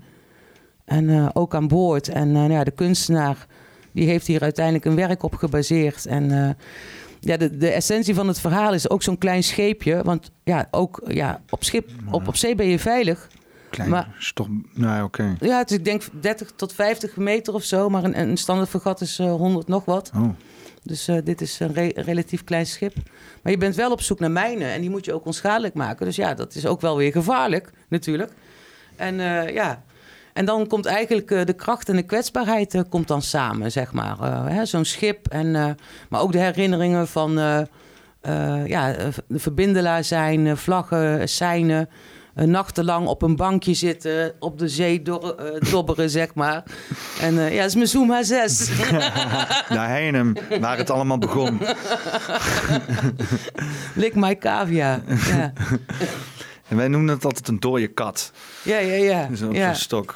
Ja, ja dat is, uh, dat, is, uh, dat, is, dat is leuk. Maar dat is ook dan leuk om gewoon... Ik kan me voorstellen dat het voor jezelf gewoon fantastisch is om mee bezig te zijn. Maar je bent constant inderdaad in die, toch in één been in die bekende wereld. Je probeert zeg maar die brug te slaan. Ja. Het alsof je helemaal zeg maar je plek hebt gevonden nou, zeg ja, maar. Ik, ik ben op missie, ik ben op zee. Dat is ook waar ik naar verlangde. Daar kwam ik ook later achter van... ja, het gaat feitelijk niet zozeer misschien over het defensieapparaat... maar dat je uh, jezelf ergens plaatst waar je getoetst wordt. En dat is mee op missie uiteindelijk. En uh, ja, dus nou, we zijn allemaal mee op missie door de kunsten en straks 22 kunstwerken. En we zijn nu bezig ook met de, met de fondsen en zo. We hebben de helft van de begroting binnen, dus we gaan volgende week ontwerpen. En eigenlijk ook zoeken naar van ja, wat, wat maakt een totale beleving? En het moet een soort doosje bonbons uh, zijn, zeg maar. Oké. Ja. Ja. Waar is dit straks allemaal te zien dan? Gewoon op uh, de YouTube-kanaal en zo? En, uh... Ja, we hebben een pilot eerder al gedraaid met Ed en de Wolf en Anouk Leonne. Dat is een, uh, een kunstenaar uit Arnhem. En we hebben ook een YouTube-kanaal, helemaal vol verhalen. En daar zie je ook de pilot. Zo zijn we feitelijk ook begonnen. En dat kunstwerk is ook onthuld. Dat staat ook wel op de website. Dat heet De Kaart is niet het terrein. En Edwin was 24 jaar toen hij zijn been verloor. Toen hij op een antipersoneelsmijn stond in, uh, ja, tijdens Dutchbed 1 volgens mij. Kijk, maar je hebt hier al, uh, oké. Ja. Dus je moet er gewoon even flink wat abonnees op. Ja, kijk, dit is meer een, uh, ja, dit is gewoon een homebase. Ik, ik zou er wel een echt kanaal van kunnen maken. Dat komt straks wel. Maar dat zit natuurlijk ook in de co-creatie. Kijk, het kunstwerk wat gemaakt wordt door de kunstenaar blijft eigendom van de kunstenaar. de foto's die de fotograaf maakt zijn eigendom van de fotograaf het verhaal wat de journalist schrijft is eigendom van de journalist. Alleen zij geven het allemaal op voor de expositie. Ja. En dat brengen we naar buiten. Maar dan eenmalig, zeg maar, of in principe voor altijd? we willen gaan reizen. Uh, vijf, vier provincies hebben meegedaan. En uh, ja, eigenlijk willen we gewoon door Nederland reizen. En misschien 2022, 2023. Met een mooie randprogrammering met documentaires, verhalen, interacties met elkaar. En uh, ja, we staan eigenlijk nu op de drempel. En dat is altijd lastig, zo'n drempel overkomen ook. Omdat zeg maar zo'n uitvoeringsfase, nou ja, ook met die gesprekken en dat soort dingen... Dat, eh, dat vergt een hele andere energie dan naar buiten treden. Ja, we hebben een expositie. Dus uh, waar ik eigenlijk op hoop is dat... We hebben een aanvraag gedaan ook bij de provincie Gelderland... om te kijken of in, in Gelderland, Arnhem of zo op kunnen bouwen. Mensen uitnodigen, daar kennis van laten nemen, locaties. er is vanuit allerlei kanten is er al interesses... Maar ehm, ik moet wel die expositie ontwerpen, weet je wel. Ik kan niet zeggen van ja, is er al een planning? Ja, nee, ik moet eerst dat ding ontwerpen en bouwen en dan kunnen we gaan plannen. Zijn jullie op zoek naar bepaalde kunstenaars of zo? Nee, de, alle kunstenaars zijn al gematcht, dus we zijn een soort van klaar. Maar ik, dit moet gewoon een vervolg krijgen, want ik merkte ook bij die eerste uh, drie weken uh, dat inschrijven dat uh, er is zoveel behoefte. Dus ja, die, dus jullie, dat... jullie, hebben al genoeg aanvragen wat dat betreft, zeg maar. Uh... Ja, je kunt dit gewoon uh, door gaan zetten. Maar ik denk dat het heel erg belangrijk is dat de expositie van helemaal vol verhalen eigenlijk gewoon de eerste zet naar voren is. En, en daar eigenlijk ook een standaard aan verbindt hoe dat zou georganiseerd moeten worden. Maar stel je bent een kunstenaar of een veteraan of een mooie hybride van die twee. Ja. en je denkt van non de jude, is helemaal aan me voorbij gegaan. Wat moet hij doen dan? Ja, dan, dan, moet ik nog even over nadenken. Want uh, in, in zo'n uh, strijd, uh, zeg maar, of eigenlijk hè, door het veld heen bewegen, wat best wel dens is en strak, en toch proberen daar een, een, een, een vaargeul in te vinden waarin je niet te veel aangevallen wordt. Dat vergt heel erg veel. Dus nog even geduld hebben, zeg maar. Ja, ja precies. Als je zo'n co-creatie hebt waar inmiddels al ongeveer 150 mensen in meebewegen, en media en stakeholders en partners en belanghebbenden, en weet je, dan is het ook ja, daar zit de beweging. En als je aan de, aan de andere kant een soort van aangevallen wordt, ja, dan, dan, ja, dan gaat het even niet goed. En, uh, maar, wil, wil, je praten over de aanval? Of? Nee, nee, niet uh, direct, want uh, hij is afgeslagen. Alleen de effecten die zijn vrij langdurig. En dat heeft mij echt enorm verbaasd. Je zit nog met de puinzooi, zeg maar, uh, te, te, puin aan het ruimen, zeg maar, ja, van, ja, de, van ja. de bominslag. Ja, en dat heeft te maken met, uh, zeg maar, het, uh, het, ja, gewoon het systeem in Nederland. Ook weer de constitutie, het juridische aspect van een stichting. We hebben een ambistatus, je moet volledig bestuur hebben.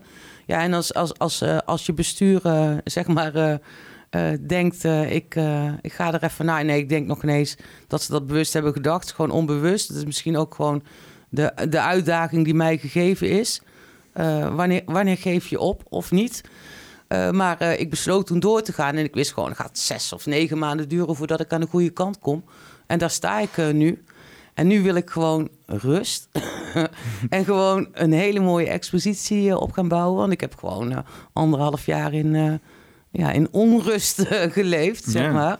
Maar ja, we zijn er. We hebben 22 kunstwerken. We moeten alleen nog naar buiten. Maar ja, het ging uiteindelijk... Uh, we begonnen met de onthulling morgen bij uh, het Heimbetrieb op Kazijn Oorschot. Ja, dat is fantastisch. En ik ben zo dankbaar dat ik al die momenten mee heb kunnen beleven. En dat is echt fantastisch. Ja. Nou, ik ben wel erg heel benieuwd naar wat er allemaal uit gaat komen. Ja, ik, ik, ik, ik, ik ook. Ik ga, het, ik ga het sowieso volgen. Ja, ja, leuk. Ja. ja, we zijn overal te vinden. Ja, helmen vol verhalen. Um, is er nog iets wat jij ter aanvulling kwijt wil? Uh, is er nog iets? Of je, kijk, we, we, kunnen, we zitten nu zo drie uur in deze podcast, denk ik wel. Echt waar? Denk, denk wel. Het is zes uur, zijn twee uur begonnen. Laten we een uurtje marge nemen. Dus sowieso drie uur, denk ik. Ja, wat ik heel mooi uh, vind, is uh, zeg maar hoe het dan, hoe het dan start, zeg maar. Lalalala. Nou, en dan biertje erbij en uh, het komt altijd wel ergens ja, dat, uit. Precies. En dan, en dan krijg je een soort situatie dat ik denk, oh ja, dit is wezenlijk. En ik ben echt super blij dat ik uh, gewoon, ja, ik ook. nou, we kunnen twee dingen doen. We kunnen zeggen, want het probleem is bier is op net namelijk. Uh, dus dus we, kunnen, we kunnen zeg maar nog een kleine doorstart maken met misschien nog een, uh, een, vrij gesprek over whatever de vak. Of uh, we kunnen zeggen van we, we, ronden het mooi af en dan doen we misschien nog een laatste shout-out ergens naar heen of iets dergelijks. En dan, uh, en dan maken we er eind aan. Ik weet, niet, ik weet niet hoe je zit. Ik heb verder geen leven, weet je wel. Dus ik zit hier gewoon de hele dag door te podcasten. Nou ja, ik, ik vertelde natuurlijk net dat we morgen de onthullingen hebben. En dan is het altijd wel zaak dat je daar uh, wel fris uh, aankomt. Volgens mij moet ik om een uur of zeven vertrekken. dus ehm, ik heb daar nog wel wat dingen in te doen. En dus ik denk dat dit gewoon een heel mooi einde is. En dat mensen gewoon helemaal vol verhalen moeten gaan volgen. Dat vind ik ook. Ja. Nou, uh, ik, ik, ik, ik, ik, ga, ik heb altijd een leuke titel aan het eind. Uh, of uh, ik heb altijd een, een titel van, weet je, net wat jij zei, zelfstandige ziel, zeg maar. Mm.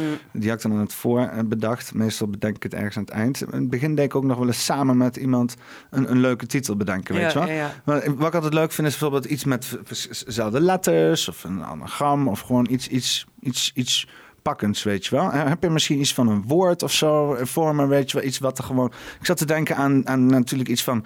Uh, uh, iets met veteranen, denk ik dan, hè, uiteindelijk. En dan... En dan um, ik, dan, kom, dan ben ik het natuurlijk weer vergeten. iets met vrijheid en veteranen of zo. Of iets met feest, allemaal feest. Allemaal feest, ja. Ja, maar dat is, dat is ook, dan komen we in, toch in de complottheorie. Oh, wat dan? Ja, feest staan ook weer voor zessen. A, B, C, D, E, F. Ja, dat is een andere manier van aanvliegen. Volgens mij moet je iets meer uh, Mickey van Leeuwen nog gaan kijken. ik probeer me er altijd zo ver in te verdiepen, zodat ik zeg maar ook weer eruit kan, zeg maar. Weet ja, je wel. ja, maar het is wel...